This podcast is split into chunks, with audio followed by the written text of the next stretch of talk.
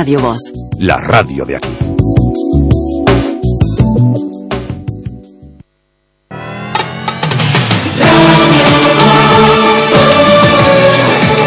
Radio Voz presenta Voces de Galicia. Con Isidoro Valerio.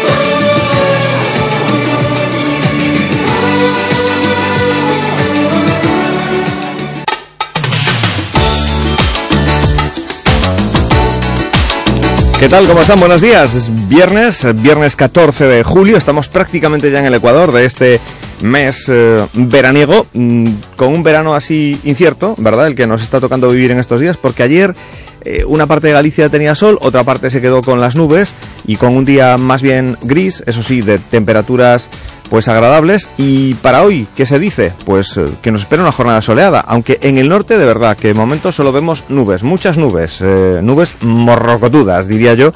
Eh, hoy dicen que una masa de aire africano llega a Galicia y trae máximas por encima de los 36 grados, sobre todo en el sur. Bueno, en Ourense la verdad que saben bien lo que es calor, porque en estos días han tenido han tenido bastante. Pero está Galicia así como mm, de diferente forma, dependiendo por dónde nos movamos, y por la Marina Lucenses, y por el eh, eh, Golfo Ártabros, y por eh, las Rías Baixas, tenemos todos los tiempos en una misma comunidad. Luego les contamos cómo viene lo del tiempo, lo del transporte de viajeros por carretera, ya saben que Ayer volvió a la senda de la normalidad, mientras, eso sí, sigue tensión entre sindicatos y patronal que tienen que, evidentemente, eh, llegar eh, a un acuerdo en torno a los salarios. Comisiones y UGT hablan de treguas, las empresas se muestran insatisfechas, la Junta da por superado el conflicto y publica los pliegos de los contratos. Bueno, y hoy hablaremos de ese tema porque estará con nosotros Jesús Pastoriza de CIGA Transporte. Por cierto, el eh, sindicato reivindica que la suspensión de la huelga de autobuses no habría sido posible sin solicitud, eh, sin su solicitud de mediación entre sindicatos y patronal al Consejo Galego de Relaciones Laborales. Como decimos, luego escucharemos a Jesús Pastoriza, miembro de, de CIGA eh, en el sector del transporte. También hablaremos de fomentar la inclusión social de las personas con diversidad funcional y de proporcionarles una mejora considerable en su calidad de vida y autonomía y atender sus necesidades sanitarias que son los objetivos de un programa titulado eh, Prosodis, promovido por la Asociación para la Promoción de las Personas con Diversidad Funcional de la Comarca de Alimia. Allí estaremos con la coordinadora del programa Prosodis, que es Yanira eh, Pazos. Habrá más cosas porque también estaremos eh, hablando de titulaciones en el sistema universitario gallego y hablaremos de las dobles titulaciones, la de física matemáticas, eh, hablaremos de ello con la decana de la Facultad de Matemáticas de la Universidad de Santiago, Elena Vázquez, y con el decano de física, Luis Manuel Varela eh, Cabo. También estaremos con la escritora Vanessa Santiago, que acaba de ganar el premio Illanova de Narrativa que organiza la editorial Galaxia para menores de 35 años. Esta eh, coruñesa, natural de Sada, presenta, ha presentado su, su libro en A Coruña, eh, A Vida Sinxela, de Marcelo Firmamento. Es el título de esa obra que es la segunda novela de una autora muy influenciada por la tradición oral y por el mundo del, del mar. Luego hablaremos eh, con ella. También con Rocío Garrido mm, conoceremos la receta del día. Como cada viernes nos iremos a la cocina de Rocío Garrido y también a la barra del bar en la que nos atenderá Diego López con sus eh, consejos sobre barismo. Hoy le vamos a conocer a él un poquito más de cerca. ¿eh? Hoy le vamos a hacer una entrevista personal a Diego López porque hemos hablado durante todos estos años con él largo y tendido sobre cafés, pero nunca hemos hablado de él, de cómo se ha formado, de eh, cómo eh, se ha enamorado de esa profesión que es la de la de barista, así que hoy queremos queremos conocerle un poquito más de cerca. Y también estaremos en Moraña, sí, porque miren, allí están preparando ya todo para final de mes, eh, para la Festa do Carneiro o Espeto, sí, una tradicional fiesta gastronómica de gran repercusión en Galicia que está declarada de interés turístico y que se celebra en la Carballera de Santa Lucía el último domingo del mes de julio desde el año 69. Es muy peculiar esta fiesta porque es la única de estas características que tiene lugar en Galicia y en la que el principal protagonista es el carneiro. Hoy estaremos en uno de los restaurantes de Moraña y también estaremos con la alcaldesa de esa localidad, María Luisa Piñeiro, que nos dará cuenta de bueno cómo va todo lo que es la organización de esa eh, festa do carneiro o espeto que, hay que reservar con antelación, ¿eh? porque si no ustedes se quedan sin comer el carnero o espeto. Luego les, les contaremos aquí en el programa. Son las 8 de la mañana, 6 minutos. Esto es Voces de Galicia. Están ustedes en la sintonía de Radio Voz. Y hoy ya saben que continúa eh, el Festival del Mundo Celta en, en Ortigueira, que vamos a tener eh, también mucha música celta en esta jornada. Y además, bueno, pues hay otras eh, citas eh, musicales a lo largo y ancho de la geografía española. Hoy, por ejemplo, llega a España Art Garfunkel. Sí, Art Garfunkel es el mítico componente del grupo Simón y Garfunkel. inició hace tiempo su carrera en solitario, al igual que Paul Simon, y hoy Art Garfunkel desembarca en España. Actúa en solitario en los jardines de Pedralbes, en Barcelona. Va a ser eh, una maravilla poder escucharle con canciones eh, como esta, que es una de las que protagoniza en su álbum en solitario, Bright Eyes, sonido Arga Funkel, hoy para abrir este programa del viernes 14 de julio, aquí en la sintonía de Radio Voz.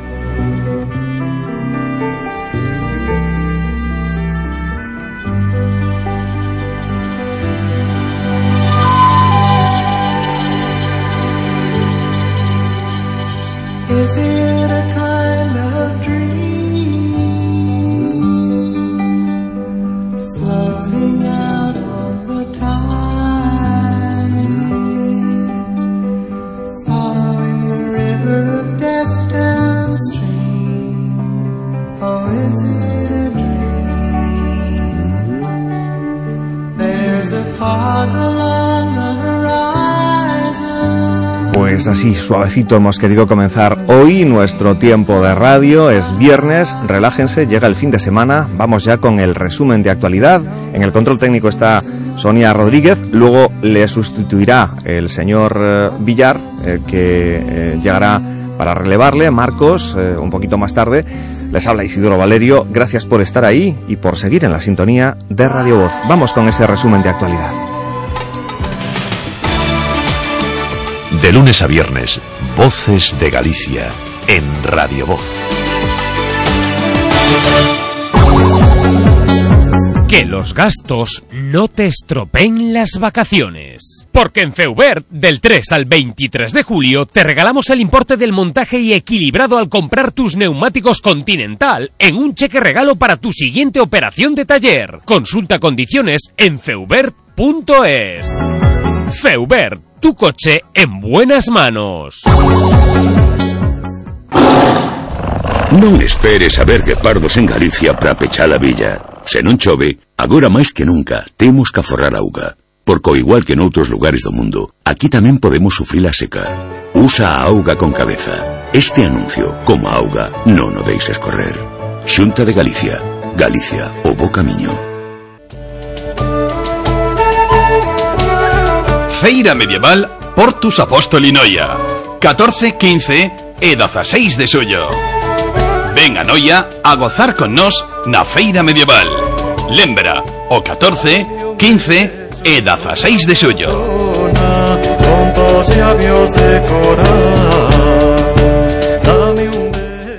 ¿Todavía con humedades en casa? Este verano di adiós a las humedades definitivamente con Hogar Seco, los expertos en humedades. Además de un diagnóstico totalmente gratuito, Hogar Seco tiene unas ofertas muy atractivas para que no sufras otro invierno con humedades. Llama al 900-828-938 o visita hogarseco.com. Hogar Seco y di adiós a las humedades.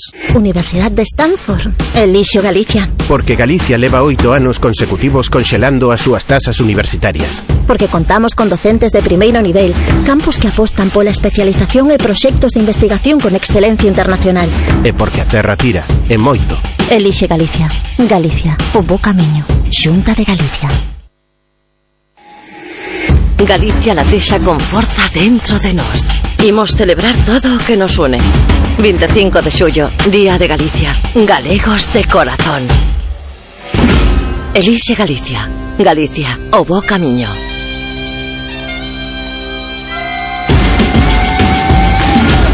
Cariño, me sigue ese coche. En Renault Selection nuestros coches te eligen a ti. Este mes llévate tu Renault del 2016 o 2017 con condiciones que te atraparán. Y además, con un año de seguro auto de regalo. Oferta válida RCI Bank. Consulta condiciones en Renault.es. Renault Selection. Coches que te eligen a ti. Te esperamos en la red Renault de Galicia.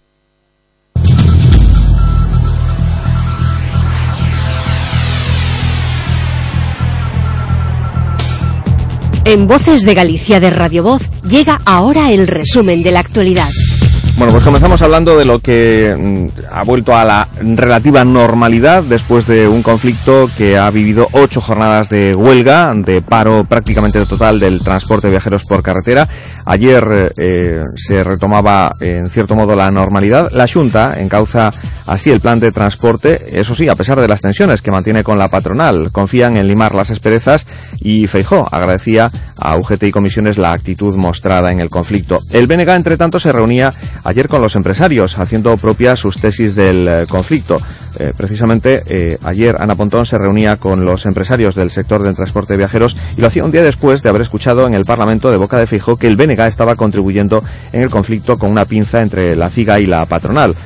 ayer Ana Pontón recogía las inquietudes de los empresarios y que el Partido Nacionalista hacía suyas en un comunicado, dado que para los nacionalistas la estrategia de ordeno y mando del equipo de Fijo acabará por afectar a los eh, usuarios y alertan del desmantelamiento del transporte escolar. Bueno, lo cierto es que ayer los trabajadores ratificaban la suspensión de la huelga de autobuses, suspensión que no eh, que se desconvoque totalmente, con un voto prácticamente unánime en asamblea a favor del principio de acuerdo alcanzado el miércoles entre sindicatos y patronal para negociar una subida salarial en el marco de la renovación de los convenios provinciales.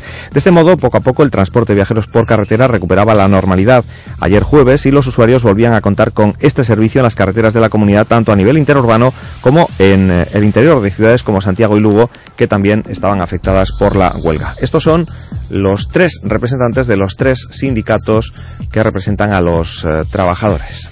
Es un conflicto que no ha terminado y que tiene que seguir ¿no? el pulso en, las próxim en los próximos días e nas próximas semanas. ¿vale? O obxectivo está no 18-19, está no convenio galego do sector. A Mesa Galega do Sector de Transporte de Viaxeiros por Estrada polo presente acorda trasladar ás comisións delegadas provinciais o compromiso de que a revisión das tábuas salariais será dun 2% a partir do día de hoxe. Después de ocho jornadas de paro, el sector iba a ir a la huelga indefinida ayer jueves, algo que se evitó al filo de las 12 eh, de la noche tras una larga cita en la que los empresarios ofrecieron una subida salarial del 2% que sirviese como mínimo en las posteriores negociaciones provinciales. Las conversaciones se retoman los próximos lunes 17, martes 18, cuando está previsto que se reúnan las mesas de las cuatro provincias. Están fijadas ya la de Coruña y Pontevedra, eh, Coruña el lunes por la tarde, Pontevedra el martes por la mañana. La CIGA, entre tanto, reivindica que la suspensión de la huelga no habría sido posible sin sus solicitud de mediación entre sindicatos y patronal al Consejo Galego de Relaciones Laborales.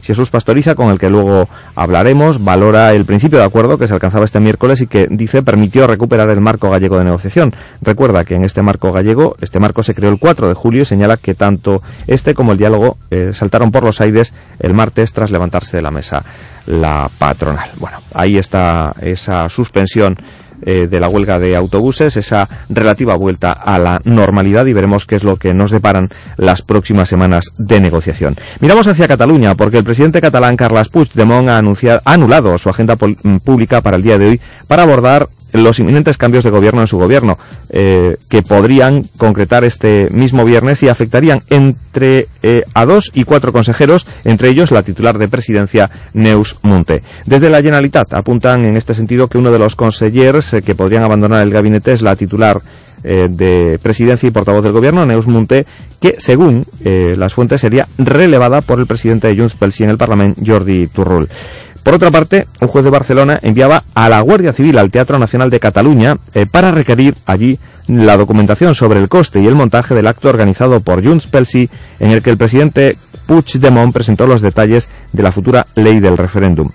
El diputado Junts pel Sí en el Parlamento, Lluís Jack, calificaba de atentado a la libertad de acción política y de tardofranquista que la Guardia Civil acudiese al Teatro Nacional de Cataluña a requerir documentación. Escuchen a, Luis, a eh, Luis eh, Jack, que se expresaba precisamente así en el día de ayer. Bueno, a mí, por circunstancias personales, uh, lo que ha pasado hoy, uh, que la Guardia Civil vaya a la sede del Teatro Nacional de Cataluña a pedir la documentación por alquilar uh, el teatro a una gente subversiva que son Junts pel Sí, me retrotrae a la época tardofranquista. Sencillamente eso. Solo que antes tenían la osadía de ir directamente al responsable de los actos, en ese caso seríamos nosotros, y uns por sí.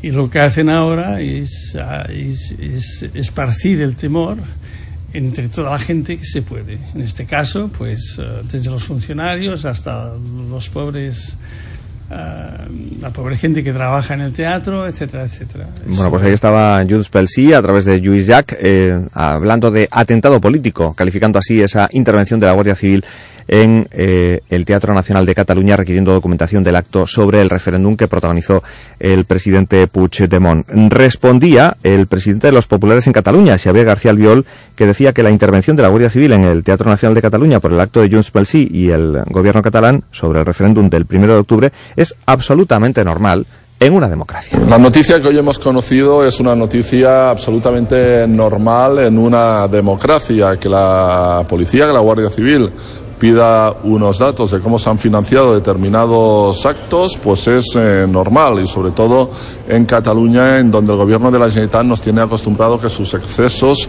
eh, los paguemos en, entre todos los catalanes y la última prueba son los 12.000 euros que costó la conferencia en el la conferencia Puigdemont en el Ayuntamiento de Madrid. Por tanto, yo no sé de qué se sorprenden Ignoro por qué se excitan de esta manera, porque es la reacción propia en una democracia de, frente a aquellos que pretenden llevar a cabo un golpe, un golpe de Estado, como es el caso de la Generalitat de, de Cataluña. También quisiera aprovechar. Bueno, pues ahí estaba Albiol, que ve absolutamente normal la acción de la Guardia Civil en el Teatro Nacional de Cataluña y, bueno, ya ven que son opiniones no coincidentes, pero ya nos tienen acostumbrados a que unos dicen una cosa y los otros, pues la contraria. Vamos con más, eh, seguimos en Cataluña porque los socialistas Pedro Sánchez y Miquel Iceta acuerdan hoy un plan de actuación conjunto con el que responder políticamente al desafío soberanista del primero de octubre en la reunión de trabajo que las ejecutivas del PSOE y del Partido Socialista de Cataluña compartirán en Barcelona. De la reunión que se celebra la víspera de la proclamación de Iceta como candidato a la presidencia de la Generalitat saldrá un paquete de propuestas que después los socialistas presentarán al resto de partidos. Y hablamos ahora de los tesoreros del Partido Popular. Ayer tres comparecieron ante la Comisión de Investigación del Congreso sobre la supuesta financiación ilegal del partido. Todos negaron la existencia de una caja B en una misma jornada en la que los grupos de la oposición plantaron también al Partido Popular en la comisión paralela creada en el Senado para investigar a todos los partidos. Vamos por partes. Los ex tesoreros del Partido Popular, Rosendo Naseiro y Ángel Sanchís, comparecían por la mañana en la comisión de investigación sobre la financiación del Partido Popular en el Congreso. Ambos negaron la financiación ilegal el que fuera tesorero de los populares entre enero del 89 y abril del 90, Rosendo Naseiro, ha asegurado que nunca pidió dinero a nadie ni reclamó donativos a empresas o empresarios para el partido. Nunca le pedí dinero a nadie. Bien, sí. El Partido Popular muchas veces se pedían con Fraga, siendo yo también tesoro, se pedían a toda España y, y público. No era eh, nada de particular. Se pedía un email a toda España y después todo ese dinero que venía, que se ingresaba en una cuenta, lo controlaban unas señoras que eran militantes del Partido Popular, lo controlaban, se metían una cuenta y después se rendía, eso se llevaba al Tribunal de Cuentas. Bien, señor Naseiro. Y esas son las peticiones eh, oficiales que, que hacía. Y yo particulares, a cambio de nada ni de nada, yo no autoricé nunca a nadie para que pidiera dinero. Y yo no le he pedido, por supuesto, a ninguna empresa ni a ninguna persona particular dinero.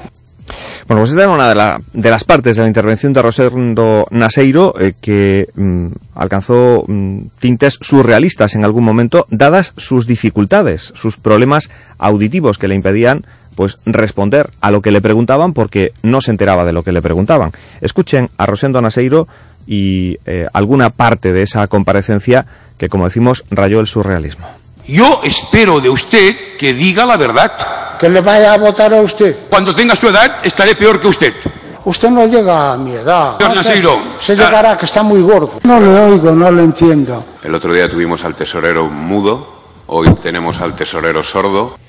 Bueno, ahí estaba Tony Cantó eh, dando el, toque de humor eh, que no fue entendido por todos. El coordinador general de los populares, Fernando Martínez Maillo, calificaba de bochornosa y lamentable la comparecencia de Rosendo Naseiro en esa comisión de investigación sobre la presunta financiación ilegal del Partido Popular y además pues eh, creía que Tony Cantó se había pasado de la raya con lo que había dicho. Escuchen a Maillo. Bueno, la verdad es que ha sido bochornoso, un espectáculo lamentable. Podíamos habernos evitado los españoles esta comisión y que incluso alguno de los diputados, pues con una falta absoluta de humanidad, pues incluso se ha reído, se ha mofado de la sordera del propio compareciente. También eh, eh, eh, compareció ayer Sanchís, eh, que sí reconoció haber recogido donativos de amigos en cenas que organizaba con Manuel Fraga y en las que recogían hasta 4 millones de pesetas. Claro, eh, Fraga decía antes que tenía que madrugar al día siguiente y se marchaba. Dejaba a Sanchís pasando la gorra, como él mismo dijo. Manuel siempre decía lo mismo. Queridos amigos, yo mañana tengo que madrugar, me voy a ir. Aquí Ángel se, se queda para explicaros lo precaria de la situación. Y allí me quedaba yo pasando la gorra. Bueno, el que fuera tesorero de Alianza Popular entre el 82 y el 87, Ángel Sanchís, explicaba también que la formación que fundó Manuel Fraga se empezó financiando con aportaciones de amigos, pero que solo hubo una contabilidad durante el tiempo que al menos él estuvo en el cargo. no teníamos un duro. Muy difícil eran los principios. A ver, no sé hasta qué punto me puedo extender, ¿eh? pero usted me corta cuando quiere y ya está. Ah, bueno, a ver, yo conocí a Fraga pues cuando ni siquiera existía la Alianza Popular, cuando estaba empezando. Yo empecé a ayudarle a financiar el partido cuando ya estaba. Entonces yo era presidente de un banco, tenía recursos y hacía cenas y recaudaba dinero para él, pero continuaba siendo presidente del banco. Y así empezamos, no había dinero y, y yo lo financié desde el primer momento. Bien, señor Sánchez, entiendo que usted en un inicio aportó dinero suyo personal, pero cuando usted ya es y de tesorero, mis amigos y amistades y cuando usted ya tesorero, financiaba con mis propios recursos y con los recursos de mis amigos. Yo había terminado de vender mi patrimonio Sí. en el banco y eh, señor Sánchez, eh, oiga, perdón que termine. A lo que quería... Cometí el error de meterme en política, si es lo que quiere usted saber. Y pedíamos donaciones a título personal. Mire usted, nosotros entonces teníamos muy poco, pero como usted sabe, quienes recibían dinero eran los que estaban en el poder, el Partido Socialista y otros, nosotros no. Bueno, ustedes estaban en el poder en No, algunos ayuntamientos no, nosotros no teníamos poder, oiga. pero- Bueno, pues por la tarde comparecía la actual tesorera del Partido Popular, que es Carmen Navarro. Comparecía por la tarde en la Comisión de Investigación sobre la presunta financiación ilegal del Partido Popular y para explicar la actual gestión del partido. Sin embargo, Navarro se negaba a contestar a ciertas cuestiones sobre las cuentas de su partido, alegando respetar el sistema judicial al tratarse de cuestiones que se encuentran, decía, inmersas en procesos judiciales. En cuanto a las cuestiones planteadas por el diputado de Ciudadanos Tony Cantó acerca de los supuestos sobresueldos recibidos por algunos cargos del partido, Navarro ha asegurado que no existieron sobresueldos, sino que se trataba simplemente de abonos a determinados miembros del partido por su trabajo y por sus gastos de representación. No, miembros del gobierno mm, no tienen por qué, vamos, no reciben sobresueldo porque la ley de incompatibilidades mm, eh, no lo permite. No son sobresueldos, son, el- son abonos a determinados miembros del partido, Sí. que es distinto, que es que por su trabajo misma- y por sus gastos de representación. Bueno, pues como saben, ayer había contraprogramación entre Congreso y Senado. Mientras en el Congreso eh, se eh, veía la comisión de investigación sobre la presunta financiación ilegal del Partido Popular, en el eh, Senado los grupos de la oposición plantaban al Grupo Popular en la comisión de investigación de la financiación de todos los partidos del Senado. Y en un tenso arranque de sesión abandonaban todos los miembros de la oposición la sala. Dejaban solo al Partido Popular para hacer preguntas al gerente de Podemos, Daniel de Frutos. Los senadores de Ciudadanos, Unidos Podemos y PSOE justificaban su actitud en protesta por el programa, dicen, manipulador que ha sacado adelante el Partido Popular gracias a su mayoría en el Senado. El senador de Ciudadanos, Antonio Rodríguez Esquerdo, eh, la senadora de Unidos Podemos, Pilar Garrido, y por último el portavoz del PSOE, Antonio Rodríguez Esquerdo, se manifestaban de este modo. Eh, el el grupo político al que yo pertenezco, Ciudadanos, renuncia a formular cualquier tipo de pregunta a los comparecientes de hoy y de cualquier otro día citados ante esta comisión bajo el plan de trabajo sectario, manipulador y viciado que ha tirado adelante el Partido Popular. Muchas gracias, señora presidenta. No, no tengo ninguna pregunta para el compareciente. Muchas gracias. Perdone, hemos no, no, decidido... disculpe, no tiene, acaba de Pero voy a. Si me acaba de decir que no tiene ninguna pregunta para el Bueno, pero compareciente. tendré la posibilidad, ¿no?, de matizar o no matizar. O solo no, no, decir si ha sido no usted o muy sí. clara, señoría.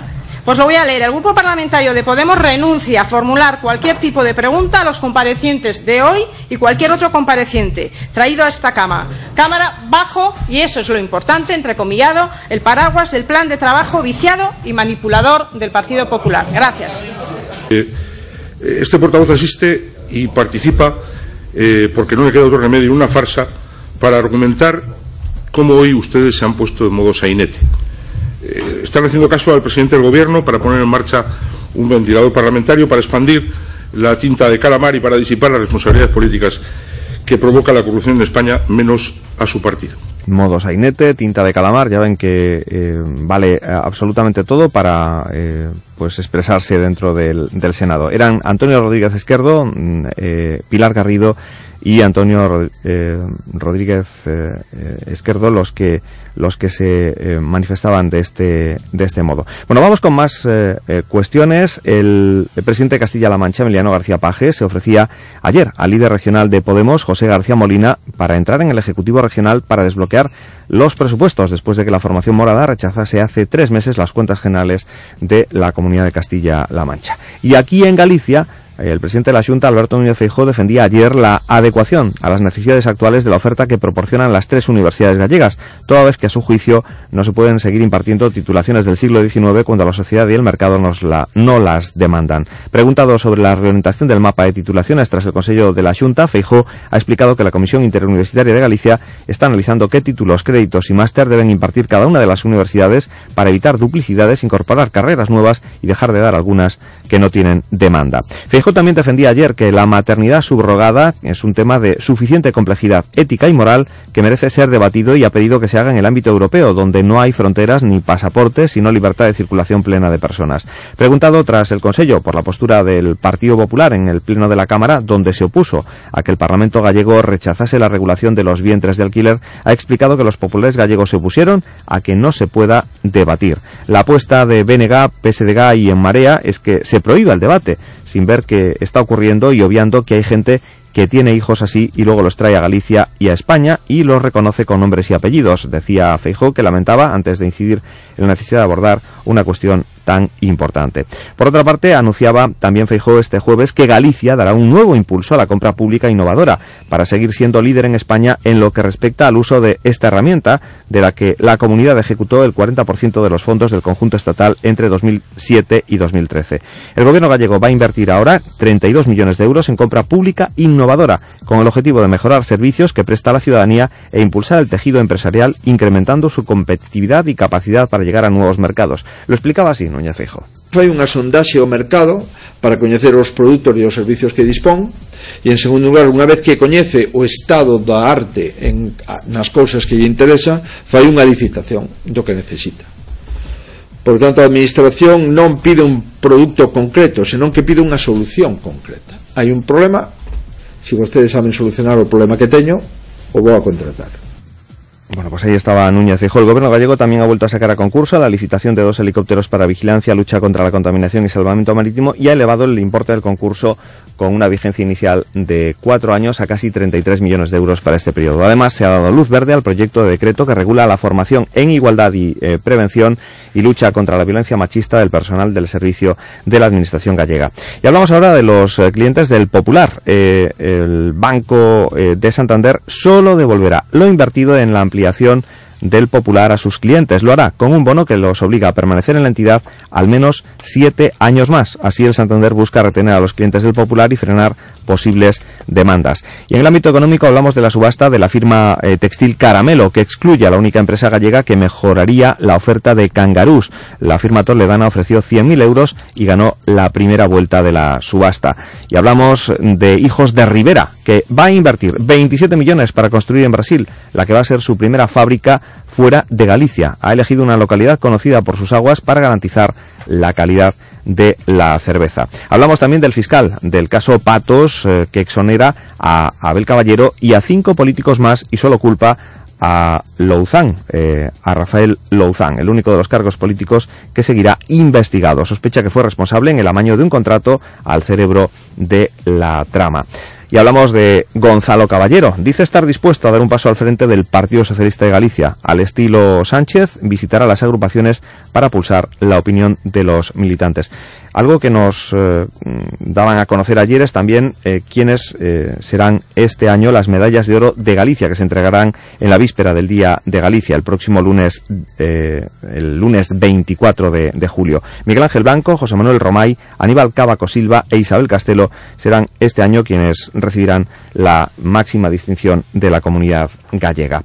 Hablamos de Podemos, da la espalda en marea y anuncia que no va a acudir a su asamblea. Dice que no diluirá sus siglas y su proyecto en la consolidación de otro partido. Y hablamos de sucesos porque el conductor del accidente mortal en A Coruña del pasado martes, el conductor del Mini, dio negativo en alcohol y drogas. Una de las hermanas heridas en ese accidente ya salió de la UCI y los demás lesionados, al parecer, evolucionan eh, favorablemente. Y también les contamos que ha caído en Lugo un grupo criminal que rebajaba 40 kilómetros de coches. Borraron 30 millones de kilómetros entre los 108, 108 vehículos que manipularon. Y nuevo susto por causa de las avispas velutinas. Un enjambre atacó a seis bañistas en una playa de pollo. El incidente se produjo cuando la rama que sostenía el nido se rompió debido al peso de ese enjambre. Son algunas de las cuestiones que forman parte de la actualidad de este día, eh, día en el que el Consejo de Ministros tramitará el cambio legal que facilita la lucha contra el terrorismo. Eh, día también en el que Rajoy presenta el plan extraordinario de carreteras y en el que la ola de calor comienza a ceder ligeramente. Eh, ayer se alcanzaron temperaturas de absoluto récord. Eh, ayer se llegaron a alcanzar los 46,8 grados en el aeropuerto de Córdoba sobre las 4 de la tarde, una de las temperaturas más elevadas que se ha eh, registrado jamás en este eh, país. Más cuestiones, hablamos del juez que interrogará hoy a dos viudas de yihadistas detenidas en Turquía y también hoy termina el, los Sanfermines 2017 con el tradicional pobre de mí que pondrá fin a los Sanfermines en una jornada de despedidas que comienzan ya por la mañana con el último encierro que a esta hora ya ha terminado y que en esta ocasión han protagonizado los toros de Miura. Así finaliza este repaso a la actualidad de este viernes 14 de julio. Vamos ahora con los diálogos de actualidad en los que hoy contamos con Manuel Sagueiro y Jaime Gaimonde. Escuchan Voces de Galicia, un programa de Radio Voz.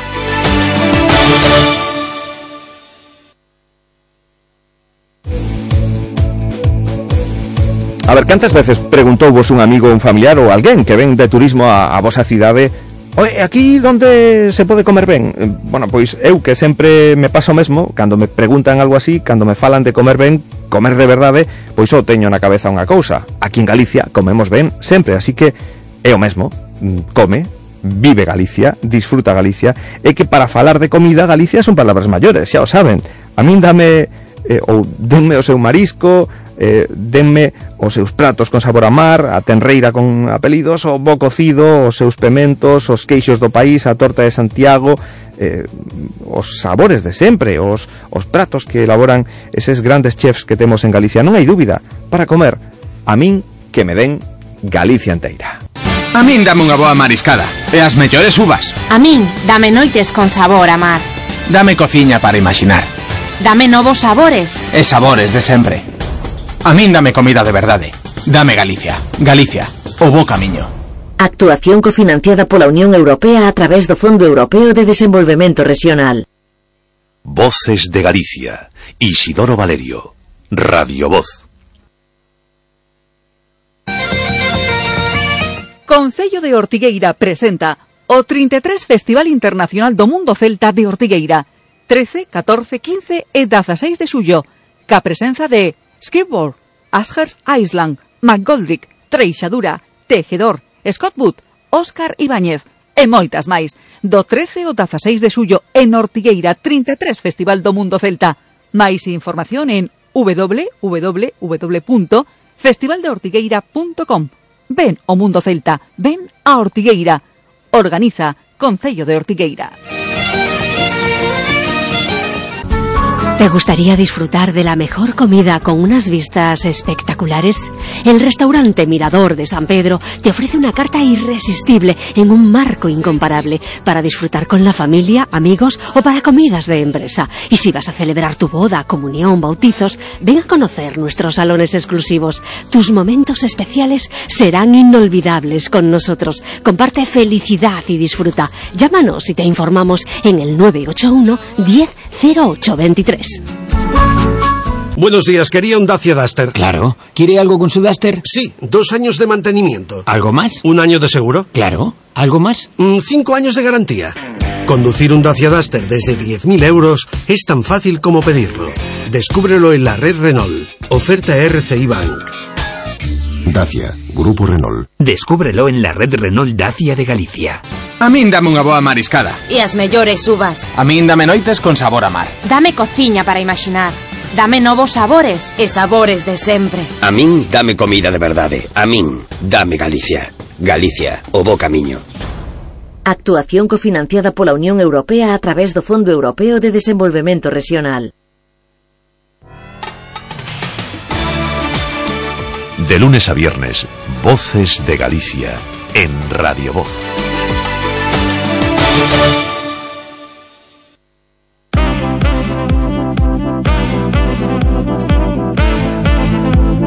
Seguimos avanzando en este tiempo de radio, en este viernes 14 de julio. Quiero saludar ya a esta hora a Xaime Gaimonde, que nos acompaña desde Lugo. Xaime, buenos días. Hola, buen día. Bon día, e tamén bon día a Manuel Salgueiro, que está con nos dende Ourense. Manuel, bo día, que tal? días. Bo día e grazas por, por estar aí. Bueno, eh, eh temos falado moitas veces aquí neste tempo de diálogos, Manuel e Xaime, de, de comisións de investigacións montadas polos políticos, eh, chegar á conclusión de que mm, a maior parte das veces non serven para nada, máis que para dar titulares, eh, para, bueno, pois sacar eh, momentos así eh, que teñen toque casi eh, de, de Club da, da Comedia. E onte mm, vimos como, por exemplo, na comisión montada no, no Congreso para eh, supostamente investigar eh, a, a presunta financiación ilegal do Partido Popular pois eh, Rosendo Naseiro eh, pois eh, votaba man de, de que escoitaba mal para eh, decir poucas cousas. Ángel Sanchís eh, decía algo máis e Carmen Navarro que é a actual tesoreira do Partido Popular pois non eh, falou de sobre, sobre salarios, sino de mm, eh, cartos que se lles dan os, eh, os políticos para gastos de, representación.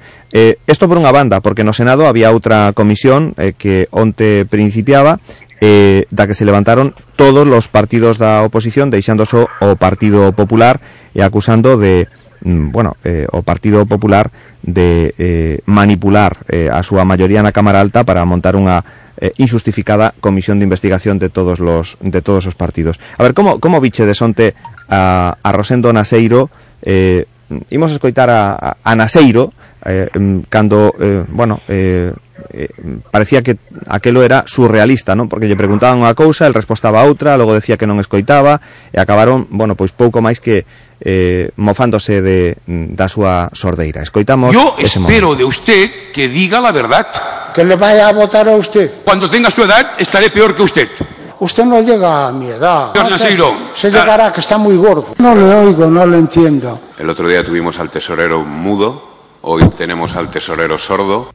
Sanchís, eh, por su parte, Ángel Sanchís, eh, Sanchís decía que él eh, organizaba cenas y recaudaba dinero para Fraga, pero que Fraga decía aquello de mañana madrugo, me tengo que ir, eh, y él, eh, Fraga se iba, decía, y él se quedaba allí pasando la, la gorra para eh, obtener eh, pues el, el dinero que luego serviría pues para, para hacer más cosas en el Partido Popular. Bueno, Alianza Popular por aquel entonces. Este es Sanchís.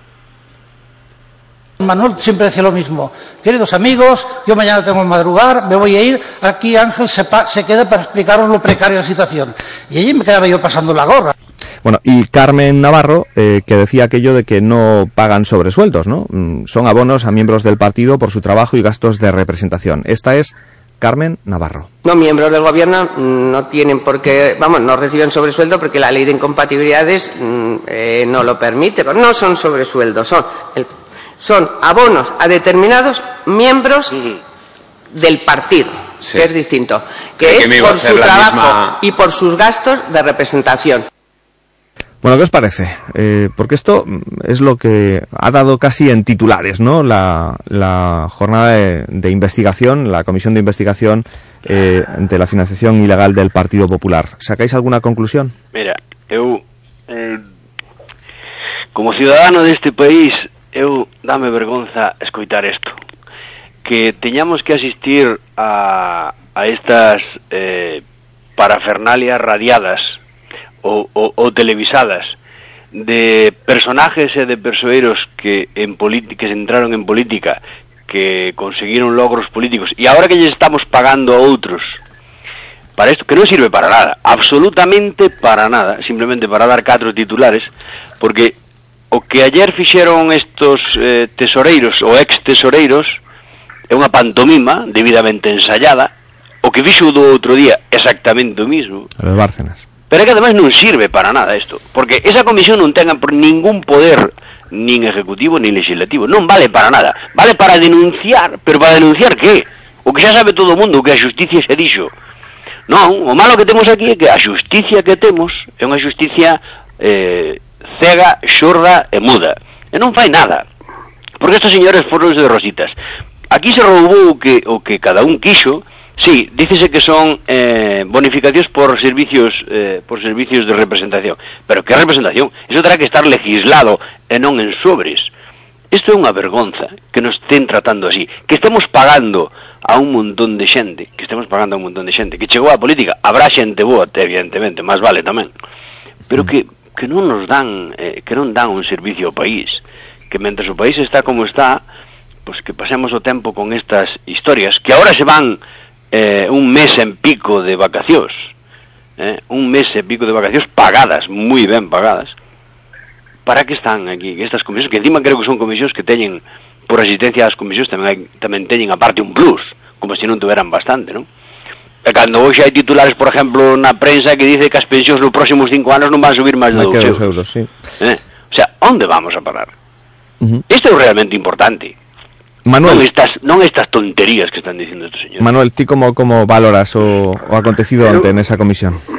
Eu coincido contigo no, na introducción que fa, que facías de que as comisións de investigación nos distintos parlamentos españoles, tanto sea eh, no Parlamento do Senado da, do país como nos parlamentos autonómicos, só sirven para distraer a opinión pública, para que determinados partidos políticos se pelean contra o contrario e, e que os que van ali mm, pois, van a contar eh, a súa versión eh, non ou non contala, eh? No, porque os de bueno, non contaron nin a deles. Bueno, sempre van a contar unha versión, a que sea, a decir, algo sempre dicen, pero porque... en todo caso non están sometidos eh, eh, a un control de que mentir lle tendría unha unha representación. Claro, pero a ver, todo todo isto sería moi sinxelo, non? Eh, mm, apostando por, por unha por unha xusticia rápida e efectiva, estas cousas se teñen que dirimir nun xulgado e, e, e se claro, ten que editar unha, no, bueno, unha sentencia pero, pero culpable si tenemos, ou inocente, si, punto. Si, si, si copiáramos as comisións de investigación dos as institucións americanas que me salen as comisións de investigación pois entonces eh, tendrían outro tipo de calidad.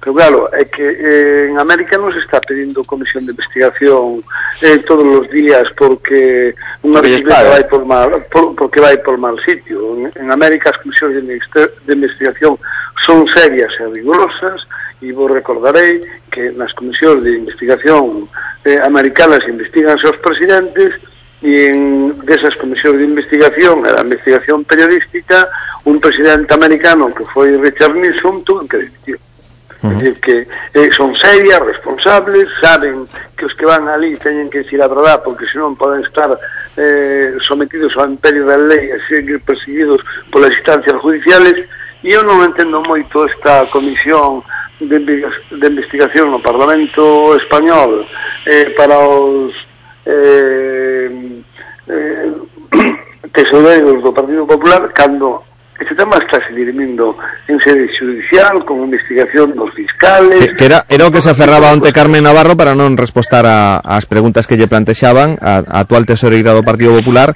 pois eh, que se saltaba algunhas das preguntas porque decía que non podía respondelas dado que eh, bueno, pois ten que respetar o sistema judicial eh, dado que son cuestións as que lle preguntaban que se atopan inmersas en procesos judiciais, non? Co, co cual, bueno, pois eh, como, como perder como o tempo. decía, como decía o compañeiro eh, se os nosos parlamentarios estuveran preocupados pola realidade social e non digo que non se preocupen por estes casos de corrupción que me parece moi ben pero si se preocuparan do que acaba de decir el de que os pensionistas o incremento das pensións vai de ser de 2 euros nos próximos 4 anos pois mm, bueno, creo que comprarían máis coa labor de representación que teñen eh, do povo que se elixiu non? Uh -huh pois eh, certa, certamente a autoridade fiscal vaticina que a pensión subirá un 0,25% o ano eh, ata o 2022 isto eh. supón pois eh, eh... e iso si sí é grave eh? sí, sí, sí, sí.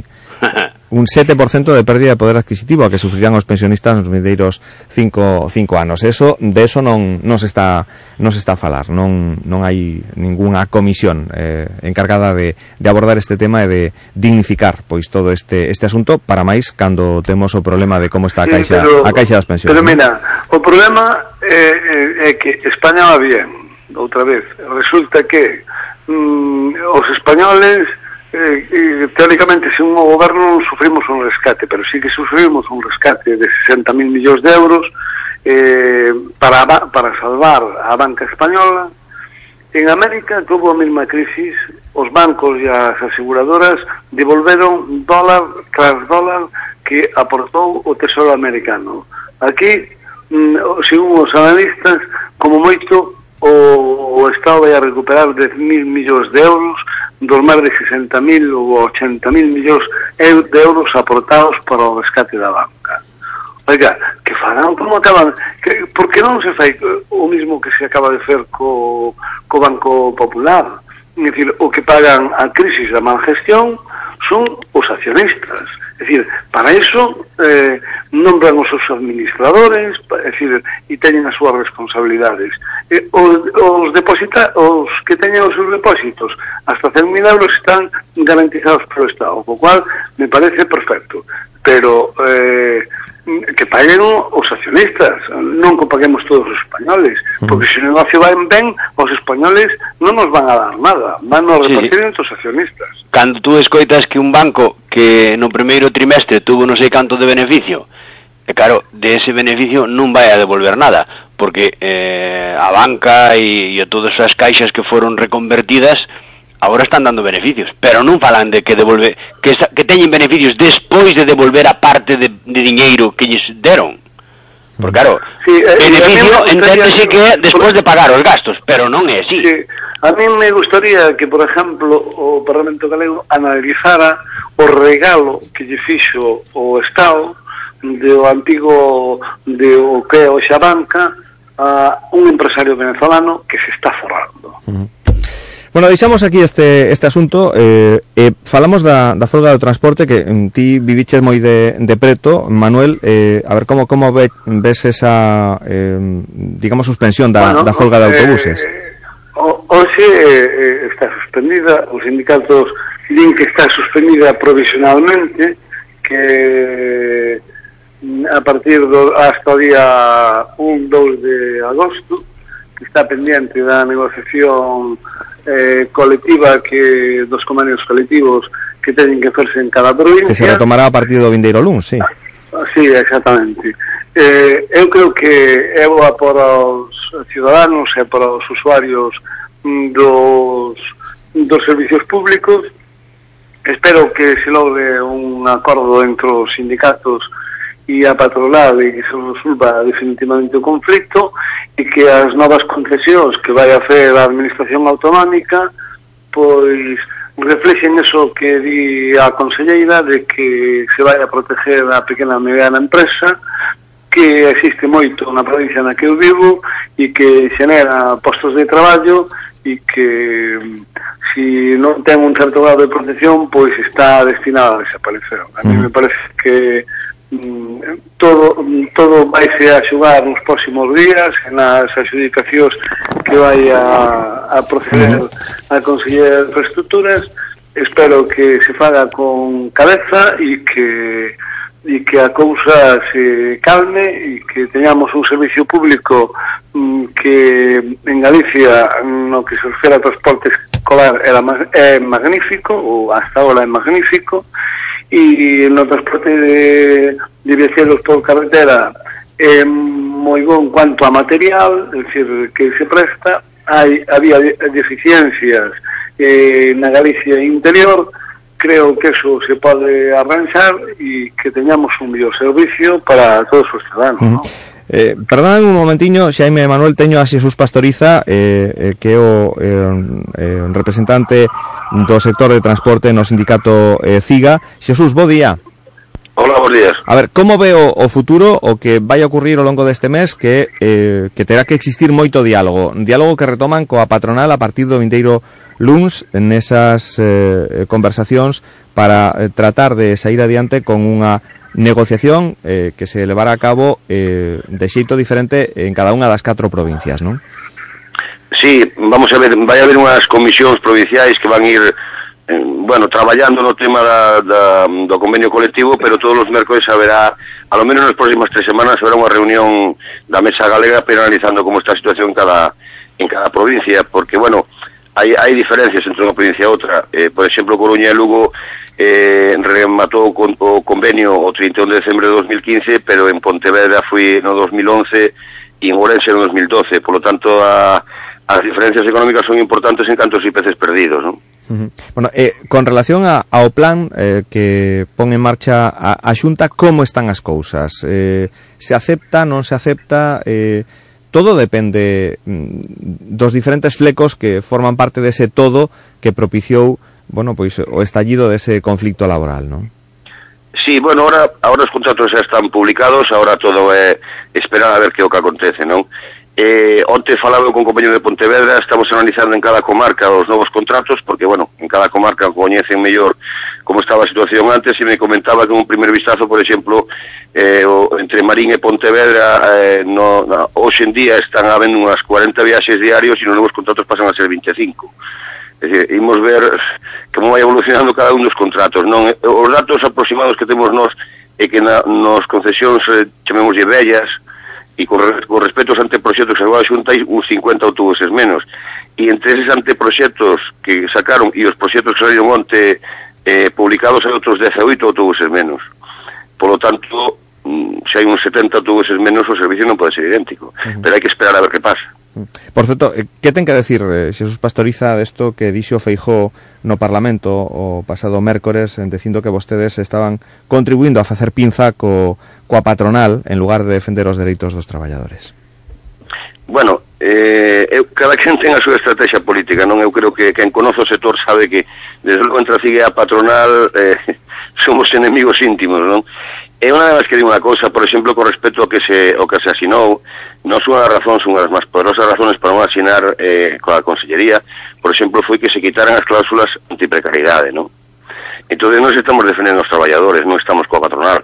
Eh, había un acordo para prohibir contratar por ETT, había un acordo para obligar a contratar as acompañantes de transporte escolar pola empresa de transportes e con as maiores garantías, incluso con unha xornada mínima, e nós falamos en todo momento de cuestións estrictamente laborales non andamos con pinzas nin con cuestións estrategias políticas. Nos, nos queremos lutar contra a precariedade de verdade, non, non salindo nos medios lallándose, pero logo cando tes eso e cho quitan, pois te da igual, firmas igual o documento. Bueno, pois alá, alá a súa estrategia, non é que o que a piensa está polo outro lado. Eh, pero mm, hai maneira de que se volva esa unidade sindical eh, que ten, bueno, pois ese punto de discrepancia.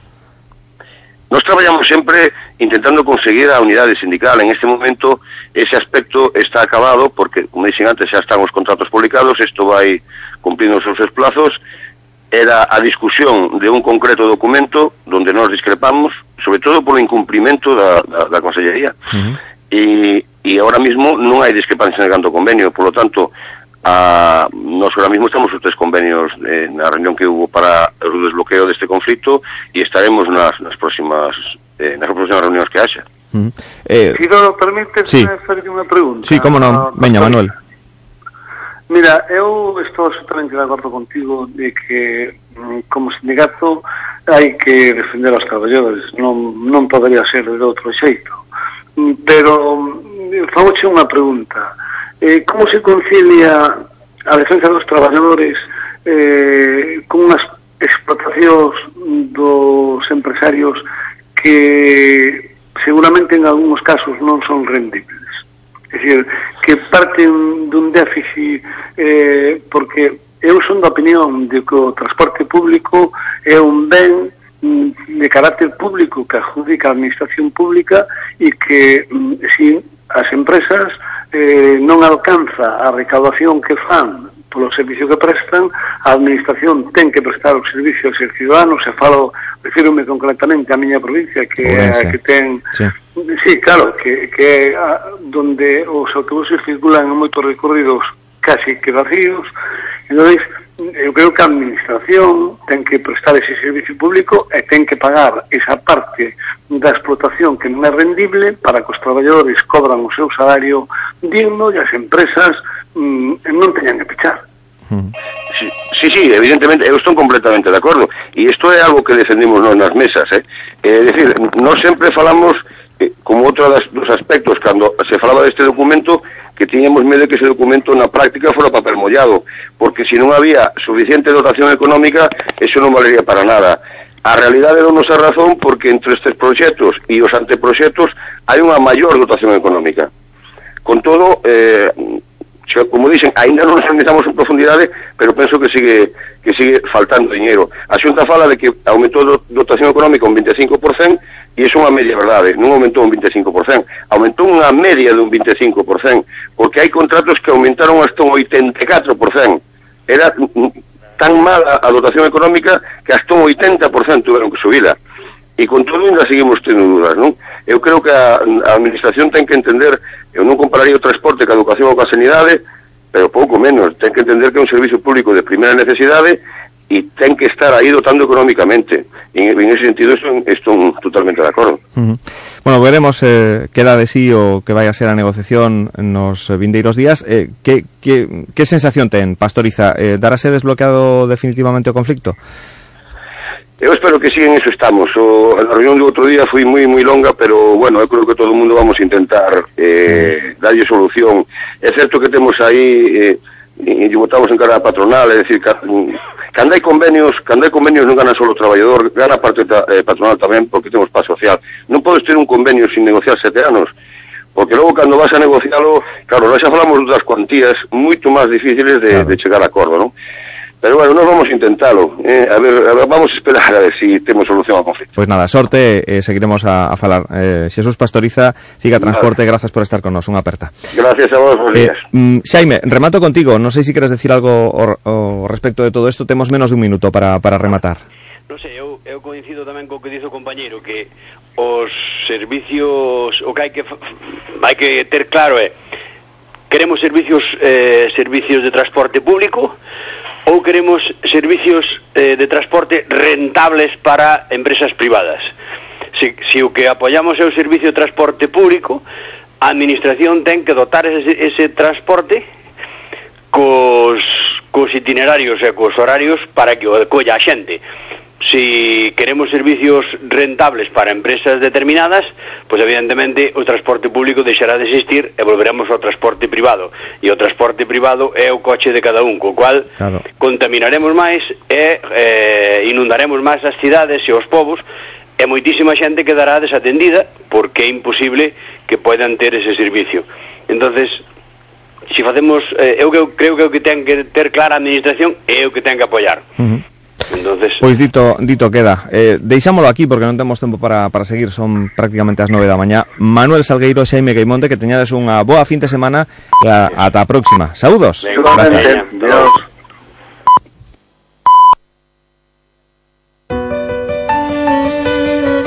Residencia Geriátrica Nuestra Señora de Fátima, en el centro de Obarco de Valdeorras, en Ourense, al lado del centro de salud. Un entorno envidiable donde podrá pasear, salir de compras y tener plena libertad para continuar con sus hábitos y costumbres. Para autónomos y dependientes con todos los servicios más profesionalizados de geriatría. Habitaciones individuales y compartidas, cocina propia con tres menús diarios. Somos los más baratos. Busque y compare. No encontrará un precio mejor. Nos adaptamos a sus posibilidades. Residencia Geriátrica Nuestra Señora de Fátima. Su bienestar, nuestra razón de ser. Llámenos al 988-321-516 y le informaremos.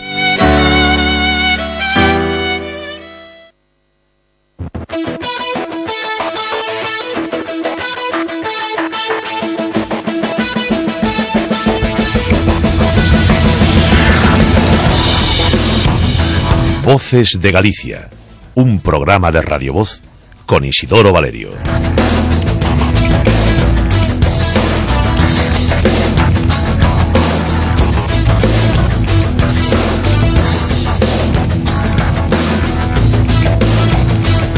Vamos ya con eh, la información de servicio. Lo primero, nuestro eh, alto en el camino para acudir a la DGT y saber cómo están las cosas ahora mismo en las carreteras gallegas. Israel Martínez, DGT, buenos días, ¿qué tal? Buenos días, hay dificultades en estos momentos en Lugo, en la A6, en la zona de Asnogais. El incendio de un vehículo en el kilómetro 434 está cortando el carril central y el derecho si van circulando hacia Madrid debido a este incendio. Así que mucho cuidado si van a transitar por las inmediaciones de este punto. Es la única incidencia, la única dificultad. En el resto hay que hablar de tranquilidad.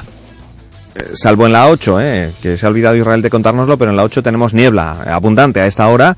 En la 8, nivel rojo eh, en Mondoñedo, eh, entre el kilómetro 536 y 552, punto ya sobradamente conocido de los conductores que circulan por ese tramo de la autovía del Cantábrico. Tengan en cuenta que se va a encontrar con niebla bastante densa. No está cortada la autovía, pero hay mucha, mucha niebla, más que ayer incluso. Así que atención a ese, a ese punto. Por cierto, nos hablaba también Israel de ese eh, eh, de esa incidencia que tenemos en la A6 a la altura de Asnogais, kilómetro 434 al 435. Vamos a encontrar el carril derecho eh, cerrado en sentido concretamente sentido Madrid, ténganlo en cuenta.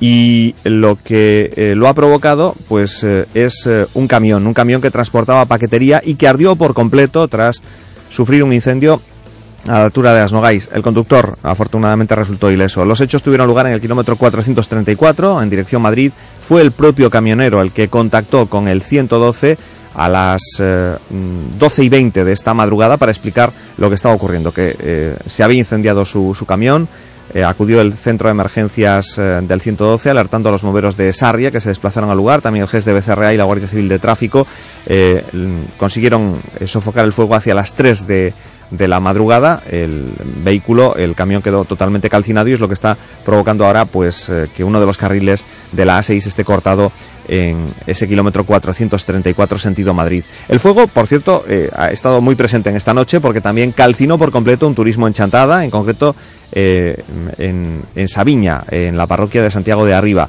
Fue a las 7 eh, y 50 minutos, 8 menos 10 de esta mañana. Un particular fue quien dio la voz de alarma al 112. eh, según explicó, el conductor ya había salido del vehículo afectado. Así que dos incendios, uno en Asnogais, otro en Chantada. En un caso un camión, en otro un vehículo eh, particular que también ardió por completo en Chantada. Y tenemos también un incendio eh, que se ha registrado esta madrugada en una panadería de Pontearea, así que se ha saldado con daños materiales de escasa consideración. El incendio se inició en el interior del establecimiento situado en eh, Areas. Las llamas calcinaron un espacio en el que se almacenaba leña. Eh, afortunadamente nadie resultó herido. Mañana, por tanto, y madrugada repleta de incidencias vinculadas al, fuego, a los incendios que se han llevado por delante. Un camión, un turismo y también pues una parte de una panadería en Ponteareas. Y vamos con la previsión del tiempo para las próximas horas. Eh, ¿Qué nos cuenta Cuatro Gotas en esta jornada? Pues eh, vamos con ese resumen de lo que hoy nos comunica Carlos Balseiro. Nos eh, cuenta que sigue la subida de temperaturas en Galicia, pero de forma muy paulatina y sin afectar al extremo norte de Galicia y por supuesto sin llegar a esos 47 grados que se registraron ayer en Córdoba marcando la máxima del país. Hoy acabará por lucir el sol en toda Galicia al final de la mañana, excepto en la zona de Amariña. Bueno, ayer tampoco llegó el sol eh, al Golfo Ártabro, en donde el cielo estuvo muy cubierto durante toda la jornada, también durante la tarde. Veremos si hoy eh, se despeja algo más o si volvemos a tener la misma situación que, que, ayer. Hoy se alcanzarán los 35 grados en Ourense, los 30 en Rías Baixas y los 25-27 en el interior de la provincia de Coruña y centro de, de Lugo. Se quedarán en 23-25 en A Coruña y Ferrol y solo 20 grados desde Cedeira hasta Ribadeo por esa presencia de, nubes. Mañana sábado apenas habrá cambios en la situación. Subirán, eso sí, un poco más las temperaturas, pero manteniéndose las nubes de Amariña y de la zona de Ortigueira mmm, Bares. Eh, bueno, en Ortigueira eh, casi que les viene bien, ¿no? Que no haga mucho calor para eh, vivir intensamente el Festival de Ortigueira, que ya hace entrar en calor eh, con los sonidos celtas a todos aquellos que se encuentran pues de acampada y viviendo intensamente ese festival repleto de conciertos y actividades paralelas. El domingo será día de sol y calor ya en toda Galicia, así que buen fin de semana a todos y también a los compañeros de cuatrogotas.com que nos sirven la información del tiempo. 9 y 6 minutos, estamos en Radio Voz.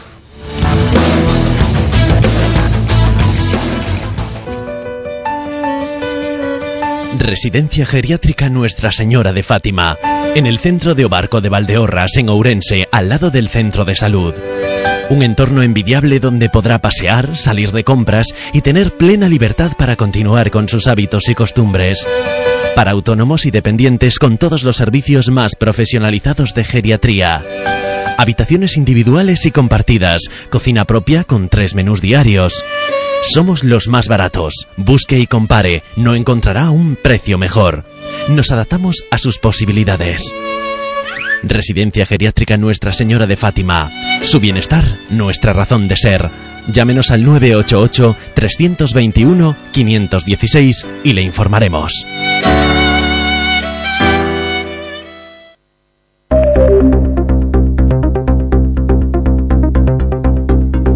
Voces de Galicia. Así va la mañana. Repasamos actualidad de esta mañana y lo hacemos en compañía de nuestros compañeros en la en redacción digital de La Voz de Galicia. Nos vamos a lavoztegalicia.es. Marta Ruiz, ¿qué tal? Buenos días, compañera. Hola, buenos días. Bueno, hablábamos hace un instante con Jesús Pastoriza, uno de los eh, miembros de los sindicatos eh, con representación en el sector del transporte de viajeros por carretera. Eh, el sector, bueno, pues ha normalizado su actividad en Galicia, aunque sigue la tensión entre sindicatos y patronal. Y veremos qué es lo que ocurre en las reuniones que mantendrán ya a partir del próximo lunes para desbloquear los convenios colectivos, ¿verdad?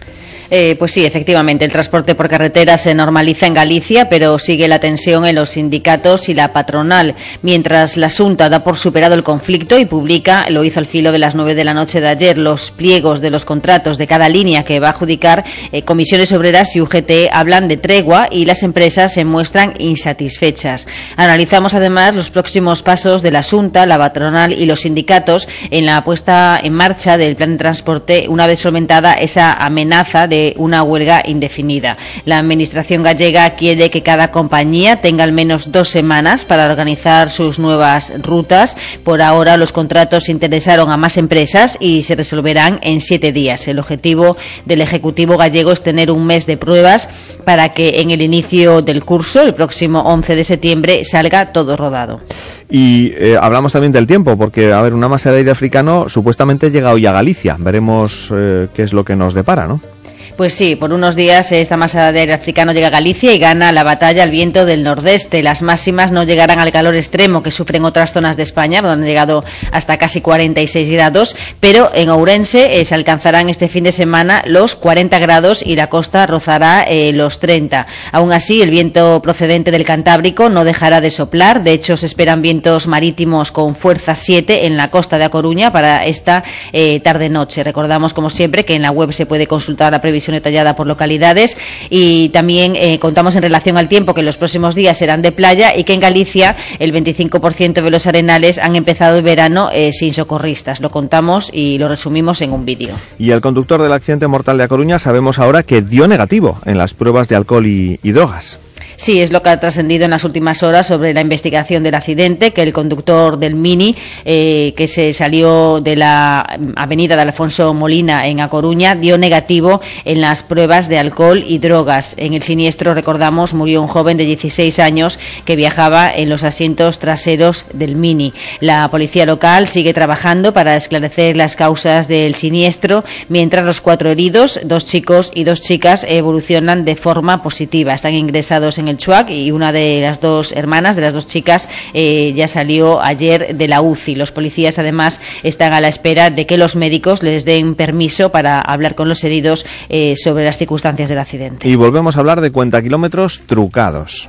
Pues sí, porque en Lugo ha caído un grupo dedicado a realizar estas modificaciones en los coches de cara a hacerlos más atractivos para obtener una mayor ganancia a la hora de venderlos a particulares. Eh, borraron 30 millones de kilómetros entre los 108 vehículos que manipularon. Han sido detenidas eh, siete personas en una operación que aún sigue abierta. Y nos habláis de Gonzalo Caballero y de la actualidad política eh, en el socialismo gallego. Pues sí, en la actualidad política nos ocupamos de la situación en el socialismo gallego con unas declaraciones de Gonzalo Caballero que dice que está dispuesto a dar un paso al frente en el PSDG. El economista dice que aún no ha tomado una decisión firme en relación a las primarias, pero sí que tiene una convicción y un compromiso. Y al estilo de Pedro Sánchez, eh, pues Gonzalo Caballero va a visitar las agrupaciones eh, para pulsar la opinión de los militantes socialistas gallegos. -huh. Bueno, y Podemos no quiere diluirse en la marea. Eh, las aguas siguen revueltas.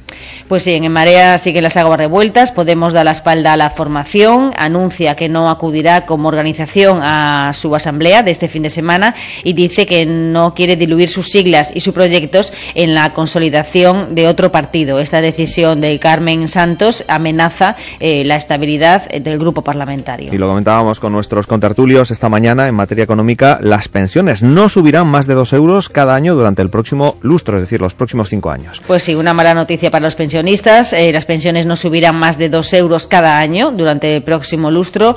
Eh, los pensionistas sufrirán de esta manera una pérdida del poder adquisitivo de un torno a un 7%, según indican los analistas. Y bueno, en un gráfico que tenemos destacado en la web se pueden analizar eh, cómo ha sido la evolución de las pensiones en los próximos años y también la que se espera para los próximos cinco. Y hoy habla Mariela Alejandra Benítez, la madre de la niña asesinada y torturada por su tío en Sabiñánigo. Sí, dice Mariela Alejandra Benítez que su hija jamás fue maltratada en casa y que Nayara estaba en el sitio equivocado. Así se manifiesta la madre de esta pequeña de ocho años que fue asesinada por su tío en Sabiñánigo. A la madre, Mariela, eh, había visto a la pequeña la semana anterior y asegura que no tenía marcas de malos tratos. Y las velutinas vuelven a ser actualidad, provocan el pánico en pollo. Pues sí, eh, de nuevo susto eh, y tensión en una playa, en este caso la playa de Chancelas, eh, en Pollo, cuando un enjambre de velutinas atacó a un grupo de bañistas. Ocurrió cuando la rama que sostenía el nido se quebró, presumiblemente por el incremento de peso y volumen del nido, que había registrado pues, en las últimas semanas un crecimiento importante. De inmediato las avispas comenzaron a atacar a las personas que estaban más cerca, provocando momentos de angustia en el arenal. Prisión para el expresidente peruano y su esposa.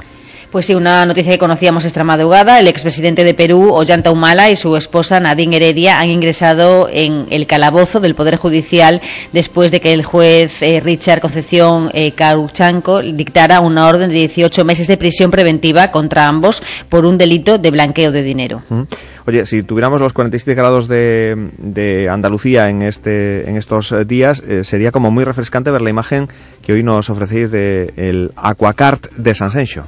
Pues sí, es una innovación eh, que han creado en San Senso, el Aquacart, eh, que se trata de una embarcación deportiva con aspecto de kart eh, que ha sido diseñada y patentada en, en San Senso. Eh, se puede probar en unas instalaciones que están enfrente a la playa sansensina de Mayor. Y bueno, tenemos además colgado eh, en la web un vídeo, como decías tú, pues muy refrescante porque se ven esas imágenes del Aquacart en un embalse, bueno, sobre, sobre las aguas. Se ve cómo, cómo es esta embarcación innovadora eh, que ha sido diseñada y patentada en San Senso. Bueno, y ponemos eh, música porque eh, las guitarras que utiliza el grupo Extremadu- Extremoduro eh, se hacen en, en.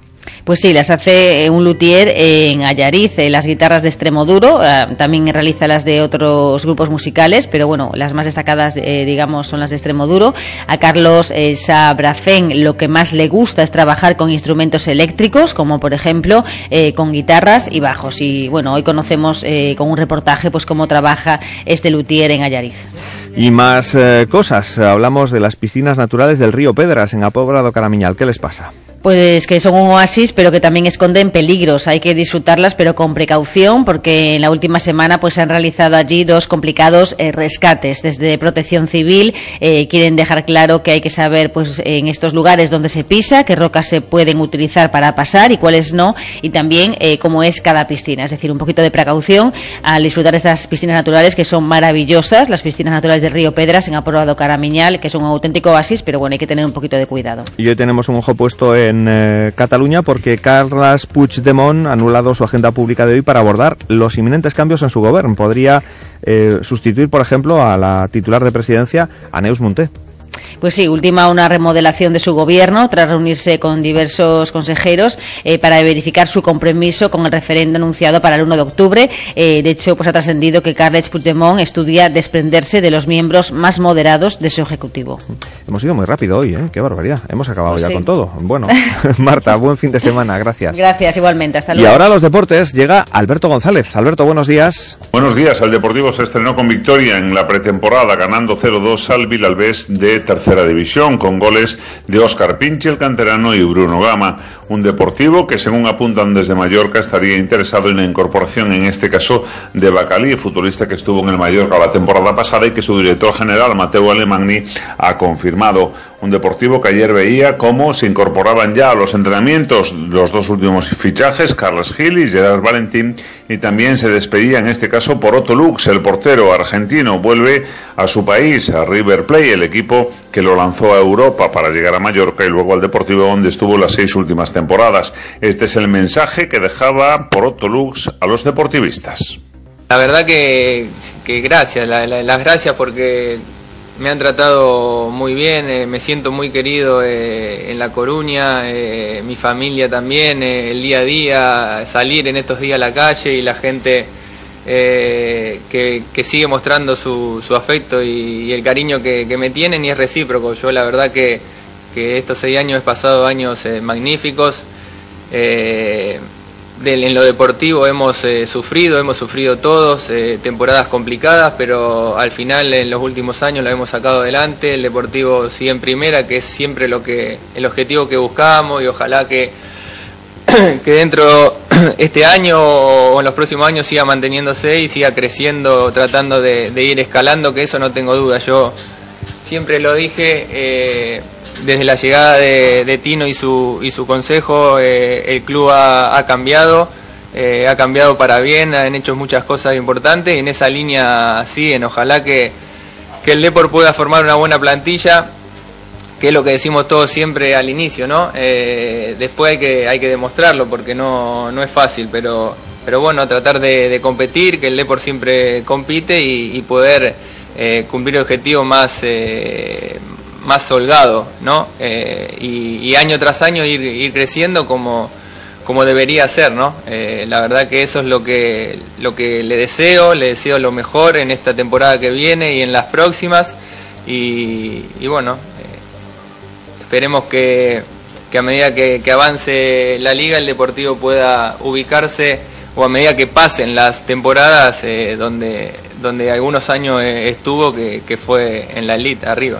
Mientras en el Celta todavía no se mueve ningún tipo de incorporación, ayer entrenamiento de doble sesión el conjunto de Juan Carlos Unzué, hoy repite en la misma idea también el conjunto vigués a la espera de que se puedan eh, concretar algunas de las incorporaciones por las que está peleando el conjunto celeste, sobre todo la del extremo diestro San Larson, el futbolista sueco que pertenece a un conjunto de la liga inglesa. Según uno de los capitanes, Hugo Mayo, están en plena pretemporada trabajando en una campaña ilusionante porque sobre todo hay un nuevo cuerpo técnico y todos los futbolistas parten de cero. Sí, como tú dices, temporada nueva, temporada con cambios, pero muy ilusionante, muy ilusionante por todo lo que traemos de atrás. Eh, una competición europea que a todos nos gusta y queremos seguir en una línea como, como fuera del año pasado. Entonces, pues esta temporada es ilusionante, comenzamos todos de cero, con cambios, como ya te digo, y con muchas ganas y mucha ambición nuevo entrenador y muchos cambios. Bueno, eh, tenemos, como tú dices, el cambio de entrenador con, todo su respectivo equipo y la verdad que bueno, cada entrenador tiene su método, pero, pero bueno, al final intentaremos aprovechar muchas cosas que nos quedan de, de Berizzo, al igual que Berizzo se, se aprovechó de cosas que quedó de Luis Enrique, así, ¿no? Entonces, pues bueno, eh, más cosas nuevas que, que el míster le está intentando meter ya desde el inicio. Una jornada de viernes, por cierto, además de las presentaciones de fichajes en el Club Deportivo Lugo, que hoy ha incorporado, ayer anunciaba que incorporaba un nuevo futbolista procedente, en este caso del eh, Almería, de Segunda División, Ramón Aced, el centrocampista nigeriano internacional, que coincidió ya con Francisco precisamente en conjunto andaluz. Esta misma mañana será presentado como nuevo jugador del Club Deportivo Lugo para las dos próximas temporadas y opción a una más. Hoy, precisamente a las 10 de la mañana en Oceao, comienza la pretemporada el equipo gallego de Segunda División. Pero sobre todo hoy estamos pendientes de los campeonatos de Europa Sprint, de la categoría senior y para canoa en piragüismo, que se disputan en este caso en Bulgaria, con más de una decena de palistas gallegos con opciones de medallas para muchos de ellos. Entre ellos, por ejemplo, Roy Rodríguez o el tudense Rubén Millán, que habla de su estado de forma y cómo llega a esta cita de los campeonatos de Europa. Las perspectivas creo que son boas, ¿no? eh, no K2 500 vou a competir nun barco que fai anos montamos xuntos xa, esta competición vimos con pouco adestramento, pero creo que sempre fomos un bote bastante bo, creo que podemos facer un bo papel. Esa vai ser a intención, ¿no? estar loitando polas medallas. Bueno, no 5000 creo que estou nun bon momento, eh, bueno, aproveitarei a, a ocasión e intentarei facer o mellor que poida. Eh, unha lotería 5000, porque vou pasar moitas cousas durante a competición, pero bueno, ano os 5.000 que fixen na verdad que foron bastante bons como de España e espero facer un bo papel a pista está moi ben o problema é o calor que está facendo que está sendo matador pero bueno, esperamos que a cara fin de semana va a empezar a baixar un pouco as temperaturas e sea unha pista perfecta 11 en total serán los palistas gallegos que comiencen hoy a competir a lo largo del fin de semana en Bulgaria. Voces de Galicia. Isidoro Valerio. Radio Voz. Xenética Fontao, xenética de vanguarda feita en Galicia.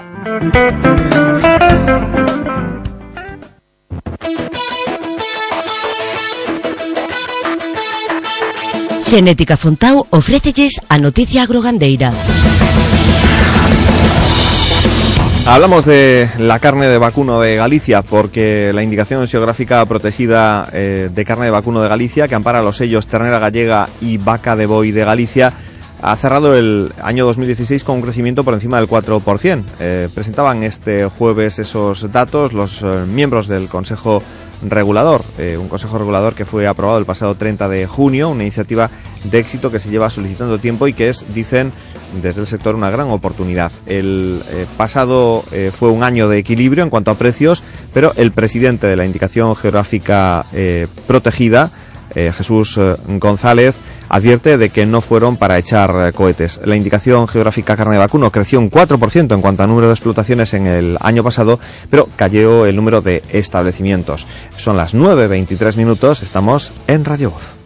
Pilar Barreiro é a dona de Barreiro Lodeiros, de Arzúa, unha explotación que ordeña con robot 58 vacas cunha media de producción de 12.600 litros e que pechou 2015 cun total de 48 lactacións finalizadas válidas. Pilar, que touros usas para conseguir estas cifras? Pois nos adoitamos traballar con touros de xenética Fontao porque a súa relación calidade-prezo garántenos unha elevada media de produción. Xenética Fontao, a túa mellor fonte de xenética. De lunes a viernes, Voces de Galicia, en Radio Voz.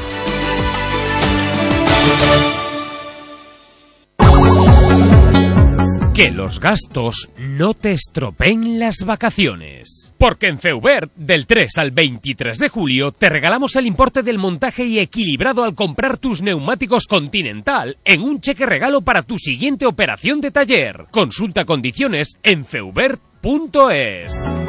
Feubert, tu coche en buenas manos. ¿Vives en un edificio sin ascensor? ¿Quieres eliminar las escaleras que hay antes del ascensor en tu portal? ¿O tu ascensor no es eficiente? Aprovecha hasta el 14 de julio las subvenciones de la Junta para instalar un ascensor en tu edificio, mejorar la eficiencia energética y la accesibilidad de tu ascensor. ThyssenKrupp pone a tu alcance la solución más adecuada para tu comunidad. Llama sin compromiso al 901-020-909 o visita nuestras oficinas. En ThyssenKrupp te hacemos la vida mejor y más fácil.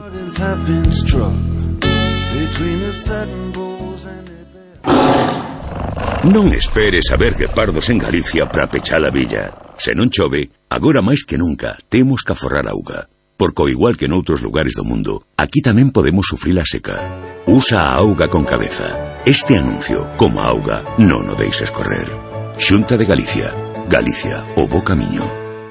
A min dame unha boa mariscada. E as mellores uvas. A min dame noites con sabor a mar. Dame cociña para imaginar. Dame novos sabores e sabores de sempre. A min dame comida de verdade. A min dame Galicia. Galicia, o bo camiño. Actuación cofinanciada pola Unión Europea a través do Fondo Europeo de Desenvolvemento Regional. Copigal, alquiler multifunción A3, color y blanco y negro por 25 euros al mes. Sí, ha oído bien. Alquiler multifunción A3, color y blanco y negro por 25 euros al mes. Copigal, central en Coruña y delegaciones y servicio técnico en toda Galicia. Copigal, teléfono 981 63 61 55 www.copigal.net.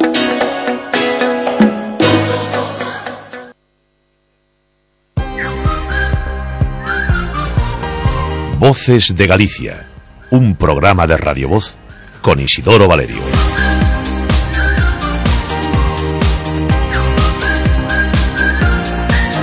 Nos vamos a la zona de Alimia, en Ourense, porque queremos hablar eh, de lo que allí está haciendo la Asociación para la Promoción de Personas con Diversidad Funcional de la comarca de, de Alimia. El, el IMISI eh, pone en marcha un programa denominado Prosodis eh, para eh, fomentar la inclusión social de las personas con diversidad funcional eh, y evitar pues lo que eh, en otras zonas mm, pues está ocurriendo que es que en lugar de ir a atender a esas personas esas personas son las que tienen que ir a que se les atienda. Bueno pues ahí tratan de, de invertir los, los términos y todo pues eh, gracias a un proyecto que ha obtenido el respaldo eh, económico de la obra social de la Caixa que lo ha financiado con una aportación de 10.000 euros. Yanira Pazos es la coordinadora del programa Prosodis en eh, la comarca de, de Alimia. Yanira, buenos días. Bo día. Bo día, gracias por, por estar con nos. Bueno, eh, ¿cómo, ¿cómo está a funcionar? Porque tedes, digamos, tres... Eh, tres etapas dentro de, do desenvolvemento dese proxecto denominado Prosodis para axudar as, as persoas con diversidade funcional que están aí no medio rural, non? Sí, pois bueno, estamos aínda casi avanzando despois da primeira fase que foi así un pouco de promoción e divulgación e bueno, de captación de posibles usuarios ou beneficiarios dos servicios e estamos aí arrancando na segunda fase analizando a cada un dos usuarios valorando, facendo diagnósticos e vendo que terapias eh, son as máis apropiadas para recibir ou as que máis demandan ou precisan. Como naceu todo este, este proxecto? Pois, bueno, dende a asociación é moi, moi noviña, dende 2002, pero co tempo, según fomos implantando servicios, vimos que había certas terapias sociosanitarias que non, que non tiñan resposta, nin había ningún servicio público nin, nin privado que lle dera resposta na comarca da Limia. E moitos destes usuarios tiñan que desplazarse a, a cidades, pois como Ourense, Vigo, ou incluso outras máis, máis lonxe, para poder recibilas. Claro, con todo este gasto económico que supón e pérdida de tempo. Entonces decidimos implantar un programa que ofrecerá estas mismas terapias, pero aquí incluso para algúns usuarios con desplazamentos aos fogares.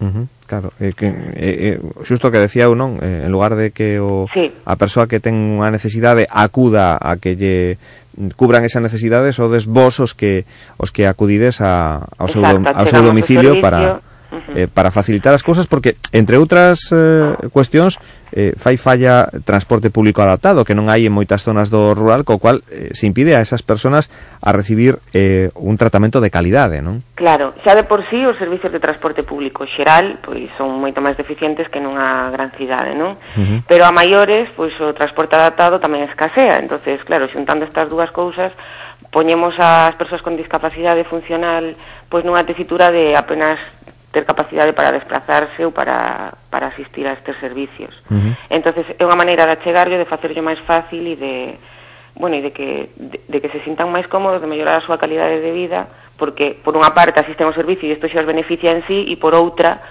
pois non teñen que separarse do seu, do seu entorno. E quenes estades traballando neste, neste ámbito aí na comarca da Limia? Pois neste programa a toda agora podes ampliar según nos vayan pedindo novas, novas servicios e novas terapias, pero de momento estamos traballando unha psicóloga, unha logopeda, unha pedagoga e unha educadora social. Uh -huh. eh, cousas que ofrecedes xa en, en concreto a, a, a xente que conta con vos? Estás, eh, estás a ofrecerse a servicio de logopeda, xa se iniciou, estás a ofrecer tamén estimulación cognitiva para xente que tivo algunha parálisis por algún ictus ou algunha enfermidade cardiovascular, estás ofrecendo educación para nenos con problemas de conducta ou necesidades específicas educativas, estás a ofrecer apoio educativo tamén para nenos con, con discapacidade, eh, bueno, así en xeral un pouco de todo, non? Despois cada caso concreto, uh -huh. pero en todo en Eh, todos os ámbitos. E estades a traballar basicamente aí na comarca da, da Limia, non? Sí, bueno, prácticamente íntegro. Creo que temos algún usuario que ven de fora da comarca, pero nos traballamos prácticamente íntegro o programa na, na comarca. Uh -huh. Que mm, eh, estáis traballando con alrededor de 200 persoas, polo que teño entendido, que mm, demostra sí, usuarios rondan, a, ne a necesidade sí. de, de actuar nese sentido, non? Sí, claro, temos un volumen moi amplio de usuarios porque O, o principio eran menos, outros anos con outros programas parecidos, non? Pero cada ano vais incrementando este número de usuarios porque moitos deles volven ás súas casas e ás súas aldeas ao saber que estes servicios existen. Uh -huh. eh, quen, quen tomou a iniciativa de poñer en marcha esta, esta asociación? Foi algo a nivel de, de, de concellos da, da zona, a título non, particular, naceu, profesionais? Naceu a título particular con familiares e amigos de persoas con diversidade funcional que vían a necesidade de, de ter algúns servicios aquí na propia comarca. Uh -huh. Iniciaron con actividades moi básicas, sobre todo de ocio, tempo libre e, e de relacións sociais, non? participación na comunidade, e pouco a pouco foronse conseguindo pois máis infraestructuras, máis medios económicos e, e máis servicios, claro. Uh -huh. eh, o que facedes a través de pois ese respaldo da obra social de Caixa Galicia, digamos, é eh, aminorar... Da Caixa. Eh, da, da Caixa, sí, eh, la Caixa. Eh, aminorar a... Eh, digamos, o peso económico que supón o prestar este servicio a título individual a cada un dos, dos usuarios do, do programa, non? Sí, o servicio aínda así ten un custe que, que paga cada familia, pero é moi baixo e, e moi reducido comparado co, co precio real do servicio, pues, precisamente porque está subvencionado por la Caixa. E, e, bueno, se non fora tamén por las subvencións da Caixa sería moi difícil manter estes servicios porque conta que a maioría dos usuarios pues, teñen unhas unhas prestacións moi reducidas, que todos sabemos máis ou menos o que ronda unha prestación por, por discapacidade, e con eso teñen que vivir e a maiores pagar estas terapias que que son imprescindibles para eles. Claro, pero que polo menos teñen opción a telas porque do contrario eh, sería máis caro o, o ter que desplazarse sí. pois a Ourense a Vigo eh, e recibir esa ese sí, tratamento profesional, claro. Eh, mm, o que sería tal vez eh, desexable tamén era que tiberades máis axudas, máis achegas de de mm, orzamento para poder prestar o o servicio por unha banda a máis xente e por outra eh, banda pois eh, eh, prácticamente eh, facendo eh, sostible para, para as economías bastante delicadas, non? No rural e, sí, e con sí, grados sí. de dependencia. somos, ademais da filosofía de que si un servicio para as persoas con discapacidade se pode facer prácticamente gratuito, debería de ser así. Porque creemos que, que son servicios que son imprescindibles para eles, como te decía antes, e que as súas pensións pues, non dan para tanto. Claro. Eh, de todas formas, non somos unha, unha entidade autónoma e pretendemos ser autosuficientes na medida do posible. Isto non quere dicir que rexeitemos axudas, pois como a de la Caixa ou como algunhas da Administración Pública que tamén recibimos, non? Uh -huh. Pero non estamos federadas nin queremos ser dependentes de ningún organismo. O que, o que facemos é intentar producir a través de outros dos servicios ou de outros produtos que se fabrican noutros servicios, como por exemplo no centro ocupacional, pois mm, teñen producción de de produtos en costura, de encuadernación, de xabóns, de, bueno, de miles de cousas que despois pues, se venden ou se cambian a, través, a cambio dun donativo. E entonces vivimos, digamos, gran parte da nosa financiación gracias ás ventas tamén de, dos nosos propios produtos. O que procuramos é ser autosuficientes porque sabemos que as subvencións de un día para outro poden, poden acabarse se e o que queremos é que os servicios poidan perdurar no tempo, que non dependan solamente de, das axudas que nos den, que ainda así ben vidas son, por suposto. Uh -huh. Pois unha experiencia moi interesante que están a levar adiante pois este colectivo de profesionais eh, vencellados á Asociación para a Promoción de Persoas con Diversidade Funcional da Comarca da, da Limia, a coordinadora de, dese de programa PROSODIS eh, para a inclusión social das persoas con diversidade funcional, ella Nira Pazos, que hoxe estivo con nós aquí no, no programa. Noraboa polo traballo e a ver si se xurden iniciativas eh, semellantes noutras zonas eh, de Galicia que están afastadas do que son os núcleos poblacionais importantes nos que se ofrecen dun xeito pois máis doado todos eses servicios que, que levades na vosa carteira. Unha aperta forte, grazas. Moitas grazas, outra para ti. Seguimos en Radio Voz, 9.35 minutos, cambiamos de asunto, falamos do sistema universitario galego eh, das titulacións que, bueno, pois está a ofrecer ese sistema universitario galego. A verdade é que eh, parece que mm, está como de moda o de física e matemáticas. Eh, saben que a nota de corte que máis subiu foi a de, a de o grado de física está no 11261 eh, mm, eh, a nota de, de, de corte mm, de matemáticas pois tamén está eh, pois eh, nunha cifra nunha cifra destacada. Imos falar enseguida coa decana da Facultade de Matemáticas da Universidade de Santiago de Compostela e tamén co decano de Física, Luis Varela eh, Cabo. Elena Vázquez e Luis Varela eh, estarán con nós a volta desta pausa. Voces de Galicia.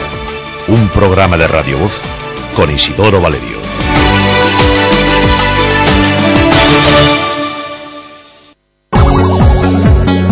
Que los gastos no te estropeen las vacaciones. Porque en Feubert, del 3 al 23 de julio, te regalamos el importe del montaje y equilibrado al comprar tus neumáticos Continental en un cheque regalo para tu siguiente operación de taller. Consulta condiciones en feubert.es.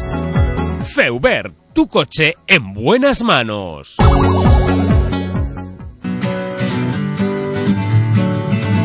Imagina un portátil de primera marca.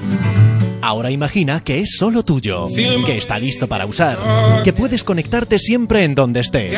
Imagina que puedes llevártelo a todos lados, que es resistente a todo y que puedes confiar en él. Ahora ponle un precio. Y ahora por ese precio llévate dos o tres. En Harnet paga por lo que necesitas y lo demás ahórratelo. En calle Pose 43, junto a El Corte Inglés. Teléfono 981 17 48 53. www.hocasión.com Te pasas el día compartiendo. ¿Acaso te pagan por ello? En Unshipping sí. Si compartes Unshipping con tus amigos, ellos se volverán locos. ¿Y tú? Tú conseguirás tu hotel gratis. Unshipping. Mono por compartir. ¿Lo compartes? Universidad de Stanford. Elixio Galicia. Porque Galicia leva oito anos consecutivos conxelando as súas tasas universitarias. Porque contamos con docentes de primeiro nivel, campus que apostan pola especialización e proxectos de investigación con excelencia internacional. E porque a terra tira, e moito. Elixe Galicia. Galicia, o bo camiño. Xunta de Galicia. En Talleres Arteixo queremos acompañarte en cada proyecto para que consigas su mejor versión, proporcionándote siempre las máquinas más fiables. Por eso somos distribuidores exclusivos de retroexcavadoras Takeuchi en toda Galicia. Talleres Arteixo, alquiler y venta de maquinaria desde 1978. Visítanos en Arteixo, en Santiago o en talleresarteixo.com, porque la inspiración llega trabajando. Voces de Galicia, un programa de Radio Voz con Isidoro Valerio.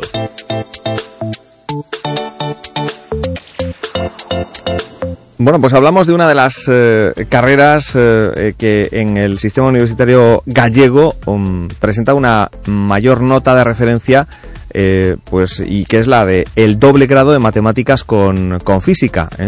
La verdad que tienen una nota de corte eh, importante, 13,466 eh, puntos necesitan para poder cursar esos eh, estudios en la Universidad de Santiago de, Compostela. Estamos precisamente en contacto con la decana de la Facultad de Matemáticas y con el decano de la Facultad de, Físicas, Elena Vázquez y Luis Miguel Varela, respectivamente. Elena Vázquez, profesora, buenos días. Hola, buenos días. Buenos días y gracias por estar con, con nosotros, al igual que a Luis Miguel Varela, decano de Física. Buenos días. Eh, a ver, ¿a qué se debe este repunte? Eh, parece como si se hubiera puesto de, de, moda lo de matemáticas y física, que eran eh, pues estudios estos que parece que estaban como muy vinculados pues por, por, la gran mayoría de los alumnos a, bueno, si estudias matemáticas o física te vas a tener que dedicar a la, a la docencia. Esto mm, no es del todo cierto y ha tenido que pasar tiempo para que cayésemos de la burra, ¿no?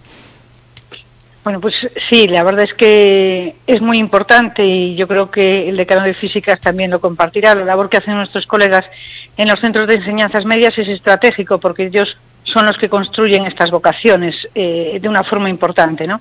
Entonces, el papel de los docentes de enseñanzas medias es muy valioso pero matemáticas y física no solo eh, se dedica a contar las matemáticas y, la física que hoy existen, sino que los profesionales de estos ámbitos lo que están es desarrollando eh, nuevas aportaciones en estos campos. ¿no? Entonces, yo creo que, como muy bien apuntaba, de lo que se trata es de reconocer una labor que estaba ahí, eh, en unos centros que ya estaban capitaneando proyectos muy importantes y eso transmitirlo a la gente joven. El hecho de juntarnos, aunque siempre hemos tenido yo creo que un poco de alma de físico y de matemático, yo desde luego eh, dudaba en, en, la selectividad, creo que marqué física, aunque después acabé en matemáticas.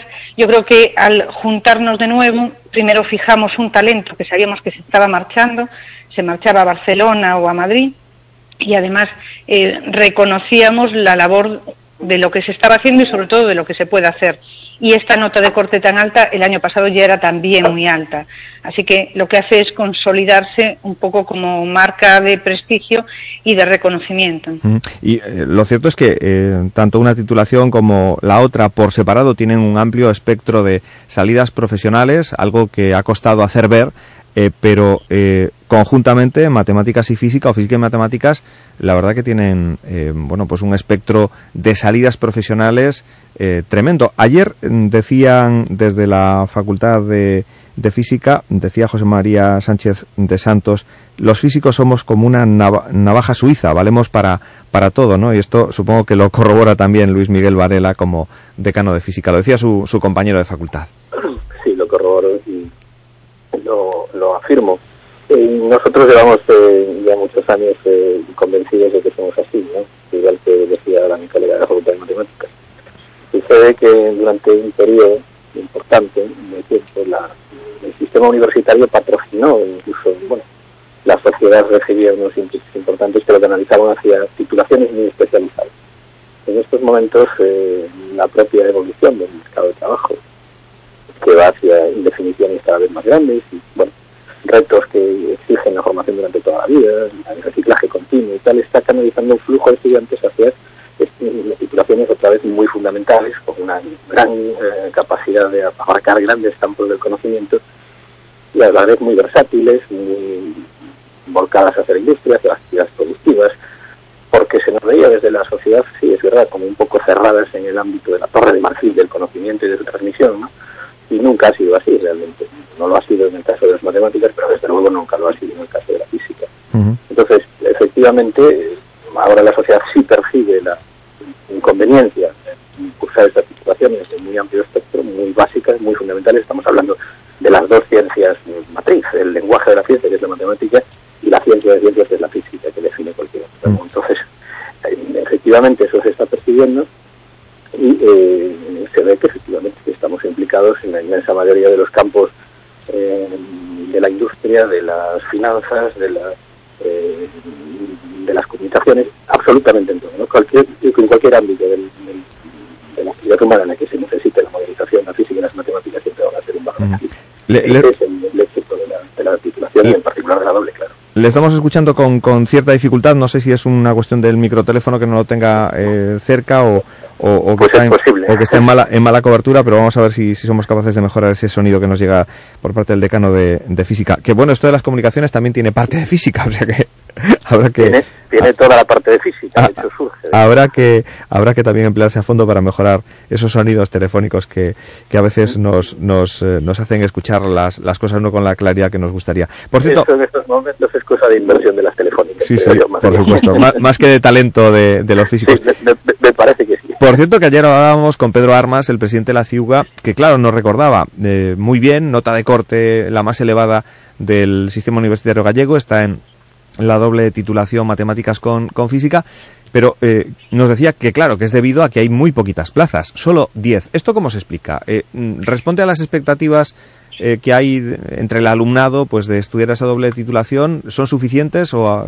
se podría ir a, a más en un futuro? Pues, pues mire, yo estaba, eh, mi, co- mi colega, de la- eh, mi querida colega añado de la Facultad de Matemáticas, eh, Elena Vázquez Fendova, acaba de llegar al decanato, va a ser un decanato, estoy seguro, conociéndola, súper brillante, pero yo sigue, yo estoy de- en, el- en la parte opuesta, estoy saliendo ¿no? del decanato, me queda un año, y yo estaba eh, ya como decano cuando se crearon las titulaciones. Debo recordar que la titulación doble de Matemáticas y Física ha sido un poco el mascarón de proa de, la- de las dobles titulaciones de la Universidad de Santiago y casi diría del sistema universitario de Galicia porque hemos sido los primeros en implantarla. Entonces, su predecesora, la, la profesora Victoria Otero, y yo, mm, de alguna forma, definimos el, el- el- la titulación y en aquel momento hubo un debate en las dos facultades sobre el número de estudiantes que deberíamos de admitir, ¿no? Y ese número al final fue consciente y voluntariamente pequeño por la enorme carga de trabajo que supone para un estudiante cursar dos titulaciones de este nivel de dificultad, de este nivel de carga formal, de este nivel de abstracción conceptual, en un tiempo relativamente reducido. Son cinco años, que en- antiguamente se hacía una sola de ellas. ¿no? De cualquiera de ellas duraban cinco años cuando eran licenciaturas. Este es el motivo por el cual son diez estudiantes. Creemos que tiene que tener una mm, duración breve y, y- y para eso se necesita una enorme carga de trabajo que excede con muchísimo la carga de trabajo de un trabajador ordinario, son de 37 y media a 40 horas de trabajo semanal. ¿no? Este es el motivo por el cual nos, nos decidimos por 10. Sabemos que hay una enorme presión por la, por la entrada. ¿Aconsejaría subir el número de, de estudiantes? Yo tendría que hacer un debate muy serio para contestarle a esto, porque hay que pensar siempre en el estudiante y en su enorme y en la enorme dificultad que, que conlleva cursar esto. ¿no? Se necesita un talento muy especial y creemos que ese número puede garantizarlo. Supongo que esto lo comparte mi, mi colega de la Facultad de Matemáticas. Por cierto, ¿ha salido ya alguna primera promoción de la doble titulación o, o todavía No. no? es- Es- eh, Este año en entran como en el Ecuador. Este, el curso que viene, los que empezaron en la primera promoción van a pasar por tercero, que es el tercero, y en esta doble titulación van a ser cinco años, ¿no? Entonces, bueno, creo que es muy importante seguir y aprender de cómo nos estamos coordinando. Como muy bien decía el decano de física, yo acabo de aterrizar, eh, estoy en el primer mes, pero sí, afortunadamente, estuve en las discusiones en la comisión en la que se gestó el doble título y la verdad es que fue un espacio de trabajo de lo más agradable porque pensábamos sobre todo en los estudiantes y como muy bien apuntaba el decano, aquí de lo que se trata cuando hacemos la oferta es también reducir eh, el impacto de las frustraciones. Entonces, este talento especial no existe en el 100% de la, de la población. Eh, esa carga de trabajo extraordinaria, bueno, eh, nos parece que hay que acotarlo a ese nivel de excelencia que sí se da. Y además, independientemente que hoy lo que nos lleva a los titulares de prensa y a las cabeceras y a, y a los medios de una forma especial que atrae a lo demás y que esto además está ocurriendo en todo el Estado, es eh, esta nota de corte, pero lo que han hecho los dobles títulos, como usted muy bien apuntaba al principio, es reconocer una labor que se estaba haciendo. Entonces, afortunadamente, los grados, tanto en física como en matemáticas, como en ingeniería informática, eh, también se han beneficiado de este reconocimiento de prestigio profesional. Y entonces, nosotros hemos aumentado este año dos puntos en la media. Es cierto que este es el primer movimiento. Habrá que ver hoy a mediodía cuántos quedan matriculados de los 123 que se llamaron para el grado de matemáticas. Lo que a mí me consta es que ya más de 70 están matriculados, así que a lo mejor... Claro, porque hoy, hoy, a las dos eh, se cierra el primer plazo de, matrícula. Exacto. Se cierra a las dos. O sea, ya, está más que superada la expectativa. Yo, sí, sí, en estos momentos hay 76. 76 para 10 plazas. No, no, están 76 matriculados en el grado de matemáticas. Ah, vale, en vale, el vale, doble grado, eh, los datos que me acaban de extraer al empezar la conversación es de 7. Siete. Hay a lo mejor tres personas que se acaban de matricular a lo largo de la mañana de hoy, ¿no? Entonces, en, el doble, en, el doble, grado no vamos a tener ningún problema en la matrícula, claro. lo puedo garantizar. En el doble grado... Como se, suele decir, hay, que tener mm, muchos arrestos para, para decidirse a, a iniciar ese doble, doble grado, ¿no? Sí, bueno, hace falta eso, valentía, talento y una vocación especial. Aparte de una buena nota de corte, evidentemente. Pero sí, efectivamente lo que apunta la, la decana se ha producido. Que se cuenta que en estos momentos física, como usted decía al principio de, de, este, esta esta conversación, es de, está en estos momentos una nota de corte de 11.200. Sí. Solo la carrera, el grado de física, ¿verdad? Matemáticas ha, ha, sufrido un crecimiento espectacular, merecido por el trabajo eh, tan brillante que estaban haciendo mis colegas de la facultad el arrastre ha sido muy positivo y esto nos debe llevar a valorar muy positivamente la implantación de estas titulaciones. Además, eh, efectivamente, nos han colocado en una posición dentro del Estado, pues que para el sistema universitario gallego creo que siempre debe destacar, ¿no? Bueno, pues eh, teniendo en cuenta que vivimos en la era digital y que en la era digital eh, todos son eh, números y combinaciones numéricas, eh, que en el mundo en el que vivimos impera la velocidad, el tiempo y el espacio, conceptos que son eh, básicos en todo lo que es la física, nos congratula que haya tanto interés eh, por parte del alumnado que va a iniciar sus estudios universitarios en estas dos eh, titulaciones, bien juntas o por separado, en matemáticas y física. Y quiero agradecer a Elena Vázquez y a Luis Miguel Varela que hoy han compartido este tiempo con, nosotros dándonos cuenta de cómo está el panorama pues para afrontar esas eh, titulaciones. Gracias a los dos y que tengan un buen inicio de curso. Un saludo. Muchas gracias. Seguimos aquí en Radio Voz, 9 y 51 minutos. Estamos en la sintonía de Radio Voz, estamos en Voces de Galicia y nos vamos al mundo de la literatura. Vamos a hablar con la flamante ganadora del premio Illanova de Narrativa, organizado por la editorial Galaxia. Ayer presentaba eh, su libro, concretamente eh, un libro titulado A, a Vida Sinxela de Marcelo Firmamento. Hablamos con Vanessa Santiago. De Galicia, un programa de Radio Voz con Isidoro Valerio. ¿Problemas de humedad en su vivienda? En Aquasec tenemos la solución definitiva. Y estamos tan seguros de nuestro trabajo que lo garantizamos por escrito. Solucione ya sus problemas de humedad. Pida su diagnóstico completo y gratuito en el teléfono 900-535-625. 900-535-625. Ven a Gadis, el precio no es un problema. Las oportunidades para hoy son En pescadería Gambón Grande, kilo 9 euros con 85 céntimos. Y en frutería Picota Primera, kilo 1 euro con 99 céntimos. Solo hoy y solo en Gadis. Colaborador del acontecimiento Prevención de la Obesidad. Aligera tu vida.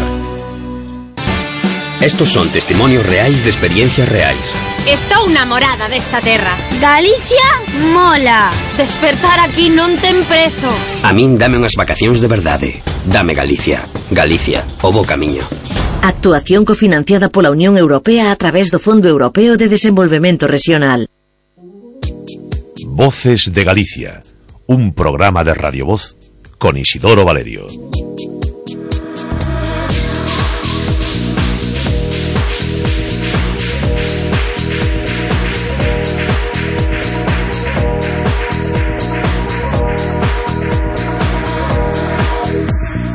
Ben, pois falamos aquí en Radio Voz coa gañadora do Premio Illanova de Narrativa eh, eh, Premio que organiza Editorial Galaxia para menores de 35 anos E Vanessa Santiago, unha eh, muller natural de, de Sada, na provincia da, da Coruña Onte presentaba na Coruña o seu eh, libro, ese, esa obra premiada É a súa segunda novela eleva por título A vida sinxela de Marcelo Firmamento Vanessa Santiago, que tal? Bo día Hola, buenos días a todos. Eh, enhorabuena por, por ese eh, premio eh, concedido a esa segunda segunda novela que, que vostede eh, ven de, de, de publicar.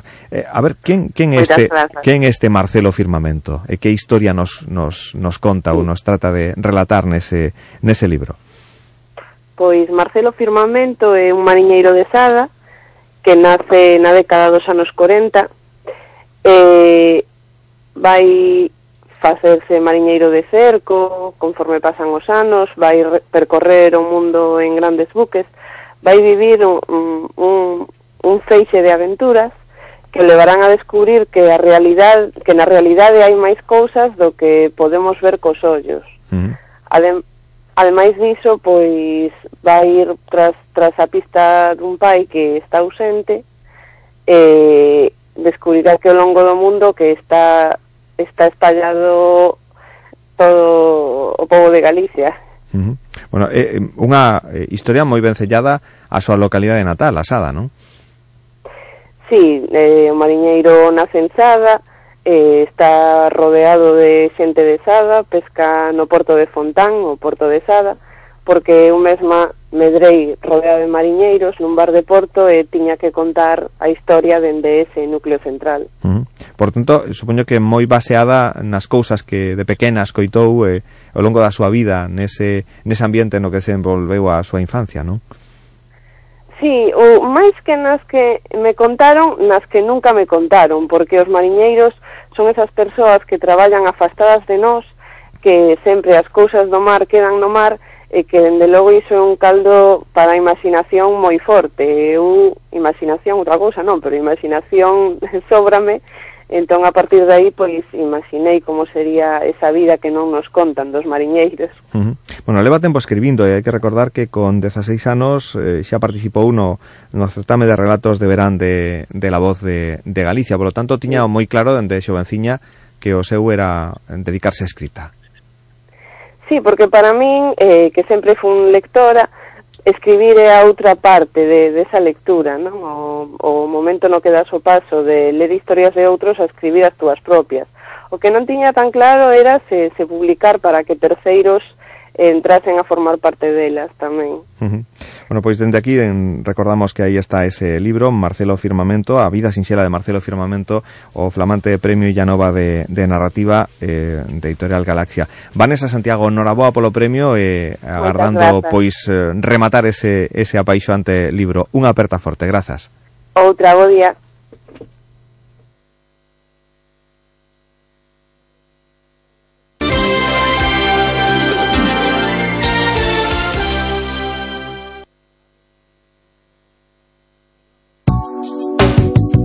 Radio Voz. La radio de aquí.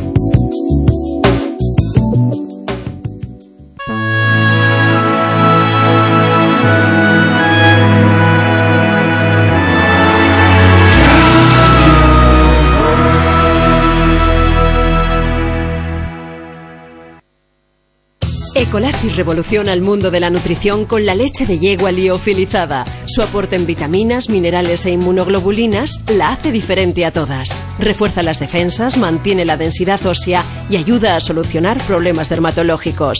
Tomada en cápsulas o en polvo cada día, la leche de yegua Ecolactis se convierte en la mejor aliada en periodos de recuperación. Leche de yegua Ecolactis, por su salud. Pídala en herbolarios y para farmacias o llamando al 91 332 3025. Ecolactis.es.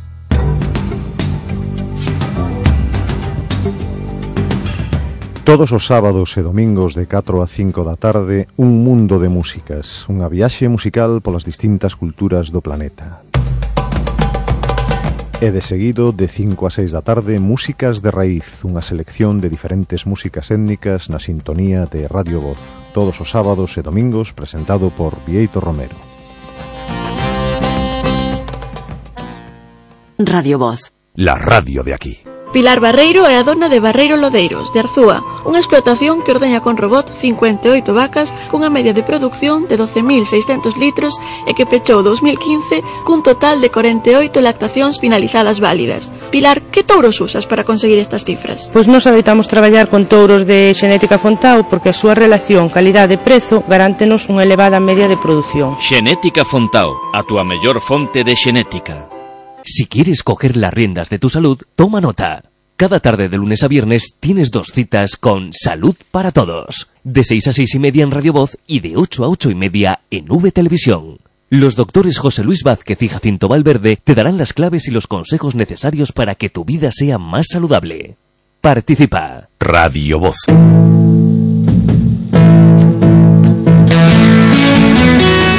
En Radio Voz, os sábados, de 6 a 7 da tarde, a música da tua vida. Un percorrido nostálxico polas melodías do pasado. A música da tua vida, en Radio Voz, os sábados, de 6 a 7 da tarde.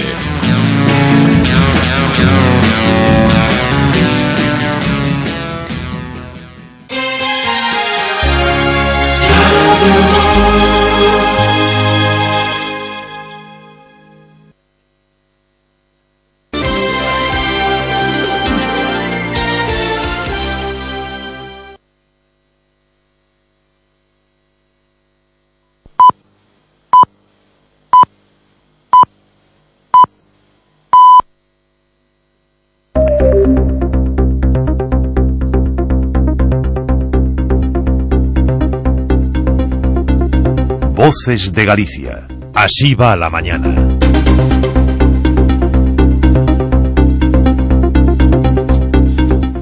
Con Elba de la Barrera a las 10 en punto de la mañana vamos a repasar actualidad, vamos a saber qué noticias se suman a las que desde primera hora les venimos contando en este programa en Voces de Galicia aquí en Radio Voz, viernes 14 de julio. Elba, ¿qué tal? Buenos días. Buenos días, Isidoro. Pues eh, calcinado por completo un camión en Asnogais, transportaba paquetería y ardió por completo tras sufrir un incendio en las 6 a la altura de Asnogais, como comentábamos, su conductor resultó ileso. Los hechos tuvieron lugar en el kilómetro 434 de la autovía en dirección a Madrid y fue el propio camionero el que contactó con emergencias. Los efectivos desplazados hasta el lugar consiguieron sofocar el fuego hacia las tres y media de esta madrugada.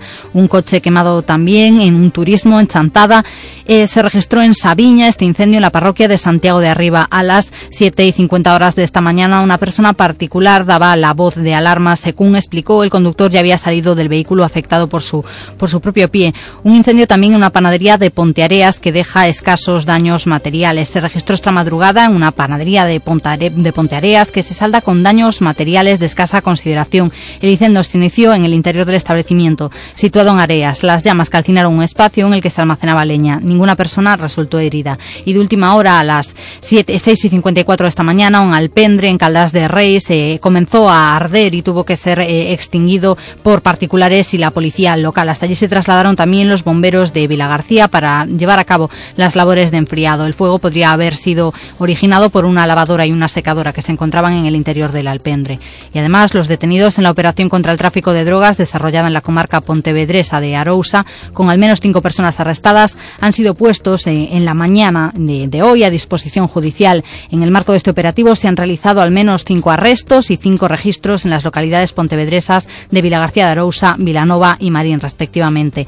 Y el Sergas ha manifestado que la avería que se registraba en el sistema de climatización del Centro de Salud de Oporriño en Pontevedra estaba limitada a un área muy concreta, específicamente a una zona de consultas en un ala de la primera planta, indicando también que hoy eh, está, estará arreglada esta avería. El gobierno local de Oporriño, por su parte, denuncia que los usuarios del centro soportan temperaturas extremas de hasta 35 grados después de que este aparato dejase de funcionar, el sistema de climatización que Sanidad había colocado además hace menos de un mes. Seguimos con calor, la masa de aire cálido procedente del sur peninsular mantendrá hoy activado el aviso amarillo por temperaturas superiores a los 36 grados centígrados en la comarca de Valdeorras y en la zona del Miño, en la provincia de Ourense y Pontevedra. Las horas críticas entre las 3 de la tarde y las 9 de, hoy. La alerta será amarilla en la zona de Valdeorras, en el área del Miño, Ourense y Pontevedra.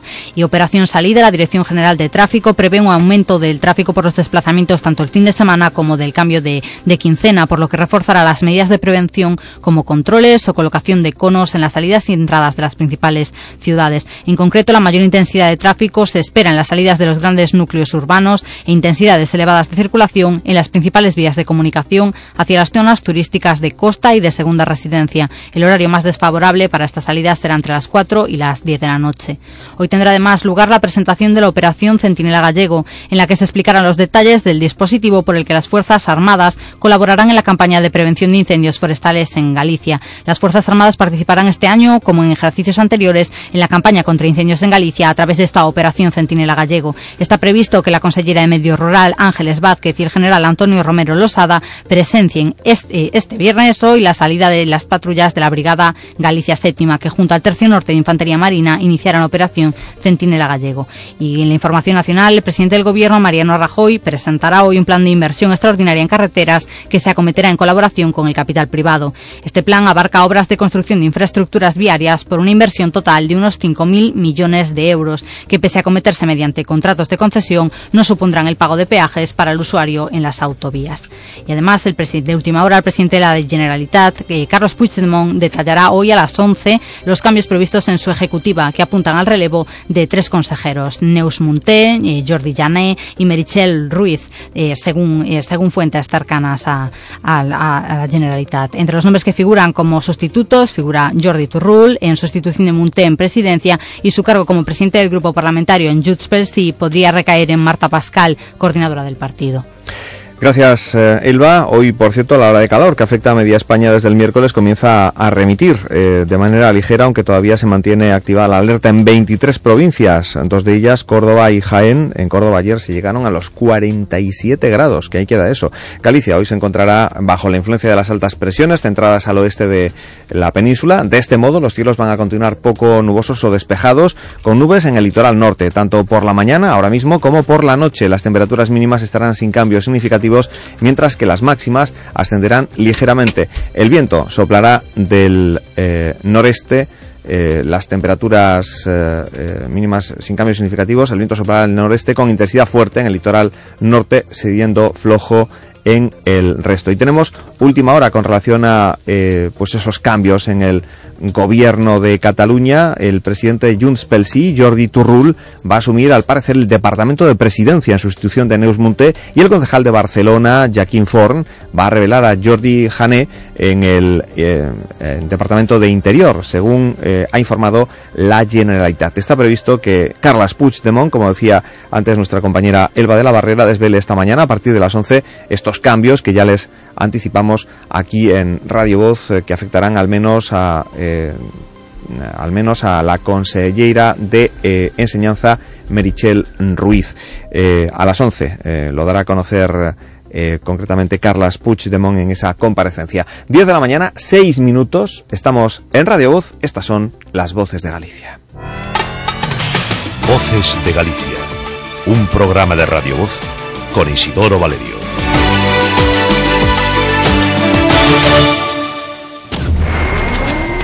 ¡Soldado! Sí, señor. Nos ataca el enemigo por tierra y aire. Bichos que se arrastran o que vuelan. Prepare nuestra arma mortífera, Insectrón. A sus órdenes. Dele novedades al general. Cucarachas, pulgas, chinches, hormigas, termitas, polillas e insectos que vuelan, vencidos. ¿Y si falta munición? Insectrón dura un año de Laboratorio Sanros Pharma, de venta en farmacias.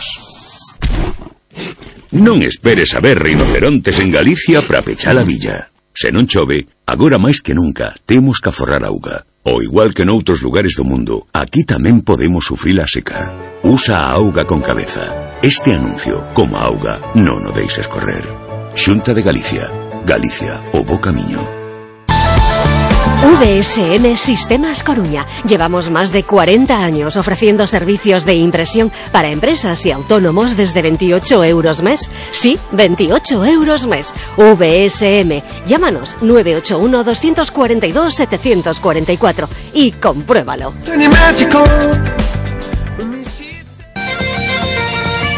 Concello de Ortigueira presenta o 33 Festival Internacional do Mundo Celta de Ortigueira. 13, 14, 15 e 16 de xullo, ca presenza de Skipboard, Ashers Island, McGoldrick, Treixadura, Tejedor, Scott Wood, Óscar Ibáñez e moitas máis. Do 13 ao 16 de xullo en Ortigueira 33 Festival do Mundo Celta. Máis información en www.festivaldeortigueira.com Ven o Mundo Celta, ven a Ortigueira. Organiza Concello de Ortigueira. Clínica Dental Xeneise, la más alta calidad en tratamientos bucodentales con los mejores profesionales y las últimas tecnologías. Clínica Xeneise le ofrece dientes fijos en el día, implantología All and Four, cirugía guiada y alta estética para su boca con las carillas Luminers únicas en el mercado. Clínica Xeneise, en calle Ciudad de Sada 8 y en Enrique Mariñas 32. Disfruta de una boca sana y bonita con la garantía y profesionalidad de Xeneise, clínica dental de alto rendimiento en implantología y estética dental. Feira Medieval Portus Apóstoli Noia 14, 15 e 16 de suyo Ven a Noia a gozar con nos na Feira Medieval. Lembra, o 14, 15 e 16 de suyo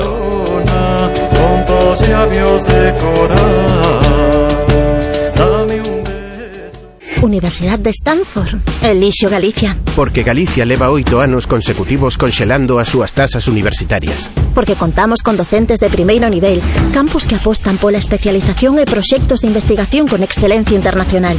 E porque a terra tira, e moito. Elixe Galicia. Galicia, o bo camiño. Xunta de Galicia. Galicia latexa con forza dentro de nós. Imos celebrar todo o que nos une. 25 de xullo, Día de Galicia. Galegos de corazón. Elixe Galicia. Galicia, o bo camiño.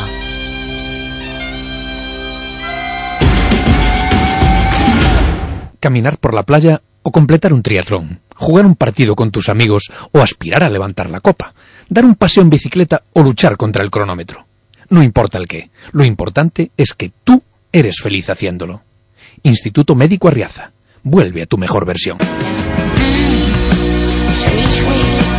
Festas do Apóstolo do 14 ao 31 de suyo sumérsete no diálogo entre culturas do Festival Terra da Fraternidade.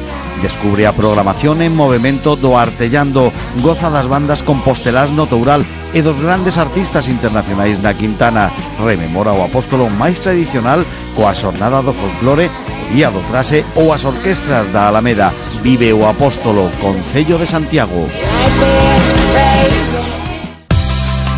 Empieza a sonreír. Clínica Odontológica Galicia Dental, formada por un grupo de profesionales del más alto nivel, pone a tu disposición 17 años de experiencia y te ofrece la posibilidad de colocar implantes y dientes fijos en el mismo día a un precio inmejorable. Para celebrar nuestro aniversario, 20% de descuento en implantes y también en ortodoncia. Llámanos a los teléfonos 981 14 87 30 Avenida Finisterre o 981 23 81 30 Plaza de Pontevedra o entra en nuestra página www.galiciadental.com y pide tu cita ya. Voces de Galicia, un programa de Radio Voz con Isidoro Valerio.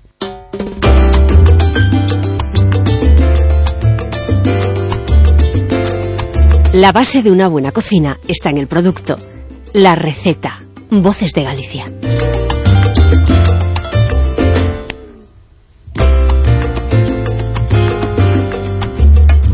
Cocinero, cocinero, enciende bien la candela y prepara con esmero un arroz con habichuelas.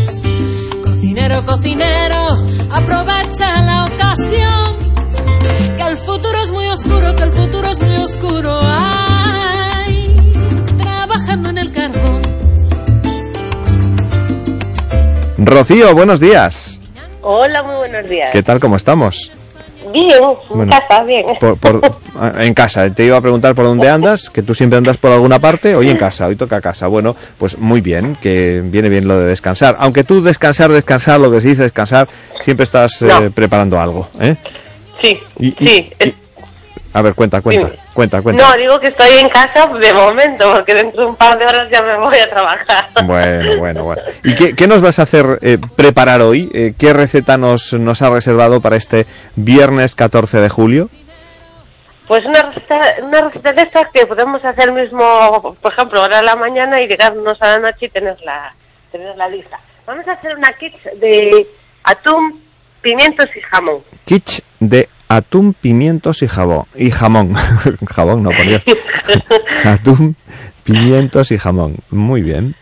A ver, ¿qué es una Fácil. kitsch? ¿Qué es una kitsch? Eh, Porque... ah, Una kit es una, es, es una tarta salada. Ah, vale, no vale. si pa- tipo tarta, como si fuera una tarta de queso, pero con, con relleno salado. Bueno, pues una tarta salada de atún, pimientos y jamón. Que a mí esto de los nombres raros mm, me pone un poco de los nervios. Tarta salada, venga. Eh, vamos a necesitar, mm, pues, eh, atún, pimientos, jamón, ¿qué más? Eh, un- en masa de hojaldre, de esta ya que tenemos ya comprada. Ujú. Masa de hojaldre, Eh, dos huevos, dos huevos, dos huevos, eh, 200 mililitros de nata, o nata, incluso un queso batido de estos que hay ahora líquidos, pimienta negra y perejil. pimienta negra y perejil. Y de atún, pimientos y jamón, ¿qué, qué necesitamos? Pues depende del molde que usemos, pero bueno, una lata de estas de, de atún, eh, Ujú. cuatro o cinco pimientos asados, si son de piquillo, y nada, hay un puñadito, nada, 100 gramos de, de jamón. Puede ser jamón serrano o puede ser eh, jamón cocido, ¿eh? Ajá. Da igual. Vale, vale, vale, vale. O jamón serrano o cocido. Mm, Sería indiferente. Nos daría, pues, más dulce, eh, más salado. Más sal o menos salado. Claro, efectivamente. Bueno, pues ahí a, a gusto del consumidor. Eh, ¿Y cómo empezamos con todos estos ingredientes? Porque aquí sí que tenemos Sí. ingredientes. A ver, ¿por dónde empezamos? Sí. Por cierto, el, el- el atún, ¿en aceite de Vamos. oliva o, o- o no? A ver, yo prefiero el aceite de oliva, porque además después Vale. de ese aceite, yo lo que suelo usarlo es para, para alinear las ensaladas, tiene sabor, o incluso para guisar pescado. Es decir, si es un aceite bueno de oliva, una conserva buena, pues ese aceite no se tira. Claro. Los líquidos de las conservas, mm, que además se llaman líquidos de gobierno, ya la palabra lo, lo dice todo, pues no se suelen tirar, se suelen aprovechar para cocinar. Bueno, que hay gente que los tira, que, que es un, Sí. un desperdicio ridículo, ¿no? Porque está, buenísimo. Incluso ese aceite nos sirve para hacer un- una mayonesa, por ejemplo, si le hacemos una mayonesa y nos da ese toque de, de atún a la, a la mayonesa, es decir, que podemos jugar con mucho en la cocina. Incluso para mojar pan.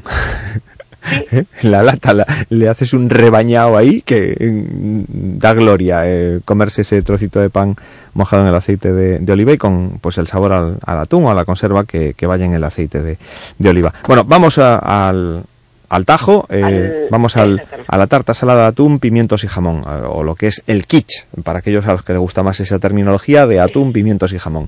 Eh, ¿Por dónde empezamos? Muy fácil. Vamos a, vamos a encender el horno. Encendemos el 180. horno. Lo primero, encender el horno. Venga. Exactamente. 180 grados. Exactamente. Lo que vamos a estirar es la, ma- eh, la masa de hojaldre sobre un molde. Ujú. molde de estos que tenemos para hacer tartas, nos vale, ¿sabes? Vale. No hace falta que sea muy alto. Estiramos la masa de hojaldre en un molde. Venga. Sí. Y ahí lo que vamos a hacer es eh, ir eh, echar eh, el atún escurrido, los pimientos cortados en trocitos Sí. y lo que es y el jamón también cortado en trozos. Lo, lo repartimos que nos quede uniforme, es decir, que, no- Vale. que nos quede un poco de de todo por todo.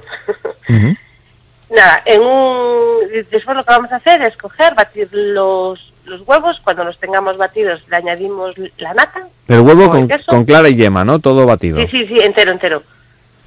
Eh, batimos nada, los huevos con, después añadimos la nata o el queso, molemos un poco de, de pimienta, Ajá. eh, vertemos sobre, en el molde, sobre lo, eh, donde antes ten- teníamos lo que es el jamón, el atún y, y los Sí, pimientos, Sí, sí. nada, metemos al horno durante 30 minutos. ¿Y no ponemos otra mm, otra capa No. de hojaldre? No. Si fuera otra capa de hojaldre sería una empanada. Ah, vale, vale. Ah, te pillé. Vale, vale, vale. Y nada, 30 minutos eh, y estaría. Podemos decorar por encima, nada, con un poco de queso picado o, o unos tomatitos cherry. Y después lo bueno que tiene esto es que nos da para muchísimos rellenos. Yo, lo- yo, yo las hago con muchísimas cosas. Con setas, eh, jam- eh, jamón y trigueros. Con pollo que, que me sobre. Es decir, con restos de comidas que nos sobre, pues lo mismo. Pero esto te queda un poco pi- pizza hojaldrada, ¿no? Una cosa así. Sí, te queda un poco... No, al llevar el huevo batido y la nata, lo que te queda es como una tarta de queso, pero, pero salada, con una tarta de queso con tropezones. claro. A ver, tiene que adquirir altura en el molde. ¿Qué, qué altura tiene que...? Nada, que el tomar? molde tiene que tener 5 o 6 centímetros de alto para que nos gire, para que nos doble un poco lo que es la masa de hojaldre y nos quede alta. Normalmente suelen quedar sobre 5 o 6 centímetros. Ujú. ¿Qué, qué recomiendas más? ¿Un, un molde de los eh, de silicona o un, eh, por aquello de luego desmoldar o, o uno de los eh, más consistentes de, de aluminio? De... Yo, yo como le pongo lo que es el papel, el papel Mm. que de este de horno, como se lo pongo a las tartas, Sí. Dice que aunque sea, si, si uso silicona no, lo pongo ya lo que es la masa de hojaldre sobre el molde. Mm. Pero a los otros moldes, como le suelo poner el papel, pues me es muy práctico, porque al, sal- al sacar del horno, eh, cojo por los extremos el papel, levanto y ya está, es decir, Claro. Que es indiferente. Oye, y, y lo bueno, lo bueno de esta, de este kitsch, de esta tarta salada, es que, eh, bueno, mm, eh, casi casi apetece más tomarla fría, ¿no? Esta la podemos Claro, la incluso podemos- enfriar y, y luego servir fría, ¿no? Exactamente, la podemos hacer hoy para mañana mismo, ¿sabes? Que nos da Mm. nada, en un momento, mientras la preparamos, que son 5 o 10 minutos, mientras nos duchamos, no sé qué, la tenemos lista, la dejamos fuera y a la noche al llegar a casa pues la tenemos... Claro. Eh, La tenemos lista. eso, eh, conviene decirlo. Yo imagino que a todos, a nadie se le ocurre sacarla del horno y meterla en el frigorífico, ¿no? Pero hay que dejarla Esperemos que no. a temperatura ambiente y una vez que, que tal, si la queremos enfriar, pues, mm, pues eh, pasadas unas horas, cuando ha enfriado eh, del calor del horno, la podemos meter en, en el frigorífico para, para que, bueno, pues esté, esté fresquita, ¿no? Claro, incluso después podemos acompañarla, si la queremos templada, porque nada, con un poco de salsa de tomate caliente, perfectamente. O con un golpe, o con golpe de microondas. O vamos. De micro, exactamente. Claro, le ponemos Ya ahí estaría. 15, 20 segunditos, 30 segunditos y, Perfecto. y va que va que arde, nunca mejor dicho. bueno, querida Rocío, pues eh, eh, ya estamos en cuenta atrás, ¿eh? que nos quedan dos semanitas sí, de, pues sí. de, de programa, así que eh, te espero la próxima semana con nueva receta aquí en la sintonía de Radio Voz. Un abrazo fuerte. Muy bien, un besito. Gracias, gracias. Chao, chao. Pues eh, cerramos cocina por hoy y nos vamos con el barismo. Trabajando en el carbón. Voces de Galicia. Un programa de Radio Voz con Isidoro Valerio. A min dame unha boa mariscada. E as mellores uvas. A min dame noites con sabor a mar. Dame cociña para imaginar. Dame novos sabores e sabores de sempre. A min dame comida de verdade. A min dame Galicia. Galicia, o bo camiño. Actuación cofinanciada pola Unión Europea a través do Fondo Europeo de Desenvolvemento Regional. Clínica Dental Xeneise, la más alta calidad en tratamientos bucodentales con los mejores profesionales y las últimas tecnologías. Clínica Xeneise le ofrece dientes fijos en el día, implantología All Four, cirugía guiada y alta estética para su boca con las carillas Luminers únicas en el mercado. Clínica Xeneise, en calle Ciudad de Sada 8 y en Enrique Mariñas 32. Disfruta de una boca sana y bonita con la garantía y profesionalidad de Xeneise, clínica dental de alto rendimiento en implantología y estética dental.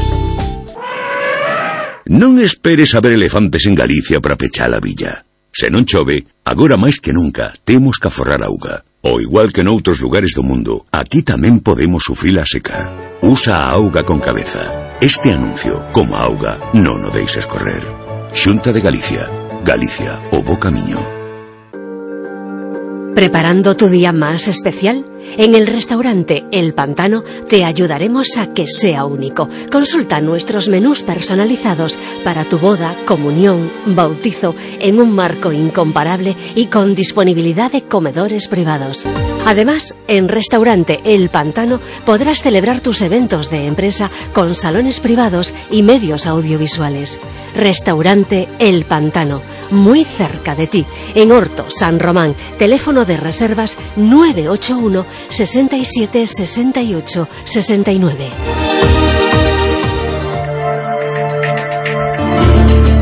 En Radio Voz, voces de Galicia.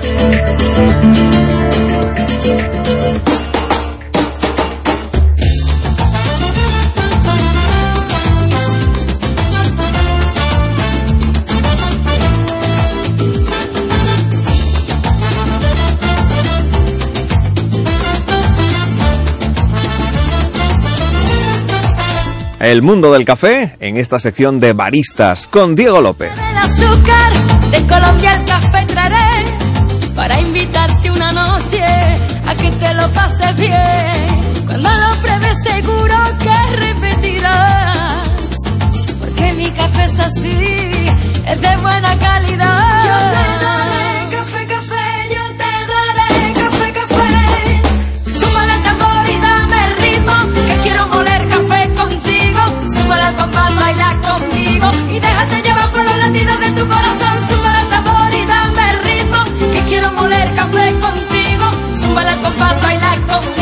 y déjate llevar por los latidos de tu corazón.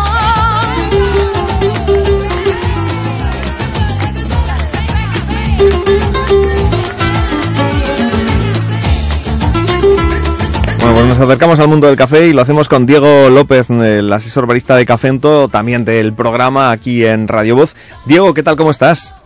Muy buenos días. Bueno, hoy que estamos ya, como decía hace un momento, con, eh, con Rocío en, en recta final de, de programa en este mes de, de julio, eh, Sí. hoy, hoy a mí me gustaría dedicar eh, esta sección de, de barismo a conocer a, a nuestro barista, ¿no? Porque hemos hablado tantas veces, pero nunca hemos hablado de ti y hoy me apetecía un montón pues eh, conocer un poco más al Diego López que semana tras semana nos ha ido hablando a todos de café, que nos ha ido metiendo en esa cultura del, del, del café. Eh, ¿cómo, ¿Cómo surgió en ti esa eh, afición, eh, pasión por todo lo que tiene que ver con el café? Se suele decir que de raza le viene al galgo y en tu familia había precedentes hosteleros, ¿no? Sí, sí, sí, pues imagínate, naciendo cuando yo tenía cuatro años, pues mis, mis abuelos y mis padres montaron un negocio en Foz, en la cafetería Shoima, y desde aquella directa e indirectamente, pues te, te toca, lo ves todos los días, lo vives, ves las dificultades también que tiene la hostelería, porque a veces cuando vienes de fuera y te metes en el sector, pues no ves ciertas cosas que desde dentro y viviéndolo en tus propias carnes, pues, pues sí que sí, sí que ves. Y desde de ahí me viene. Luego lo típico de los padres, eh, no, estudia pues para otras cosas, no te metas a, a, a la hostelería, que es muy duro, que tal, y, y razón que tienen, que es muy duro, pero bueno, va el niño y, y estudia hostelería. O sea que mis inicios fueron así, No, eh, que- que tú- directa e indirectamente. Tú que eres de Foz de toda la vida, además tenías ahí eh, pues, eh, pues ese, ese templo de la hostelería en Galicia, que es la, la Escuela de Hostelería de, de Foz, ¿no? En donde Sí. se han formado tan, buen- tan buenos profesionales que tenemos en muchos puntos de, de Galicia, sobre todo en el ámbito del barismo, porque hay una fuerte apuesta por, por todo lo que es la cultura del café desde esa escuela, ¿verdad? Sí, ah, tuve, tengo la gran suerte de, de- de contar con esta escuela aquí al lado de casa y, y hay que decir la verdad, yo soy de los que me gusta hablar muy, muy sin, sin tapujos y cuando me, bueno, yo dejé de estudiar en bachiller, no me apetecía seguir estudiando, tenía trabajo, entonces bueno, habiendo trabajo, ¿verdad? Pues ganas dinero con 20 años y, solo piensas en eso, en trabajar y empezar ya tu vida. Y un profesor que, que me acuerdo como si fuera hoy, eh, José Ríos, que tú también lo, tú lo entrevistaste ya aquí en Radio Voz, me dijo, oye, ¿por qué no haces hostelería? Si te gusta esto, dedícate a esto, pues hazte un profesional. Y yo en ese momento tengo que reconocer que con la boca pequeña, no lo dije en público, pensé, bueno, yo, a ver, toda la vida aquí trabajando, eh, atendiendo a la gente, pues que, que me van a enseñar a mí en la escuela que no sepa. Esa era mi, mi ignorancia en ese momento. Que esto es lo que te, es, Sí. es lo que te dicen ahora a ti, ¿no? Cuando le dices a algún Sí, profesional de la hostelería, sí. mira, yo creo que en este aspecto tendrías tú que corregir. Me, me vas a dar tú a mí lecciones. Y yo aquí llevo haciendo cafés toda mi vida y mira cómo lo hago, zaca, zaca, pim, pam. Y dices tú, pues no, que no se hace así. Sí. Que, Sí, sí, sí. mm, claro. No digo que, que eso, que, que eso lo- lo- no lo dije, pero lo pensaba. Es, es verdad que no se lo dije, pero lo pensaba. Y sin yo contar con ello, pues entre mi, la que es mi mujer, Lucía, y entre mi madre, pues me, entre las dos me inscribieron a mí en la escuela sin yo saberlo. Y hasta que me enteré, oye, que estás inscrito en la escuela, y yo, pero ¿para qué? Si ya no, no voy a ir. Y vino el profesor Ríos y me dijo, Diego, vente, vente una semana, prueba, y si no te gusta, de verdad, déjalo sin, vamos, sin compromiso ninguno y tal. Y efectivamente, ese fue mi, mi punto de inflexión en mi vida. Y O sea que tienes el, tienes el título de técnico de servicios de restaurante y bar a traición. Eh, fueron tu, tu actual... Hasta decía un principio y luego bien contento y gracias a Dios que lo tengo. No, no, no, me- menos mal. Y, y en ese momento me dicen, estás inscrito, voy la primera semana, entro en clase el primer día y ese punto fue lo que es verdad que cambió mi vida, que es cuando te das cuenta de que realmente no sabes nada de hostelería. Claro. No sabes nada, nada. Es cuando te abren los ojos, ves ciertas formas de trabajar, de servir y, y ves la forma Claro. correcta y lo que yo hacía. Y digo yo, Diego, y, y luego en casa se arrepintieron de haberte apuntado a la escuela de hostelería, porque a medida que tú ibas eh, creciendo en el, eh, ya como profesional eh, de, de la hostelería, yo supongo que te has puesto muy tiquismiquis, ¿no? Con tu padre, con Uf. tu abuelo, con, con eh, los que atienden en la, en la cafetería de tu familia y diciendo, pues esto así Sí. no se puede seguir haciendo, esto hay que cambiar, esto hay que mm, hacerlo de este modo.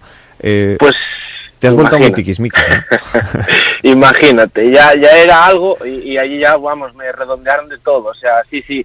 Sí, pero bueno, tengo que reconocer también que en mi casa, mi- desde mi abuelo, que fue de los primeros que apostó en Foz eh, por traer la escuela de hostelería para Foz, que en aquel momento no existía, cuando abrieron negocios no existía. Mi abuelo, pese a no haber sido formado en escuela, eh, siempre peleó con junto con el ex director eh, Nemesio, ahí en Foz, fueron a Lugo a pedir que se trajera una escuela para Foz y tal, y siempre me insistieron en eso, infórmate como profesional, eh, sé un profesional, estudia, que es, la hostelería puede ser de otra manera, y, y entre mi padre igual, son gente que no fueron formada, pero al final la vida les, les dio esa experiencia y esa formación a base de, bueno, de- a veces de golpes y otras veces de, de- de buenas de buenas sensaciones. Bueno, es toda una institución, el, el Shoima en, en Foz, que además es una excepcional pastelería, ¿eh? en la que hacen unos dulces riquísimos. Así que, eh, bueno, eh, de raza le viene al, al galgo, aunque hubo que, mm, que empujarlo un poquito a, a, a iniciar esa aventura profesional en la Escuela de Hostelería de, de Foz. Eh, eh, claro, en la que te formaste en general, ¿no? Eh, para trabajar Sí. en el sector de la hostelería, pero tú, a medida que transcurría el tiempo, te fuiste, bueno, primero trabajaste en, en, en la, en la cafetería de la, de la familia, pero poco a poco te fuiste hacia mm, todo lo que era esa nueva tendencia, la del barismo, explicábamos el otro día, qué es un barista, ¿no? Y, y, Sí. y- y tiraste por ahí y te has hecho pues todo un especialista y ya un nombre propio dentro de ese, de ese mundo, como asesor barista que eres de una de las mm, principales firmas cafeteras en nuestro país, que es Cafento, eh, la firma asturiana, y además, eh, bueno, mm, persona muy vinculada pues con los campeonatos de baristas, eh, que das charlas, que ofreces pues formación. Eh, ¿cómo, ¿Cómo fue ese, esa transición de lo que es el conjunto de la hostelería a esa especificidad de- del barismo? Pues, pues mira, muy- fue por, por, por naturaleza total. ¿eh? Al final acabé hostelería, eh, me fui a, de prácticas a paradores, pues no, que- aunque me convalidaban ya por los años que llevaba trabajados las prácticas, yo no quise, me fui a, paradores a trabajar. Y luego viniendo, el comercial de mi, bueno, el que lleva mi cafetería, que se llama Alberto, me propuso ir a, yo iba a todos los campeonatos de todo, ¿eh? De coctelería, de jefes de sala, todo lo que había en campeonato iba porque yo creía que aprendía, aunque no ganaba, pero aprendía muchísimo de otros compañeros y, y del propio campeonato. Y me dicen, oye, hay un, campeonato de café en Asturias, ¿tú querrías ir a este campeonato? Y digo, vale, pues voy. Me pasan las bases, yo no entendía nada de nada. Sí sabía lo que era un barista porque en la escuela nos lo explicaron y vino Augusto Morales a hacer una charla y hizo un corazón en el café y a mí eso me dejó trastocado. Digo, yo tengo que aprender eso. Y luego, eh, a raíz de eso, le llamo a mi profesor en agosto, que hay que decirlo, que el profesorado, hay profesorado y profesorado en las escuelas, pues en agosto llamo a mi profe a Ríos y le digo, oye, que hay un campeonato de cafés, ¿me puedes echar un cable a prepararlo? Y dice, buah, pues vamos los dos porque así nos ponemos los dos al día, que no tengo, vamos, que no sabíamos muy bien de qué iba. Y a raíz de ahí empezó el primer campeonato de Asturias, tuve la suerte de haber quedado pues bastante bien y a raíz de ya mi, mi pasión por el café me llevó a seguir mejorando, tanto en la cafetería a nivel bueno personal como, como hacer un pequeño nombre, que no es que yo sea aquí ninguna eminencia ni mucho menos, un pequeño nombre en el mundo del café. Y a los dos años pues me, me toca la puerta Cafento y eso, que, que quería que me incorporara con ellos. Y el fichaje de Cafento y ahí te, te tienen pues realizando cursos de barista, cursos de formación, de latte art, que es esa, esa pasión que tú tienes de dibujar eh, el, el café. ¿no? Que, que lo hacéis tan, tan bien que me parece eh, dificilísimo, ¿no? Pero que lo hacéis con una maestría y con una con una facilidad eh, pasmosa. Y, y, ahí te tenemos pues absolutamente instalado y con una trayectoria eh, envidiable. Eh, estamos en un momento, fíjate, en el que muchos jóvenes están decidiendo cuál va a ser su, su futuro, qué camino sí. qué camino van a tocar. Y alguno pues estará pensando en, en irse por la rama de la, de la hostelería. ¿Tú qué le dirías a esos jóvenes que como tú pues en su momento no lo tenían nada claro? Pues mira, eh, yo a esa gente que duda, sea de hostelería de otras cosas, eh, lo primero que busquen una pasión, algo que les guste, algo que les apetezca, y luego en lo que sea, ¿eh? en lo que sea, y luego intentar ser el mejor en su trabajo. O sea, tú si quieres ser barrendero, pues fórmate para ello, intenta ser el mejor. Si quieres ser hostelero, como fue mi caso, pues yo intento en mi día a día, dentro de lo que yo puedo, intento ser el mejor, que luego no llegas a ser nunca, nunca eres el mejor en nada. Pero sí que en el camino pues te formas, absorbes y luego este mundo de la hostelería tiene una, para mí tiene más ventajas que desventajas y es la posibilidad de conocer gente que nunca jamás conocerías de otra forma, eh, de trabajar con gente que yo compartí pues con Nacho Manzano, que es dos estrellas Michelin, compartí un plato de televisión con Pepe Soya, que eso que si me lo dices hace 10 años digo, va, ni de coña, llegaría yo a ese nivel periodistas como tú, pues os preocupáis en llamar cuando hay temas cafeteros, tenemos un programa semanal, bueno, una colaboración, perdón, semanal, y todo esto no llega si no intentas, lo que decía al principio, ser el mejor en lo que haces. Mm. Eso, eso es así, a base de trabajo y sobre todo pasión y que te guste, claro. Bueno, pues hoy hemos conocido un poquito más la trayectoria de, de Diego López, eh, que desde su voz natal inició esa carrera que le ha llevado pues a eh, ser eh, pues un destacado barista eh, dedicado pues en la actualidad a la formación de, de, otros profesionales y a la preparación de otros baristas para que estos concurran como nos ha contado ya en repetidas ocasiones en certámenes tanto a nivel nacional como regional como incluso internacional. ¿Cuál es tu próximo reto, Diego? Pues mira, ahora mismo estoy en, para sacarme una titulación que se llama Q-Grader, que algo hablamos también en Radio 2 de eso, en Voces de Galicia, y es una titulación que te permite ser juez o valorar un café a nivel mundial. Uh -huh. O sea, puedo irme a, no sé, a Guatemala y valorar un café, que ese café darle yo una puntuación y que le sirva a ese productor para que su café valga, pues si es un café de 95 puntos, pues es un café buenísimo y en vez de valer tanto el kilo va a valer tanto más, porque me lo valoró estos Q-Graders. Uh -huh. Entonces mi objetivo es sacarme el título de Q-Grader y, y luego, bueno, ya tengo otros en mente, o sea que esto va, es una cadena, uh -huh. sigue, sigue, sigue, pero a corto plazo es ese. Bueno, y una eh, profesión, la de barista, que tiene pues cada vez más cabida dentro del mundo de la, de la hostelería, porque cada vez es... Eh, pues más apreciado lo de saber cómo elaborar, cómo preparar un, un buen café, un café que, que, tenga todas sus características intactas y que lo podamos degustar en, en boca como, como un, una exquisitez. Querido Diego, aquí lo vamos a dejar por hoy, la próxima semana más y la otra más, despedida ya eh, definitiva porque eh, se acaba esta etapa de del Voces de, de, Galicia. Te mando un abrazo muy fuerte y, Igualmente. y nos volvemos a encontrar la próxima semana. Gracias. La, la, semana que viene nos vemos. Gracias. 10 de la mañana, 36 minutos. Estamos en Radio Voz. Nos vamos a Moraña. Allí lo están preparando todo eh, para que el último domingo de este mes de julio se celebre una fiesta que es pues una de las fiestas gastronómicas de mayor repercusión en Galicia, declarada de interés turístico y que se celebra en la Carballira de Santa Lucía cada último domingo del mes de julio desde el año 69, que ahí queda eso, es una de las más longevas eh, de cuantas fiestas gastronómicas tenemos en, en Galicia. Hasta Moraña nos vamos, hablamos allí con la alcaldesa María Luisa Piñeiro y también con Ana María Fariña, que es una de las eh, propietarias eh, del restaurante Opouso, especialistas en el carneiro o espeto y otras eh, delicias. Hablamos de esa fiesta que está calentando motores enseguida aquí en Radio Voz. Voces de Galicia, un programa de Radio Voz con Isidoro Valerio.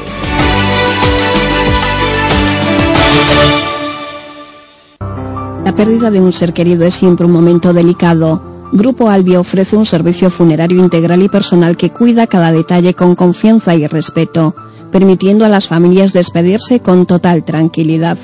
Instalaciones en las provincias de Coruña, Urense y Pontevedra. Infórmese en albia.es o en el teléfono gratuito 924 24 20. Por se non oiches os foguetes, Galicia está en festas e hai que dalo e vivilo todo. Achégate ao Festival de Ortigueira do 13 ao 16 de suyo, porque o vento máis querido nesta terra non é o do Nordés, é o que sae dos pulmóns dun gaiteiro. Podes ver esta e outras festas en que ninguénbaileso.com. A banca, admiradores incondicionais da nosa cultura popular. Na enerxía dun prato saudable rico en omega 3 ou minerais nos subo prezo todo o ano. Ou nos abordas mil maneiras de preparala levas a miña marca. Troita de crianza. Fondo Europeo Marítimo e de Pesca. Xunta de Galicia. Festa do Percebe do Roncudo de Corme. O 15 de xullo achégate ao Peirao de Corme e goza da 25 Festa do Percebe do Roncudo. Percebes polvo, empanada, churrasco, hinchables para nenos, animación musical, charangas, macrodiscoteca e máis de mil metros cadrados de carpa para gozar da festa. O día 15 de xullo saborea o mar na festa do Percebe de Corme. Celebremos xuntos o seu 25 aniversario. Contamos con todos vos. Organiza a sección promoción do Percebe do Roncudo. Subvenciona Confraría de Pescadores de Corme, Concello de Ponteceso, Deputación da Coruña, Axencia Turismo de Galicia, Xunta de Galicia, Galicia Calidade e a banca. Voces de Galicia, un programa de Radio Voz con Isidoro Valerio.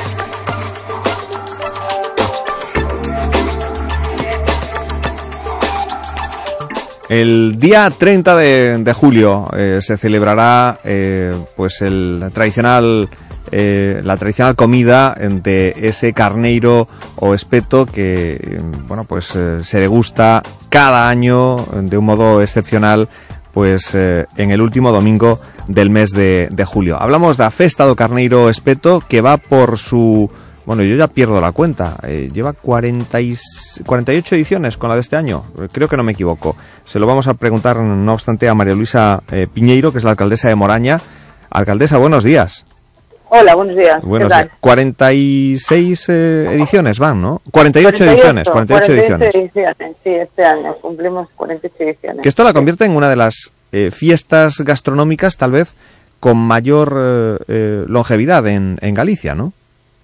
Sí, por supuesto, claro. A ver, ¿qué, qué voy a decir yo, no? Pero desde luego que la más importante de Galicia y la que y la más antigua, pues sí, sí que nos encontramos ahí con gran éxito año tras año.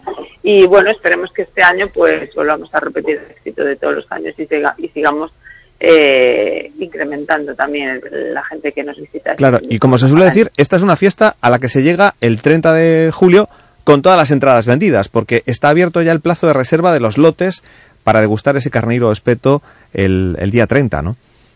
Sí, claro, a ver, el día 30 pues ya está cerrado, se cierra de hecho este año pues creo está el plazo de cierre de reserva del hotel 22 de julio y, bueno, porque lo hacemos con una previsión, o sea, hay las instalaciones y, y todo el, el preparativo de esta, de esta fiesta pues requiere también de esa semana que tenemos ahí para organizarlo todo según las reservas que tengamos hechas hasta, Claro. la, hasta la fecha, ¿no? O sea, esta, Entonces, esta- no, poder- no- no es la típica fiesta gastronómica que llegamos y si queremos vamos y si no queremos no vamos. Eh, eh, si queremos ir, lo hay que tomar, eh, hay que tomar la decisión en estos días y reservar un lote, Efectivamente. eh, Mm. porque además es una, digamos una, una fiesta muy grupal, ¿no? De, de ir con pandilla de amigos para eh, hacer esa, esa degustación conjunta, porque cada lote da para 20 comensales más o menos, ¿no?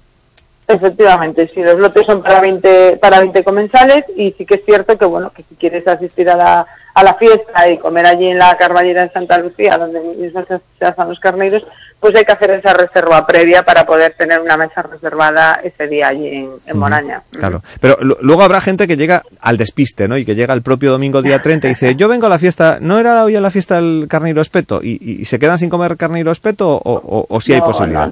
A ver. Por supuesto que el que el que vaya ahí ese día por despiste o de paso también podrá comer el carneiro. Hay muchos restaurantes de, de allí mismo del casco urbano y de las afueras que ese día pues también tienen aparte de sus reservas pues siempre se puede probar un poquito de carnero. Pero bueno, que no se despiste mucho que bueno, llevamos ya unos cuantos años donde las reservas están completas Claro. y, y bueno, evidentemente nadie se va a ir de Monaña sin probar carneiro, una pesquita siempre podrán probar, pero no a lo mejor poder poder comer sentado en una mesa, ¿no? Porque la verdad es que eh, de unos años para aquí las reservas eh, son muchas y mismo todos los locales de, de Moraña ese día pues están todos completos, ¿no? Claro, claro, claro. Bueno, pues eh, a tenerlo a tenerlo en cuenta.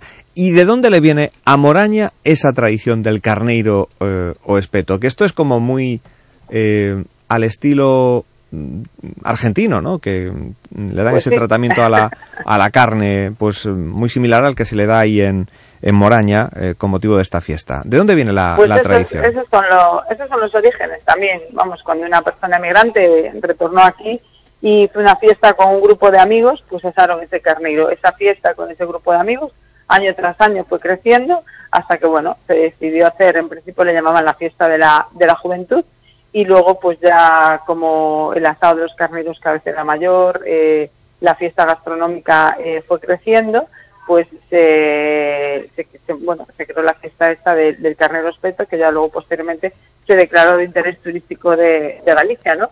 Entonces, el origen, pues como tú decías, es un origen argentino de una gente migrante que retornó aquí y que con que poco a poco pues fue creciendo y que fueron dando ese auge que hoy en día pues podemos tener en, en nuestro concello. Mm. ¿Y de dónde vienen los carneros? ¿Porque son autóctonos de ahí de Moraña o, o no da Bueno, para hay de tanto? todo. En principio eran autóctonos, pero ahora con tal número de reservas, pues también vienen de, de bueno, de distintas partes de, de Galicia también y de fuera, ¿no? Porque a ver, ¿cuán- Bueno, ¿cuántos, cuántos lotes cuántos lotes se pueden reservar de aquí a, eh, a Pues mira, estamos en una media de 120, 130 lotes eh, reservados durante todos estos últimos años. Hubo un año que fue el máximo que se ha llegado, que fueron 141.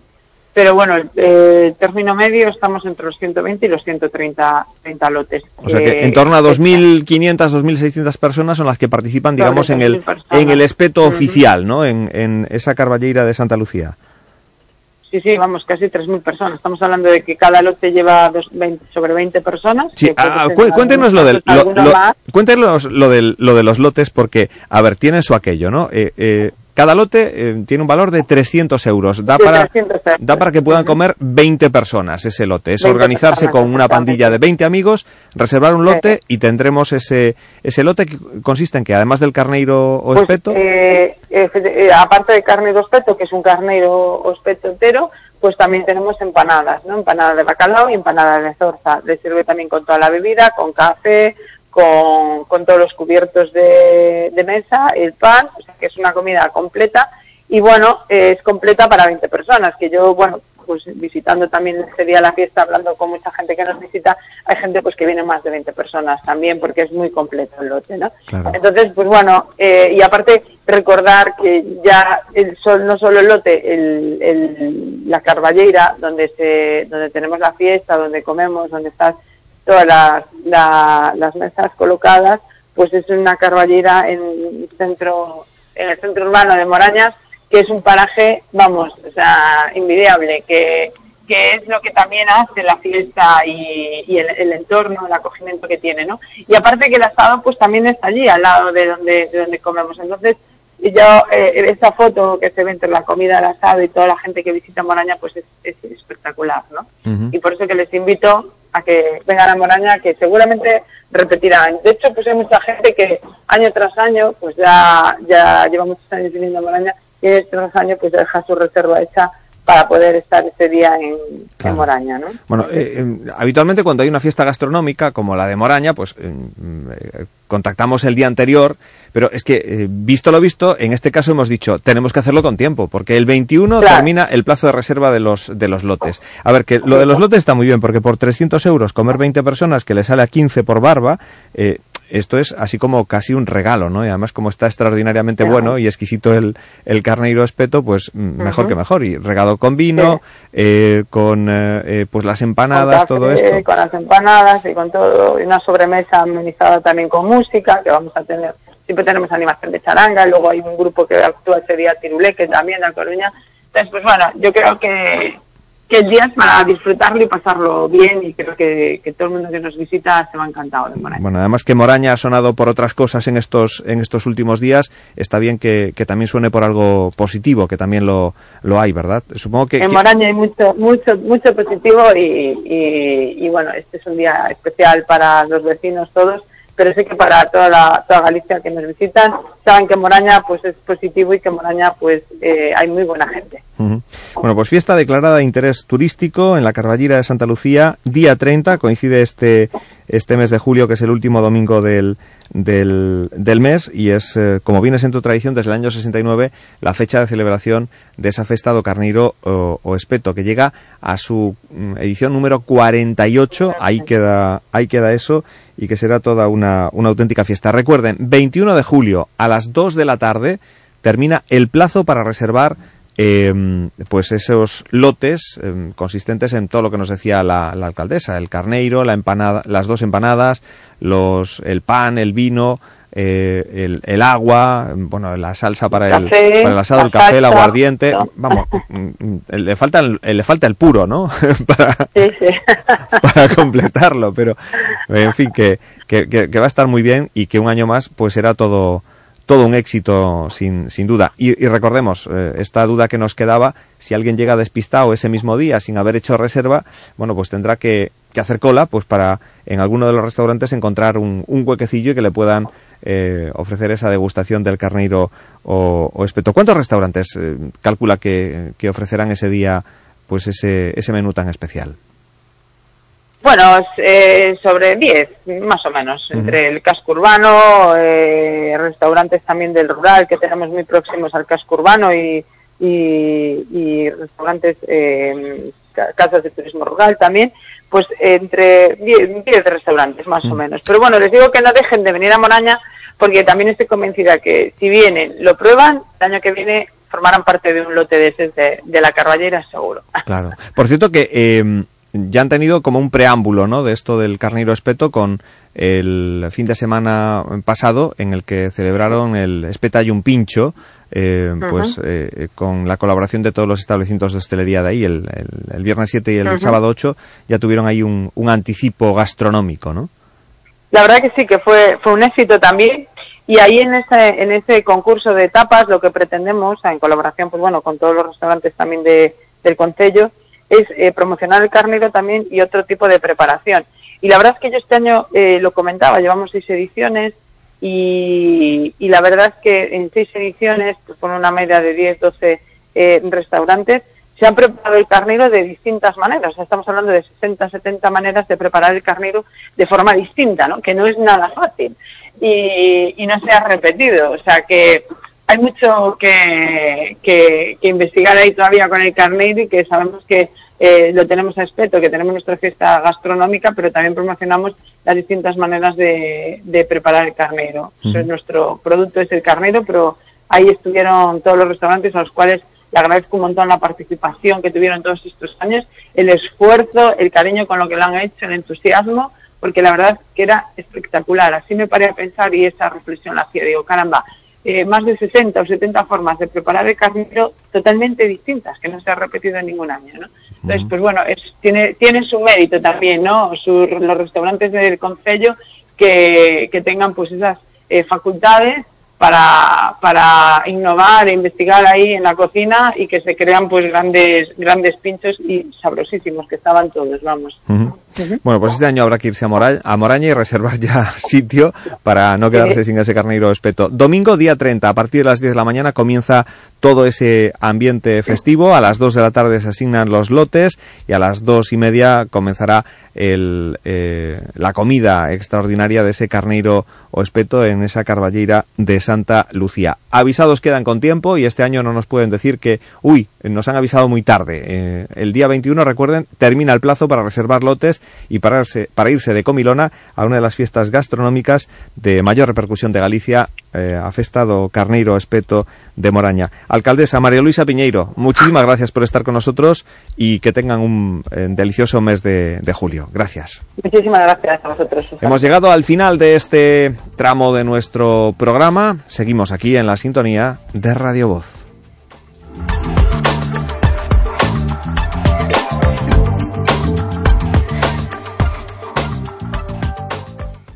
Escoita ben, primeira vaca, segunda vaca. Semellan iguais, as dúas dan leite, pero a segunda dá o leite que fai crecer os teus e tamén a Galicia. Porque así impulsamos un sector importante da nosa economía e consumimos un produto de gran calidade. Galega 100%, o leite con noso selo. Galicia, o bo camiño.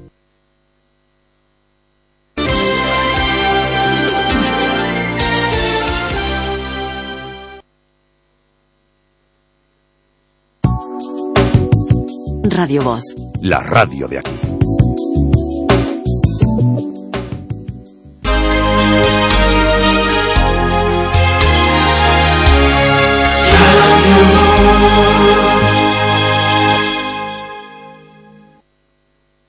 A saúde é vida. Entra en xenteconvida.es e aprende a sentirte ben. Alimentación saudable, receitas sinxelas, recomendacións de exercicio físico. Xenteconvida.es. Participa e coídate. Sanidade Pública de Galicia, en beneficio de todos. Galicia, o bo camiño, Xunta de Galicia. Porque nadie te conoce mejor que quien te escucha. Vayas donde vayas, estamos cerca de ti. Sintoniza Radio Voz en Ourense 101,4, Obarco 97,9, Berín 95,8, Shinzo 96,9. Radio Voz, la radio de aquí. ¡Soldado! Sí, señor. Nos ataca el enemigo por tierra y aire. Bichos que se arrastran o que vuelan. Prepare nuestra arma mortífera, Insectrón. A sus órdenes. Dele novedades al general. Cucarachas, pulgas, chinches, hormigas, termitas, polillas e insectos que vuelan vencidos. ¿Y si falta munición? Insectrón dura un año de Laboratorio Sanros Pharma de venta en farmacias. Viajar es descubrir, aprender, conocer, encontrar, convivir. Un viaje es aventura, sorpresa, ilusión, emoción. Es vivir la cultura, adentrarse en la historia y las tradiciones, en el espíritu de los pueblos. Es despertarse a un mundo de sensaciones. Viaje con nosotros si quiere gozar. Viaje con nosotros a mil lugar y disfrute de todo al pasar y disfrute. Por eso en Radio Voz, cada semana preparamos las maletas. Viaje con nosotros. Viernes y sábados con José Manuel Orriols. Quien compra nuestro billete compra la felicidad. Hoxe desplazámonos ata o Concello de Trabada para visitar a gandeiría Callobro Holstein. Esta explotación conta con 80 vacas cunha media de calificación de 84 puntos e un promedio de 13.000 litros. Estamos co seu dono Gonzalo Balea. Contanos Gonzalo, que touros usas? Uso touros de xenética Fontau. Con eles sempre consigo medias de calificación moi altas e uns niveis de produción moi elevados. Xenética Fontau, a túa mellor fonte de xenética. 902 13 44 33 Consulta tus problemas de salud con el doctor Pérez León. Radio Voz.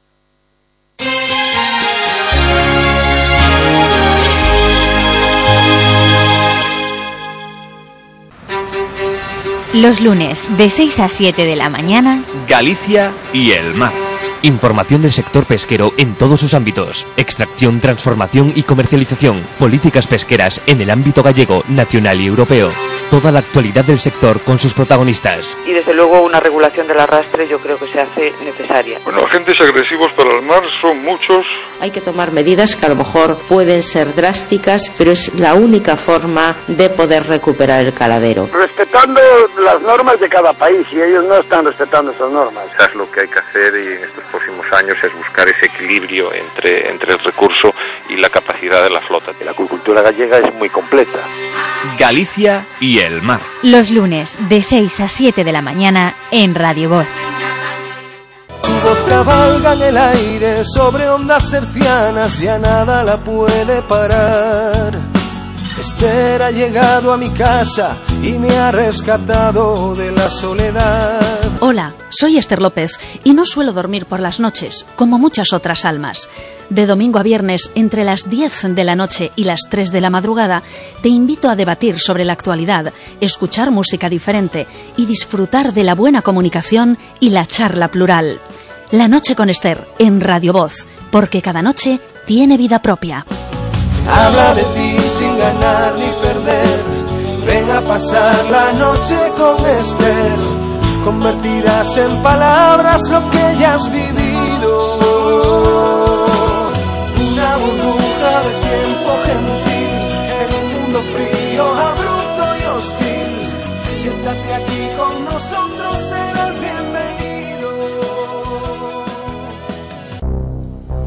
Soy el profesor Santiago Pacín y deseo invitarte a viajar a través de las ondas mágicas de encuentros en la medianoche en Radio Voz. Este sábado te invito a emprender un viaje hacia la historia y misterios de Compostela y hacia el camino al fin de Finisterre, además de hablar con el catedrático Antonio Piñeiro sobre la gnosis y será el sábado 15 de julio a las 12 de la noche, madrugada del domingo, y recuerda que puedes descargarte una selección de programas ya emitidos entrando en el archivo de yogaceisi.com. Aún siente.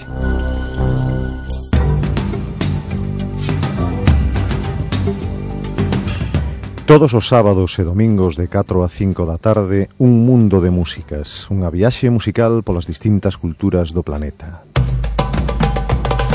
E de seguido, de 5 a 6 da tarde, Músicas de Raíz, unha selección de diferentes músicas étnicas na sintonía de Radio Voz, todos os sábados e domingos presentado por Vieito Romero.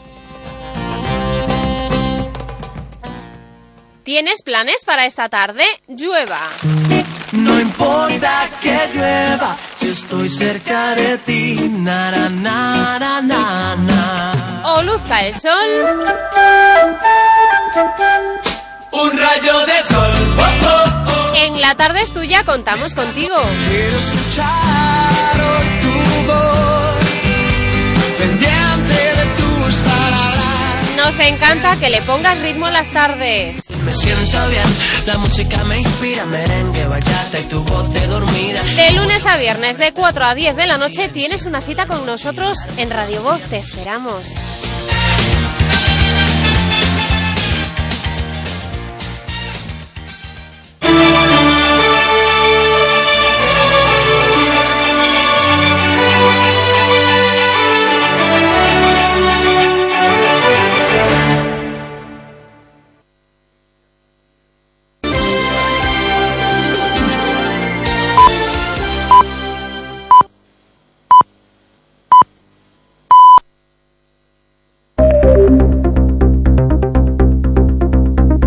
Voces de Galicia. Así va la mañana.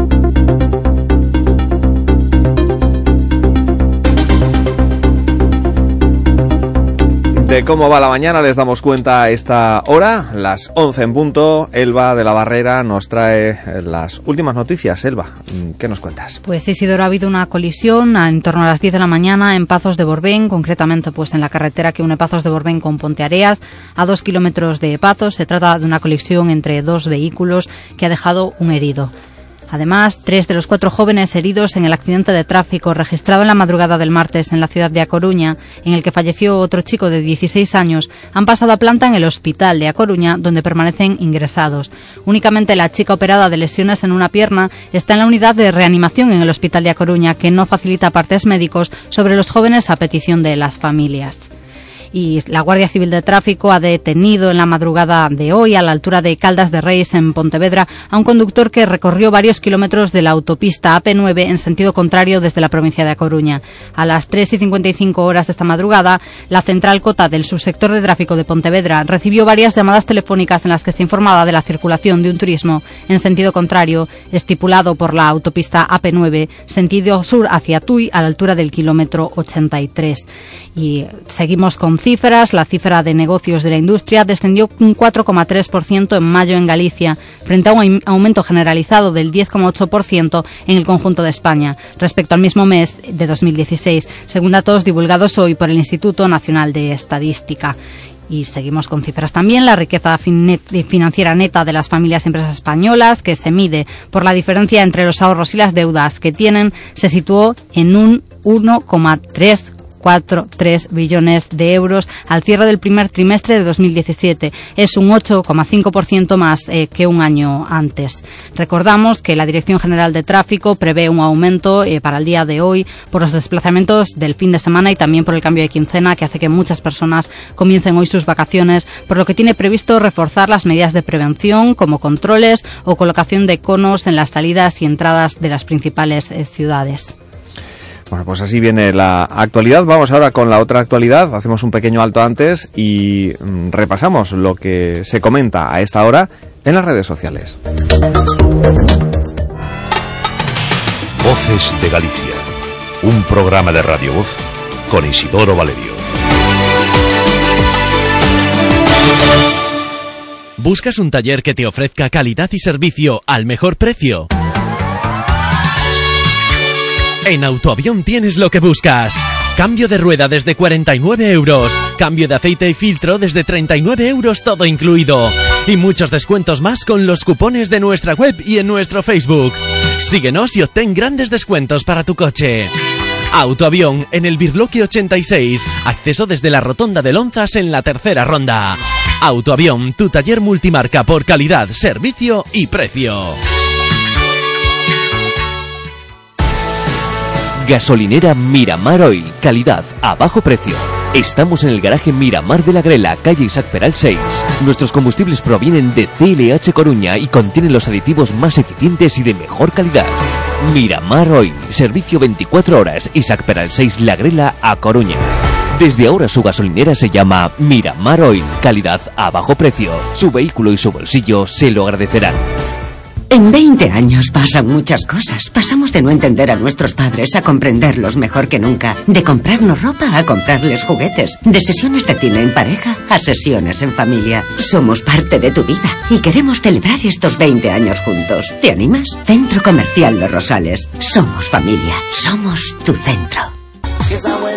Disfruta este verano de la playa, tomar el sol, jugar, descansar. ¿Te gustaría tener todo a tu alcance a los mejores precios? En Mercasia, seis años con vosotros. Visítanos y descubre todos nuestros productos. También trabajamos marcas nacionales. La mejor calidad al mejor precio. Mercasia es mucho más. Nacional Sexta, en Espíritu Santo. A min dame unha boa mariscada. E as mellores uvas. A min dame noites con sabor a mar. Dame cociña para imaginar. Dame novos sabores e sabores de sempre. A min dame comida de verdade. A min dame Galicia. Galicia, o bo camiño. Actuación cofinanciada pola Unión Europea a través do Fondo Europeo de Desenvolvemento Regional. En Radio Voz, Voces de Galicia.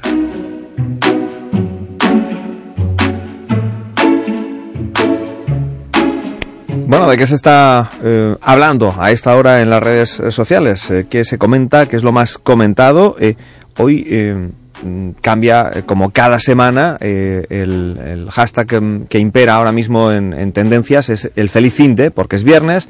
Ya saben que hay feliz lunes, feliz martes, feliz miércoles, feliz jueves. Y el viernes, feliz fin de, ¿eh? es lo que se lleva en redes sociales, es eh, el top ten en, Sí, en este momento. Sí, sí, sí, es, es lo más lo más comentado. Feliz fin de. La gente se desea feliz fin de semana, ¿eh? lo desea todo el mundo.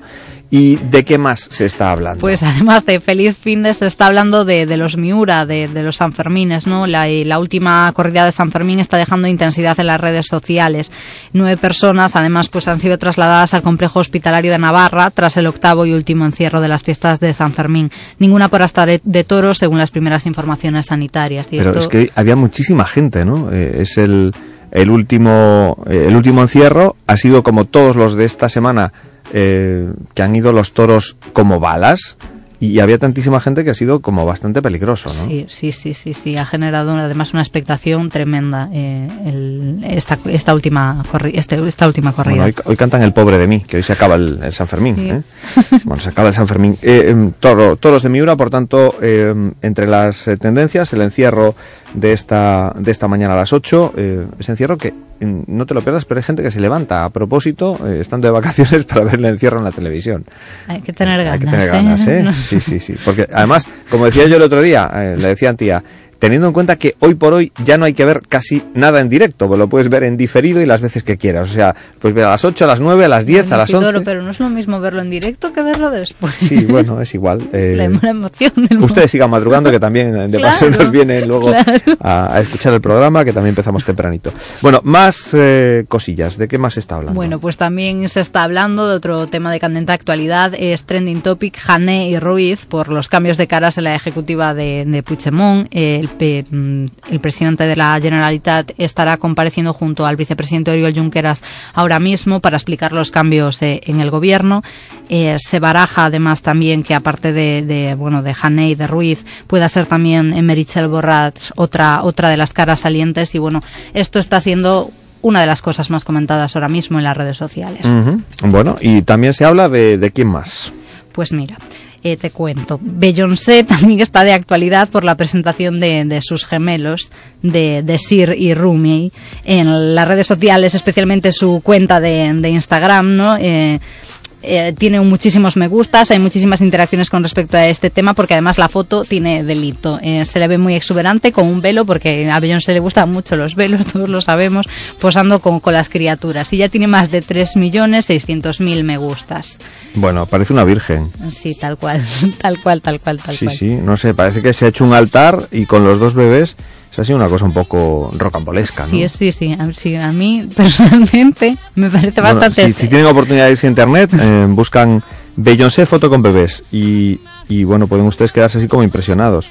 Es un poco, no sé, sobre, sobrepasada, ¿no? Con ese, ese altar de flores que se ha hecho.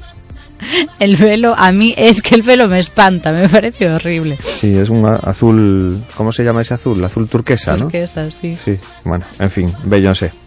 Beyoncé dando a que hablar. Eh, ahí la tenemos con ese Irreplaceable, uno de los temas eh, de su discografía.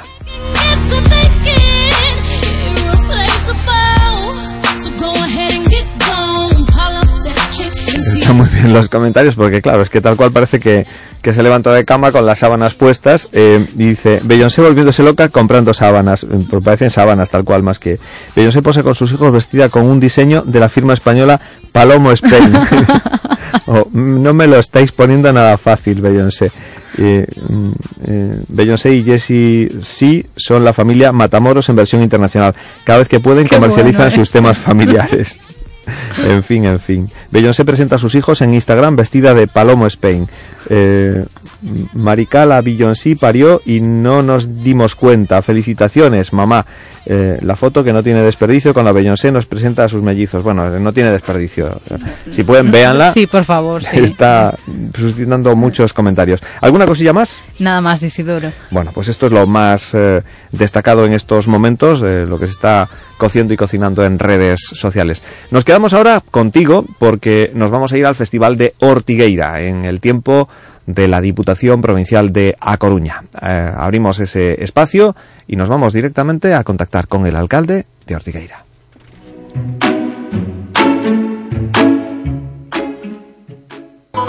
Voces de Galicia. Isidoro Valerio. Radio Voz.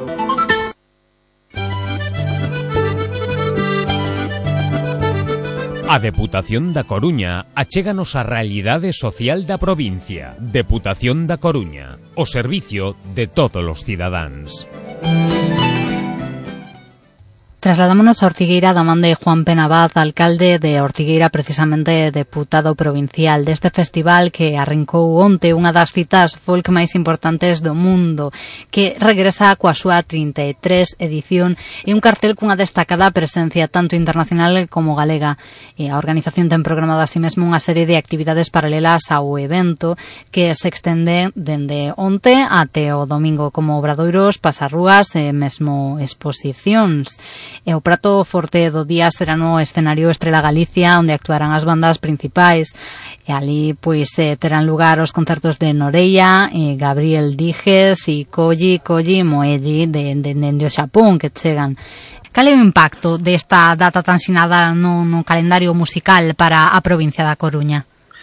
Eh, o Festival de Ortigueira é o referente é un referente a nivel eh, de, bueno, de España, de Europa e xa do mundo, no tema de, de música de música folk. Eh, os grupos, eh, digamos, e os participantes que, que participan aquí en, no, no Festival de Ortigueira que dalles como, bueno, eh, como unha experiencia moi importante para despois debutar xa, xa máis adiante calquer grupo, calquer artista que lle decimos de, de vir a tocar a Ortigueira, eh, ben encantado, é moi fácil, é moi fácil facer o cartel porque, por eso, por, lo que sigo, pola referencia.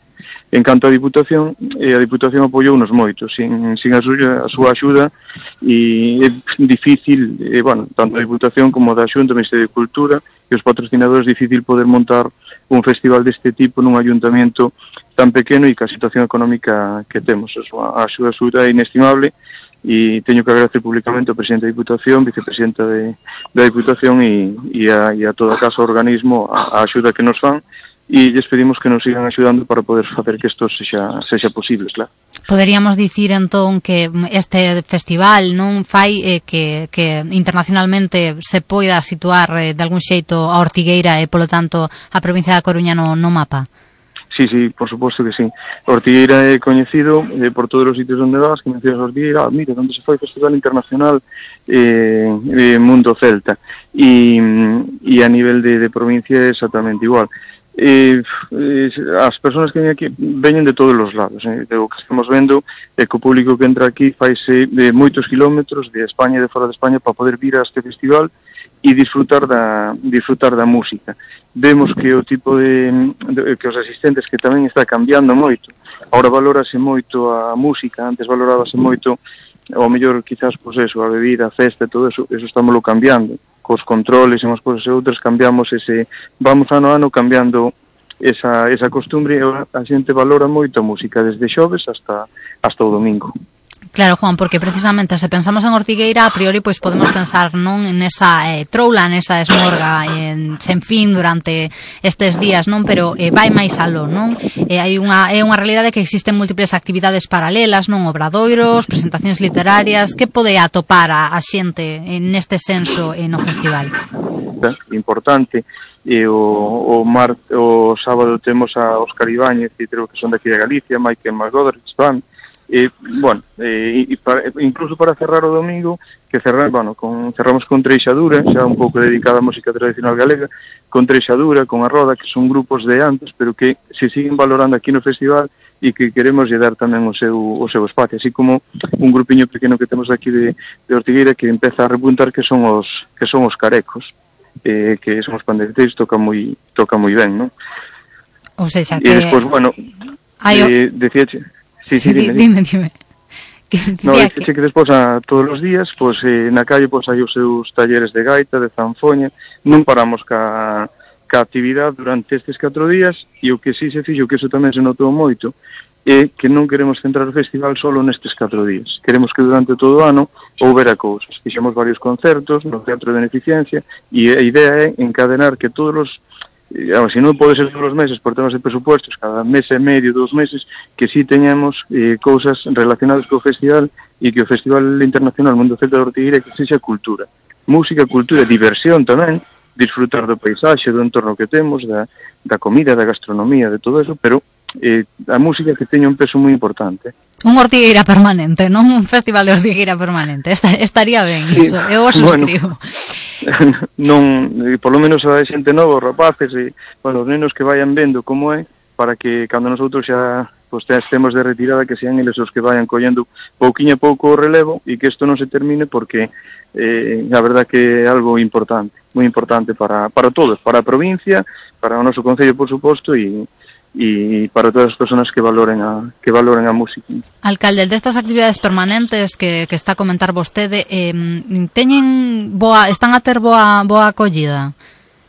Sí, esa, es, teñen boa acollida, porque eh, é eh, moi económico realmente, pois, cando facemos ese tipo de concertos, eh, veñen grupos de distintos, de distintos países de Europa, a entrada é eh, creo recordar que son 3,50 euros me parece, moi moi económico, e é un sábado, pois, ao mellor, de, do mes de marzo, de abril, de febreiro, de, de noviembre, e pouquinho a pouco, eh, dándolle, dándolle a difusión que, que necesita, pois vamos conseguindo que, eh, que, que a música que, que se vai valorando e que a idea é que o fuerte digamos que o momento fuerte do festival que sean ahora en julio pero que o festival que sea un festival de durante todo o ano. Ese, ese eu creo que é o máis importante que podemos facer para manter o prestixio do Festival Internacional Mundo Celta de Ortigueira. Dende logo, por falta de público non non vai a ser, non? Porque a no. verdade é que hai un segmento brutal de, de, de, sí. deste festival. Eh, xa para rematar, eh, Juan, eh, sabemos que, que, bueno, que non é doado, non? Que, que falábamos agora do, dos máis novos, de intentar que, que tomasen o, o relevo. Sempre que pensamos en Ortigueira, pois iso tendemos a pensar pois nen, nen nos mozos, no, no camping de Morouzos, pero eh, existe realmente un perfil mm, único de, de, de visitante Ortigueira ou podemos atopar a, a multitude de, de persoas diferentes ne, neste eh, evento? te, eh, textos os rangos de edades están todos, porque eh, dende, bueno, eh, os chavales os chavales que teñen edad pois así 18, 20 anos hasta 30 anos, que esos son os que máis os que máis festa fan, sobre todo na zona da playa de Morouzos e eso, con moito respeto e con moita bueno, eh, fa, eh, fano realmente ben, non, sin, sin grandes destrozos ni nada disso. Despois hai familias eh, con, con nenos pequenos, moi pequenos. Eu hoxe mesmo pola mañá vía comprando camisetas nenos moi pequeniños e, e despois incluso personas xa con máis edad que si viñeron ao festival naqueles anos, dendo, dendo ano 1978 que se empeza o festival e que todavía recorden aquelas fechas cando se facía o escenario pois, con, con paus de eucalipto encima de, encima do, do Peira, Peirao de, de Ortigueira, que eles eran os anos difíciles e é o que teño que recordar sempre a esa xente que todavía está por aquí por, por Ortigueira, que foron os que iniciaron o festival e que lles temos que agradecer de por vida aquela labor que fixeron sin recursos. Falamos de, bueno, do, dos comezos dese festival. Como, como se vive de, desde a xente, non dali, de, de, de Ortigueira? Como, como se vive ese festival? E hostalería, e comercios? Como, como, como Mira, respiran eles ese, ese Eu ambiente? creo que isto eh, naceu con tanta ilusión eh, no seu momento, porque hasta a comida, pues, tortillas, bocadillos e todo eso, as facían as madres dos rapaces que organizaban o, o festival e que agora xa non son tan rapaces e facíase con tanta ilusión e como dixen antes sin recursos que agora estamos tan acostumbrados e, e que os, os, bueno, as, os rapaces novos e todo eso xa se crían no medio do festival que o vivimos con moita con moita tranquilidade sabemos eh, perfectamente o que hai que facer o que hai que informar e temos paciencia a hora de que sabemos que nos supermercados que habrá hai colas tremendas, sabemos que nas carreteras que tamén hai que ter paciencia, e bueno, e cando te encontras con un veciño pola calle, salúdate con alegría. E despois a hostelería eh, sabe que é a principal fonte de ingresos que temos eh, no Concello de Ortigueira en canto a turismo e sabe aproveitarla. Eh, moi profesionalmente, sabemos atender e a xente que, que dé un ano o ano seguinte repite seguro eh, e, e aí queda, xa queda queda inscrita no Festival Internacional Mundo Celta de Ortigueira. Juan, pois esa ilusión, non eses comezos eh, que non se perdan, sempre con responsabilidade, claro. como comentábamos, mm. eh, que gocedes moitísimo de destes días, e moitísimas grazas por estar co, connosco. Sí, teño que, como dixen antes, dar a gracia a toda, as gracias a, a Diputación, a Xunta de Galicia, o Ministerio de Cultura e todos os patrocinadores que nos axudan a que isto sexa posible, pero se non, non o podemos facer, iso é imposible. Moitísimas grazas, Juan Penabaz, alcalde de Ortigueira e diputado provincial. Un saúdo. E moi, moitas gracias a vosotros.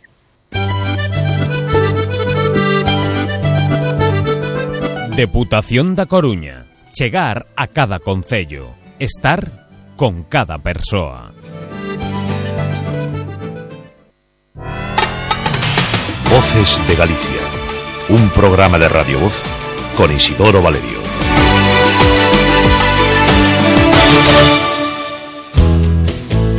¿Compraste un camión de las marcas MAN, Volvo Renault, Daimler Mercedes, DAF o Iveco entre los años 1997 y 2011? Te han cobrado de más. Contacta con nosotros y recupera tu dinero. Actúa Recupera tu dinero. Llámanos al 681 690 839. 681 690 839.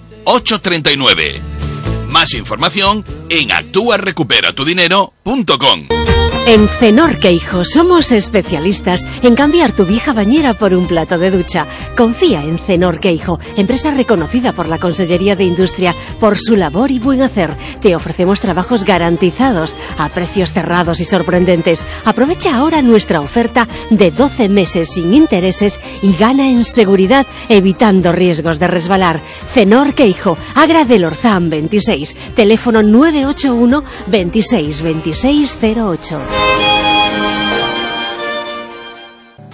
Hotel Portocobo, el lugar ideal para celebrar un evento con las mejores vistas. Mar, playa, castillo y de fondo, la ciudad de La Coruña. Hotel Portocobo, donde un equipo profesional se combina para ofrecerle un buen servicio y una excelente oferta gastronómica. Hotel Portocobo, su equipo humano siempre en la mejor disposición de asesorarle en todo momento. Hotel Portocobo. Combinamos sus ideas con nuestra experiencia, creando el cóctel perfecto para su total satisfacción. Teléfono 981-614-100 Santa Cruz, Oleiros. Hotel Portocobo, su hotel de confianza. é un lugar onde conseguimos reunir os ingredientes naturais da nosa terra Dunha calidade excepcional Coa garimo e as mans sabias das nosas nais e aboas En Da Cuña podes atopar o pan máis tradicional As empanadas máis sabrosas Os doces máis sorprendentes Nos que prevalece a esencia do auténtico O sabor de sempre. Da Cuña, da casa. Voces de Galicia. Un programa de Radio Voz con Isidoro Valerio. Bueno, hoy es viernes, ya sabéis que hoy no tenemos peticiones del oyente a través del WhatsApp, que hoy tenemos esa selección musical para entrar con el mejor de los ritmos y con el mejor de los sonidos en el fin de semana. Así que comenzamos nuestro eh, tiempo de recta final de programa con eh, una selección de temas, algunos nuevos, otros eh, oldies que vamos a rescatar para amenizaros este tramo de programa, el tramo final del Voces de Galicia. Y hoy comenzamos con una novedad discográfica, es el último trabajo que han publicado los chicos de One Republic, acompañados de Siv. El tema se titula Rich Love y suena tal que así. Burning all those candles and staying up through the night. We make reservations for the places we know we never tried. But then, no, we found some rich love. I remember feeling broke as a bottle of wine. I didn't move to the city to count on my pennies of worship the Hollywood sign. To say, hey man, nice to meet you. They should take everyone last time. Then I know. Cause I found some fake love. Broke as a bottle of wine. But drink with you all damn night. Not trying to trade up. If we don't find money, then what we got, honey, is just enough. We got some rich love. Just say. Just say, Just say, hey man, nice to meet you. You should take it one last time, and I know. Do you remember dancing at parties out in the yard? We would piss off the neighbors, they'd eventually call the cops. And I was saving up for something, hoping life would finally start. Cause oh, we had some new love. Broke oh, a bottle of wine.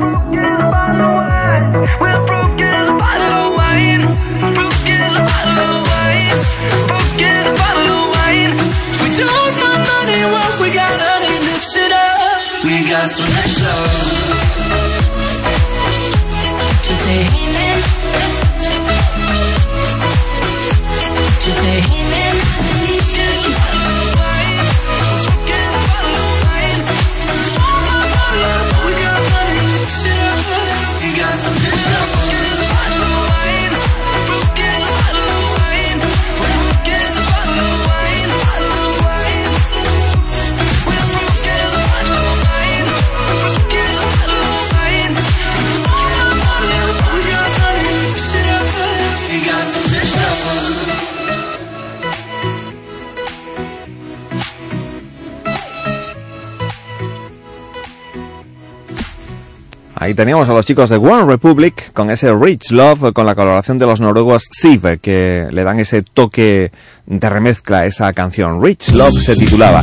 Y esto que, que llega es eh, un oldie, es una canción que forma parte de los grandes éxitos del grupo Cool and the Gang. Sonido funk, sonido Cool and the Gang, Too Hot, demasiado caliente.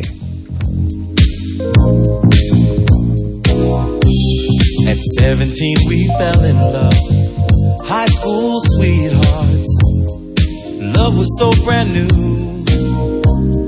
We took the vows of man and wife forever for life.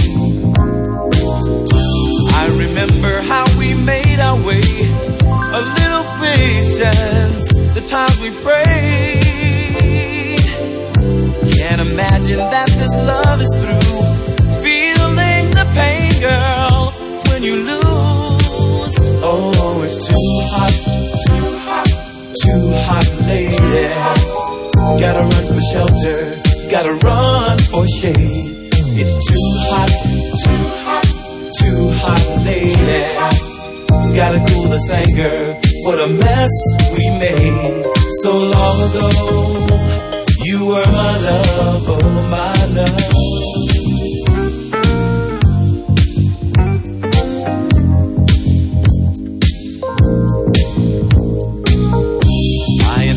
Never took the time to stop and feel the need. Funny how those years go by, changing you, changing me. I remember love's fever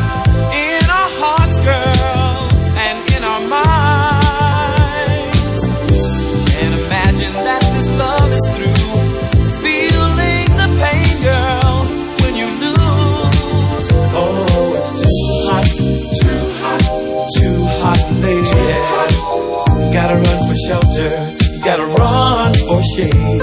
It's too hot, too hot too hot, lady.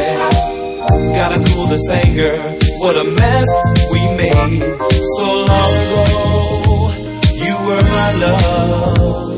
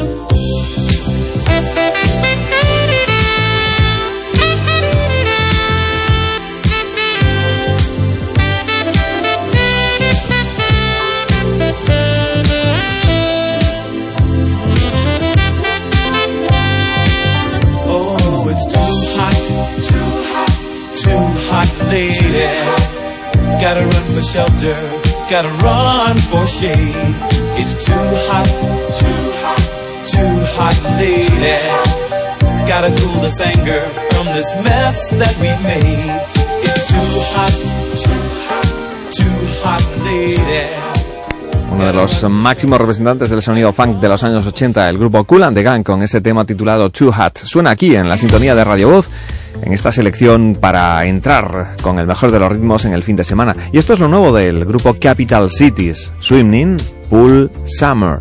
Así suenan Capital Cities.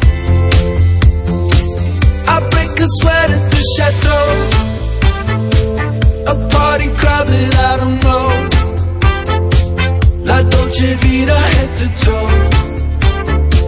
I kiss her cheek to say hello. She takes a sip of champagne. It's elegant but not vain. She calls attention to her fame.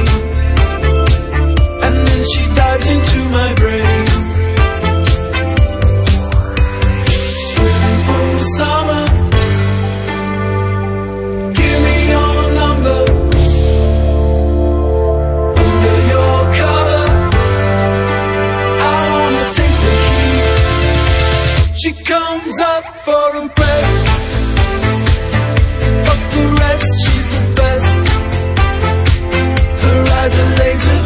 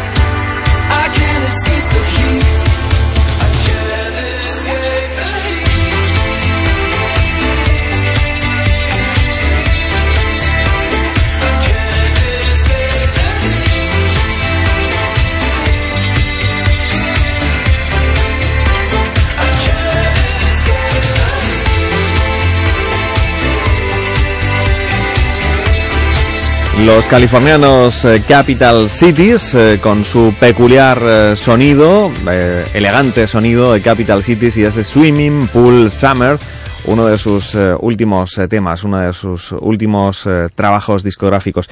Y de algo nuevo a algo que forma parte de la historia de un músico, Julian Lennon, el hijo de, de John Lennon, que sacó allá por el año eh, 84 un disco. Este fue su primer sencillo, su debut discográfico, Too Late for Goodbyes, Julian Lennon.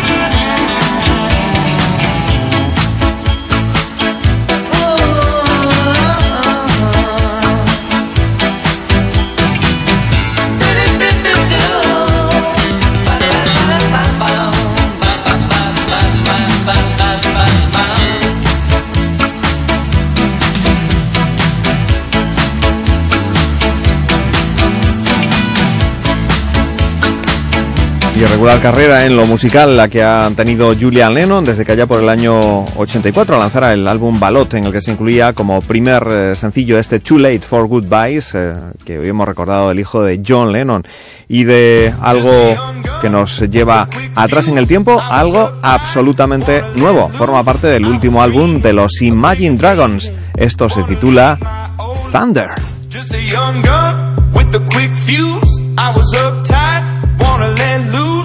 I was dreaming of bigger things and wanna leave my old life behind. Not a yes sir, not a follower. Fit the box, fit the mold, have a seat in the foyer. Take a number. I was lightning before the thunder.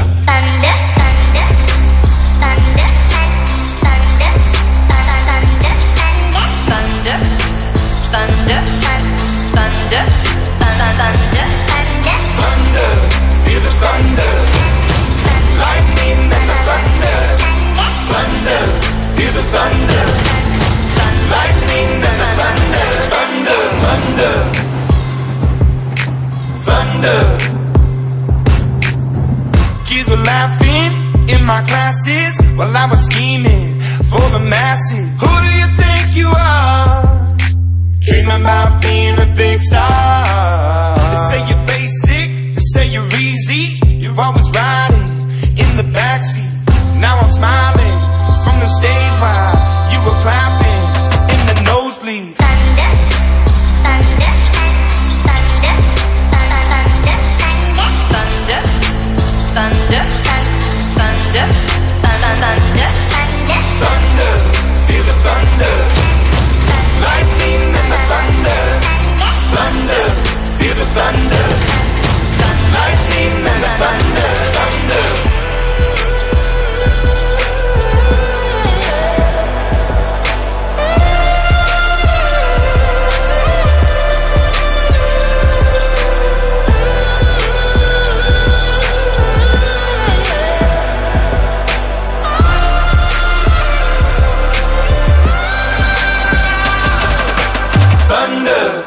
The thunder. Lightning and the thunder. Thunder, thunder,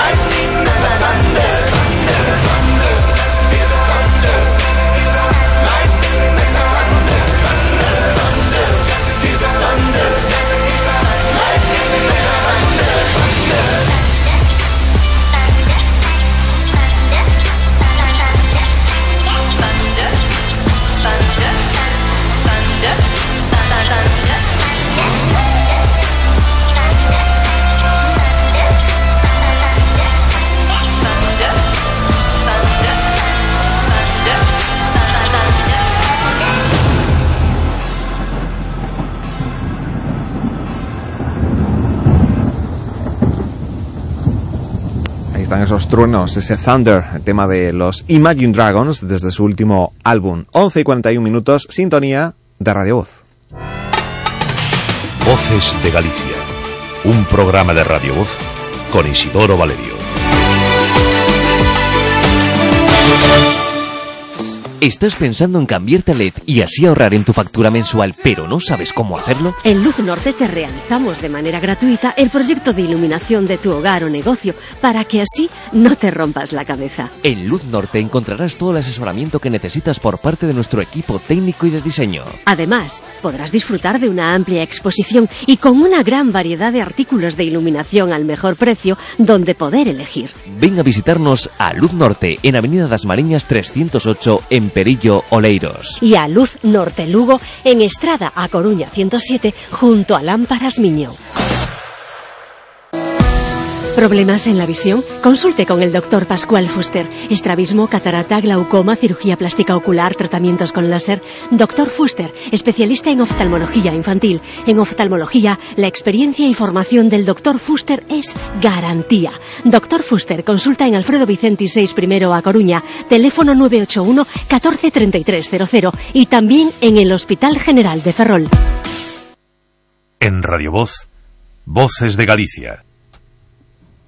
Seguimos aquí en la sintonía de Radio Voz y volvemos con los oldies en este tiempo de recta final de programa, recordando mm, buena música, presentando novedades y volviendo al pasado con este Song Guys Have All the Look de Rod Stewart.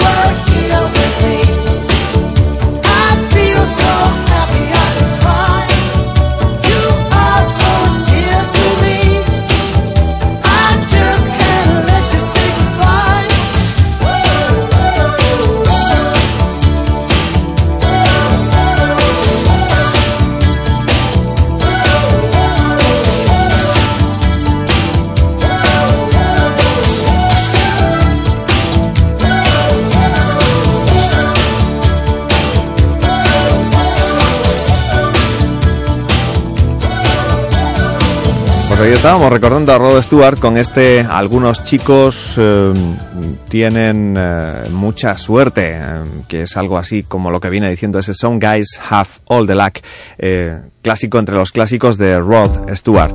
Y de un clásico a otro, porque esto, bueno, fue un bombazo hace pues exactamente 4 o 5 años. Es el Blue Red Lines de Robin Ticke con Pharrell Williams.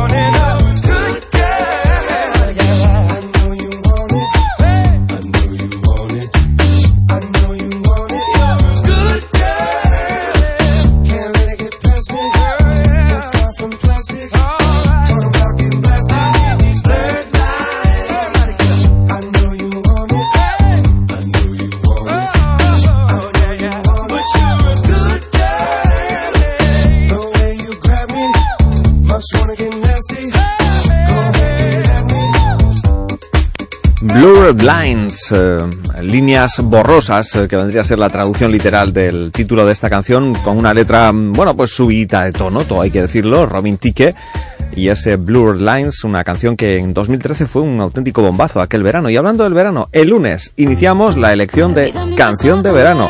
Sí, ¿y cuál será este año la canción que seleccionen los oyentes de Radio Voz como canción del verano? A partir del lunes a la una podéis eh, proponernos qué canciones consideráis que tienen pues algo, ese toque especial que las puede convertir en la canción de este verano 2017. De vosotros va a depender. Dos semanas tenemos por delante, la próxima y eh, la última de este mes, para decidir cuál es la canción del verano 2017. ¿eh? El día 28 lo decidiremos definitivamente. Próxima semana, semana de propuestas de canciones que podéis hacer a través del WhatsApp 649 48 37 99, también a través del teléfono 981 13 44 33. Esta podría ser una de ellas, El me enamoré de Shakira. Está claro que sí, es una de las canciones que engancha, una de las canciones que gusta este verano 2017. La vida me empezó a cambiar. La noche que te conocí, Tenía poco que perder y la cosa sigue así. Yo con mis sostén a rayas y mi pelo a medio se.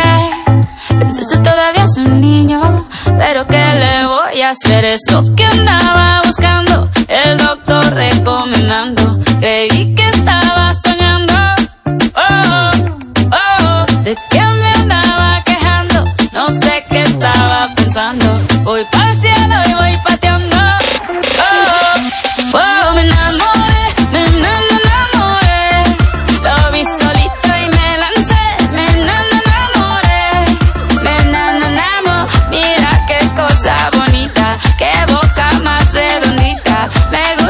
esa barbita. Y bailé hasta que me cansé, hasta que me cansé, bailé y me enamoré. Nos enamoramos, un mojito, dos mojitos. Mira qué ojitos bonitos, me quedo otro ratito. Digo yo tendría diez hijos, empecemos por un par. Solamente te lo digo por si quieres practicar. Lo único que estoy diciendo, vayámonos conociendo, es lo que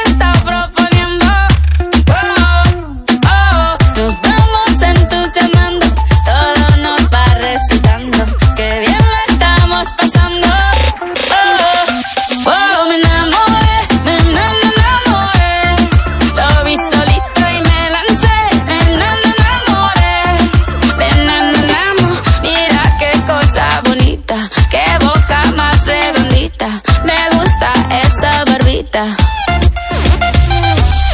bailé hasta que me cansé, hasta que me cansé, bailé, me enamoré, nos enamoramos, un mojito, dos mojitos, mira qué ojitos bonitos, me quedo otro ratito.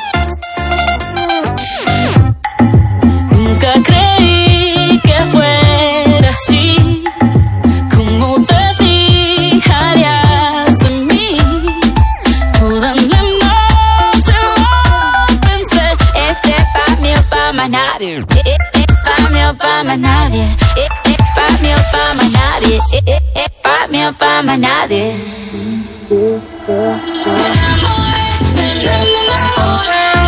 Lo vi solito y me lancé. Me enamoré, me enamoramos, mira qué cosa bonita, qué boca más redondita, me gusta esa barbita.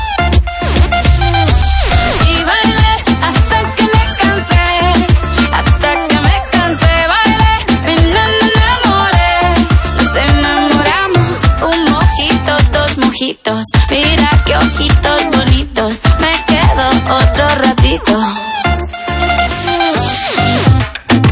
Nunca creí que fuera así.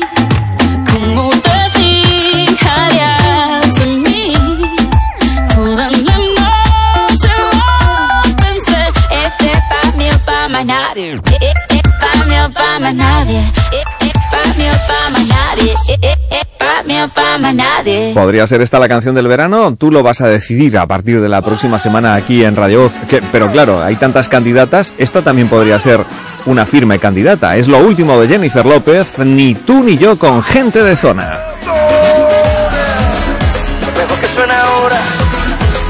Pues así, con eh, gente de zona y Jennifer nos vamos, ni tú ni yo. Mm, el lunes más, a las 8 te estaremos esperando aquí en la sintonía de Radio Voz. Te dejamos con el mejor de los ritmos, ritmo latino, para cerrar hoy nuestro Voces de Galicia primera edición. Y a partir del lunes me tendréis hasta las 2. Así que ración doble de Voces de Galicia desde el lunes. Os espero desde las 8 aquí, en esta sintonía, en Radio Voz Galicia.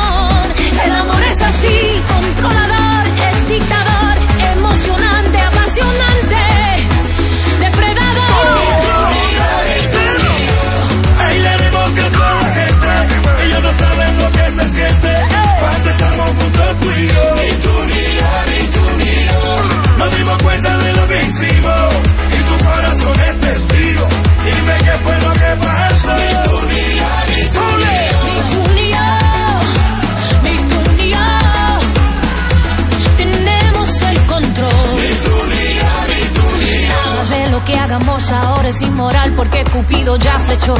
Si el amor es inmortal, entonces la inmortalidad nos eligió.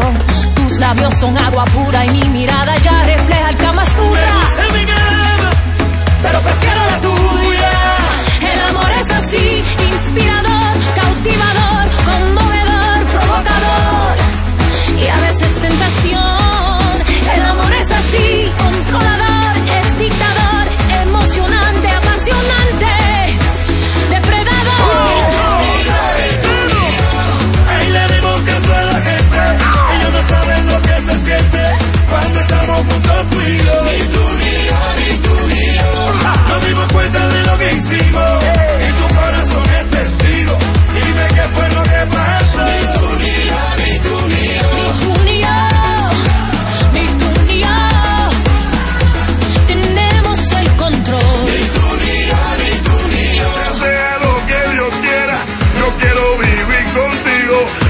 vivimos a tu manera, porque a mí me da lo mismo, que sea lo que Dios quiera, yo quiero vivir contigo, lo hacemos a tu manera.